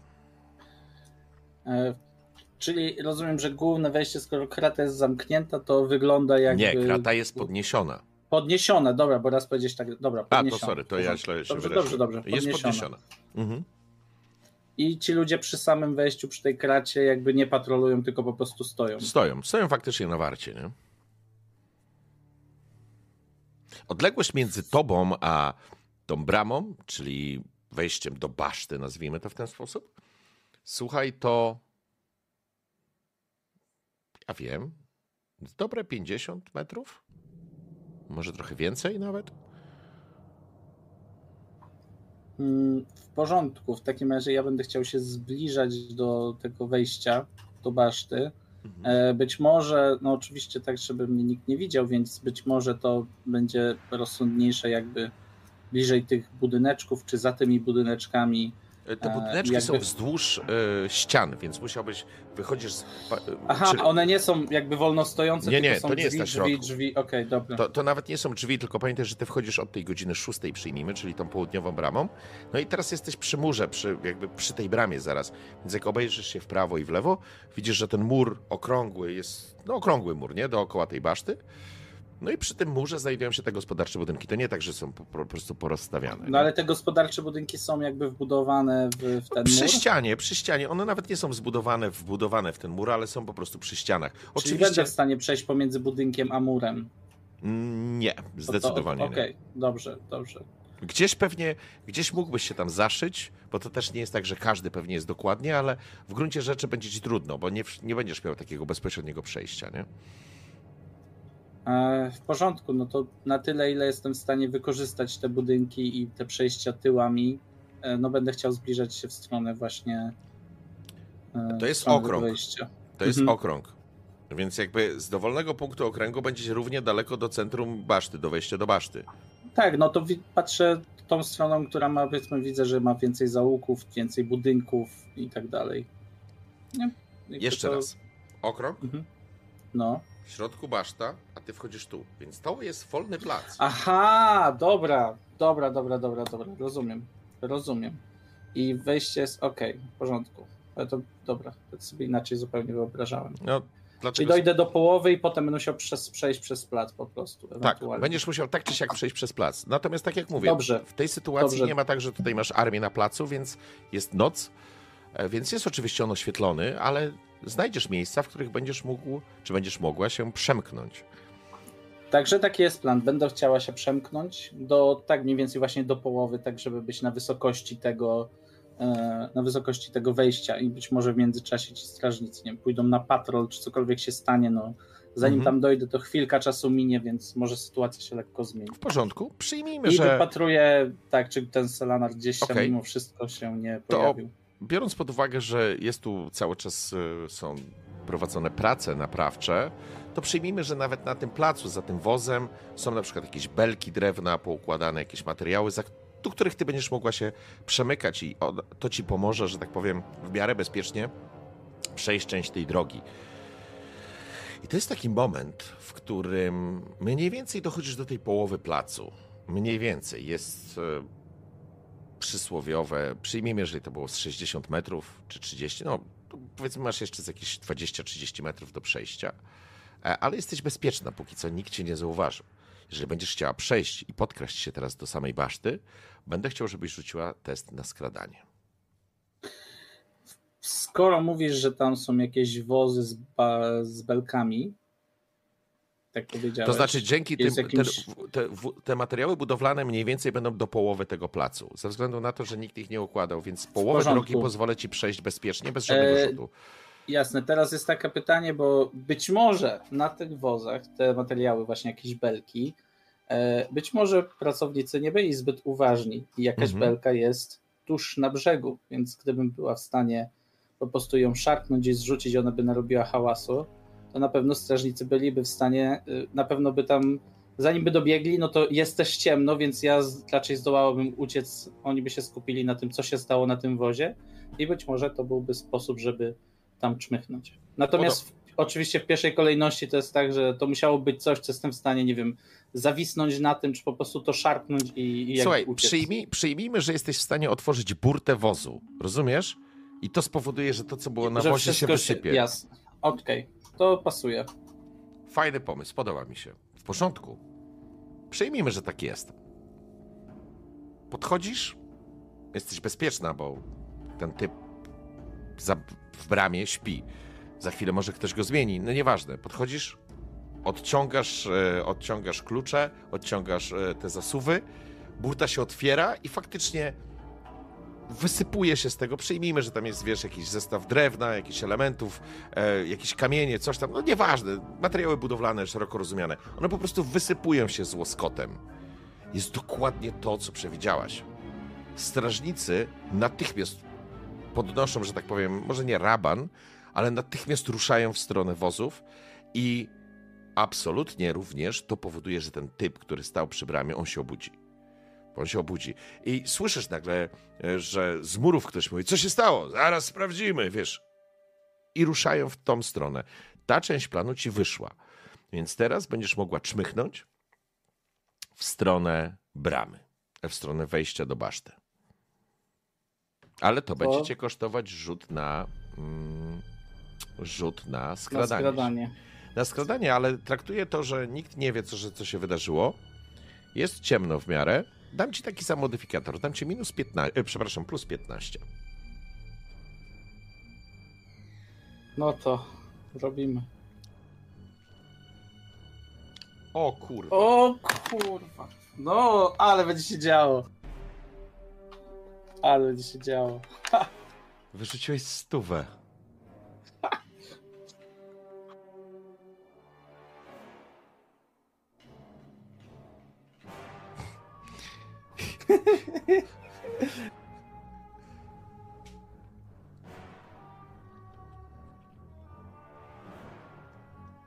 Dziękujemy szanowni widzowie, że byliście obecni na dzisiejszej sesji.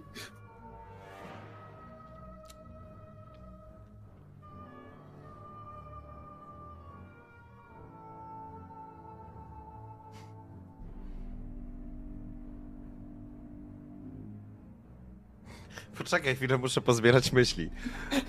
Nie ma problemu.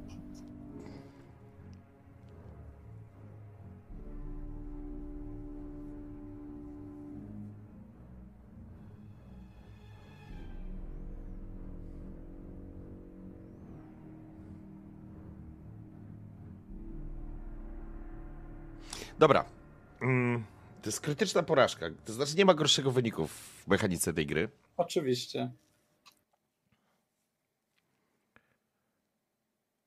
Więc.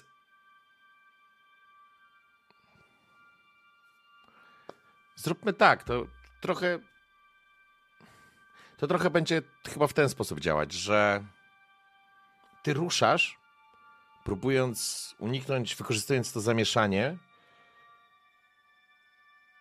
ale po prostu nie zauważyłaś strażnika, no po prostu nie zauważyłaś, no być może spał za jakąś, wiesz, za, za, za jakimś składzikiem, może siedział, wiesz, może e, no cokolwiek, może po prostu odpoczywał chwilę, zanim zareagował, albo może był trochę podpity.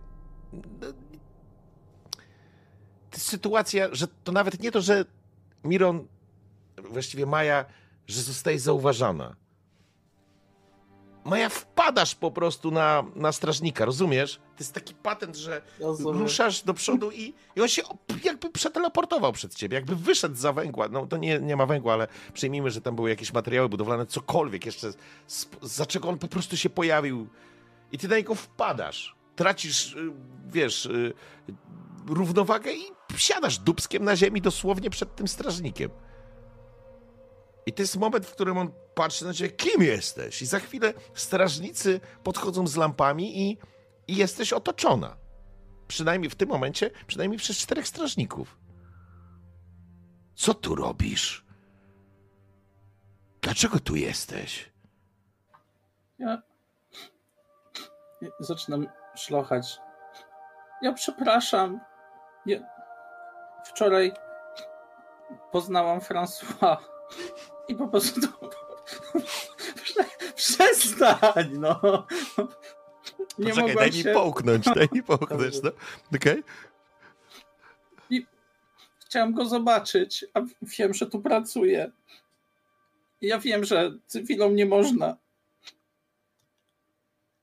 Jest tutaj? I tak patrzę tak na, na najbliższego, po prostu wpatruję w niego te oczy i zaczynam mrugać.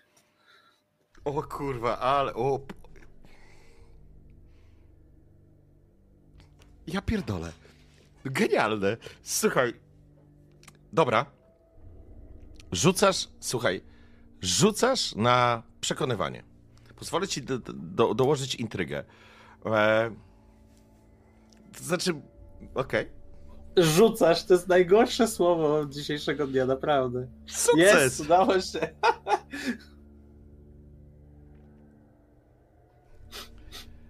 On, E, przepraszam. Wiesz co, oni stoją.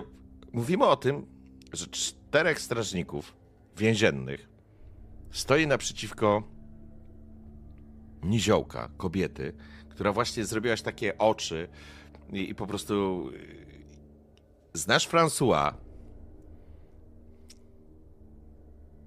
My I piliśmy on- i- razem wczoraj w tym, i- w tym barze. I to jest moment, w którym Podaj nazwę tego baru. y, mordownia, al- mordownia, mówisz E, mordownia. Mordowni. W mordowni. I to jest moment, w którym oni wybuchają śmiechem.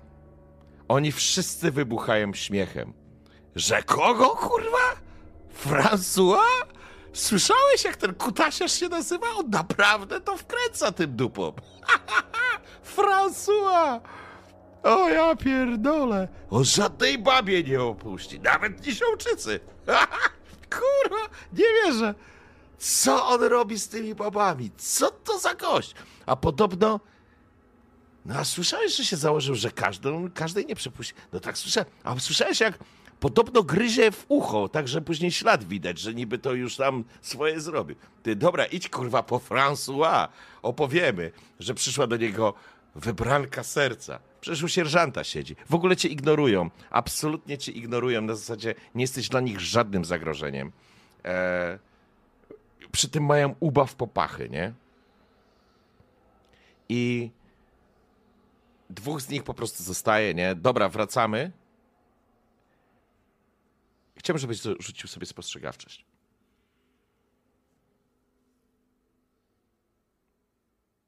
O. Jest.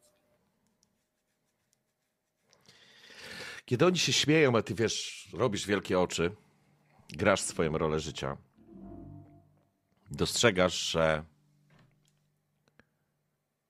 przez bramę wchodzi Selanar. Do Przez- środka. Do środka, do baszty. Mhm. Po prostu przemyka się. Nie, rzuciłeś dziewięć. To nie jest, że on się przemyka, Mironie. Dostrzegasz, Mironie, jak Selanar wypełza z cienia. Rozumiesz? Czarny, zacieniony kawałek muru i dostrzegasz, jak Selanar wypełza z tego cienia. Wychodzi. Masz wrażenie, że ten cień się za nim ciągnie. I on jakby z niego, z niego po prostu wychodził. I kiedy wybucha śmiech tych strażników, on się obraca i on stoi na tle tego cienia, ciemnej bramy. I masz wrażenie, rzuciłeś dziewięć, więc nie masz wrażenia, to dostrzegasz.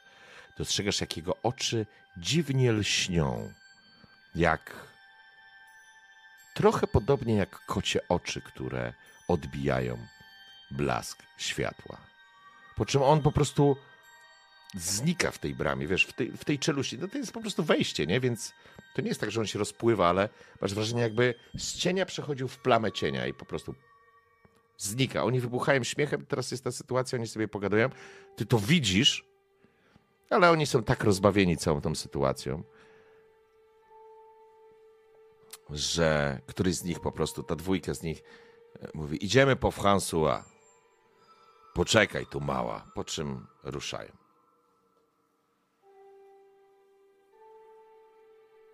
O, ja będę, muszę grzecznie czekać. No tutaj No nie ma to- innego wyjścia. Ja, wiesz, oni w ogóle się nie przejmują. Przy tobie, wiesz, rozmawiałem.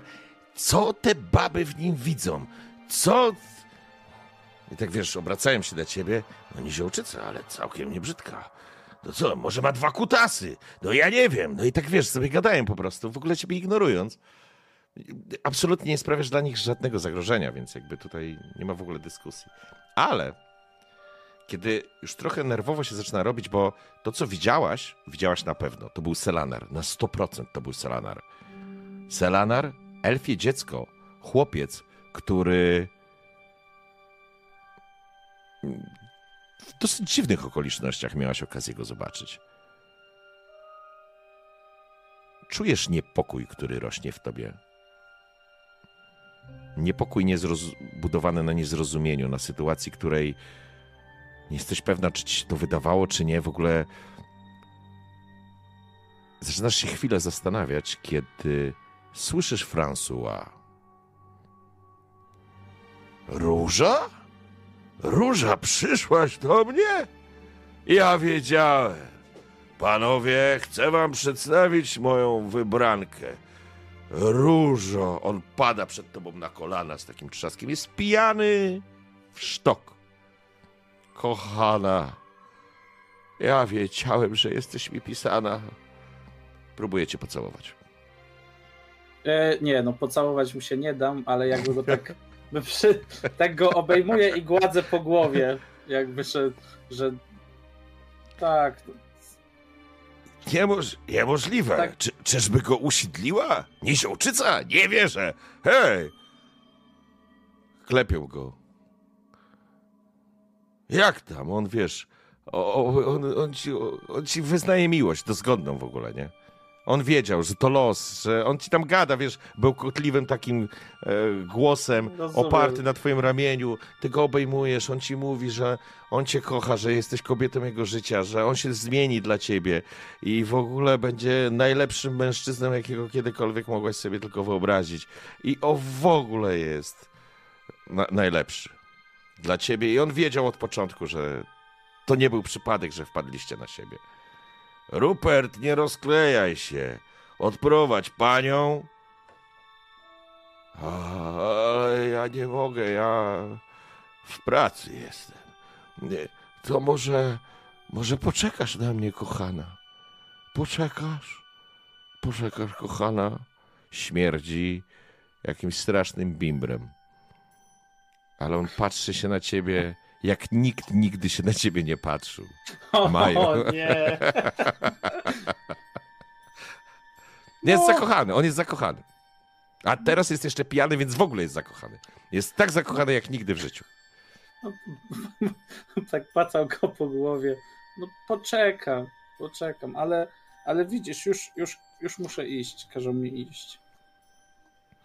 Panowie, chociaż poczeka na mnie. Za parę godzin kończę przed świtem. Przed długo nie zostało.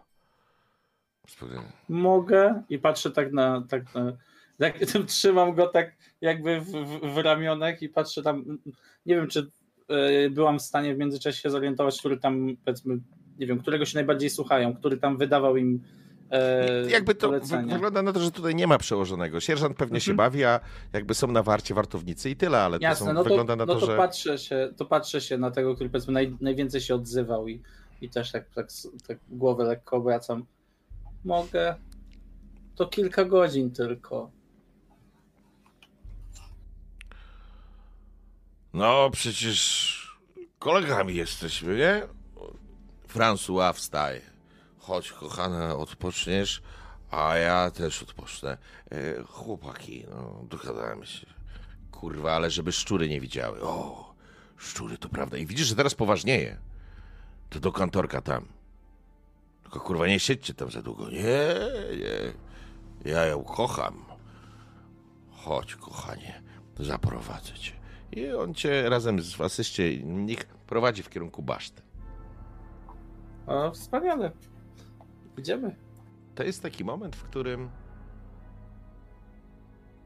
nie wiesz, czemu zawdzięczasz w ogóle tę całą sytuację. To znaczy, masz wrażenie, że Fabrizio się nie pomylił w stosunku do ciebie.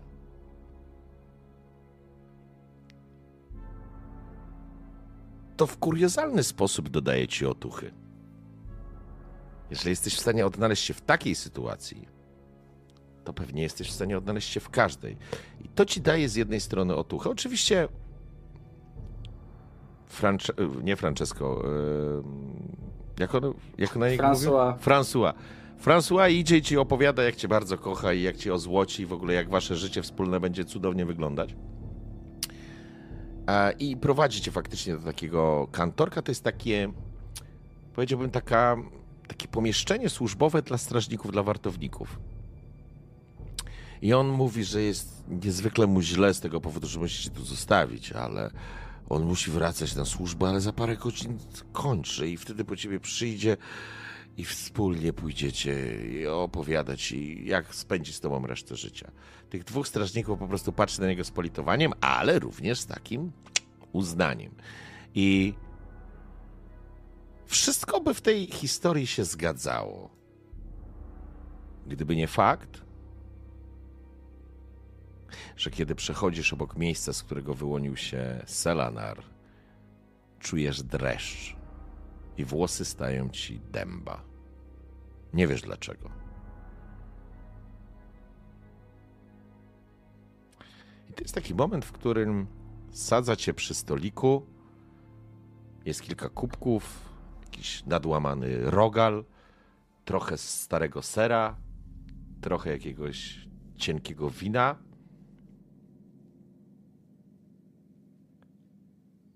Całuje cię w rękę jak dżentelmen, po czym wychodzi na służbę. A tam ci wartownicy w ogóle nie zwracają na ciebie uwagi, nie? Wracają na służbę faktycznie. Oni nie byli pijani.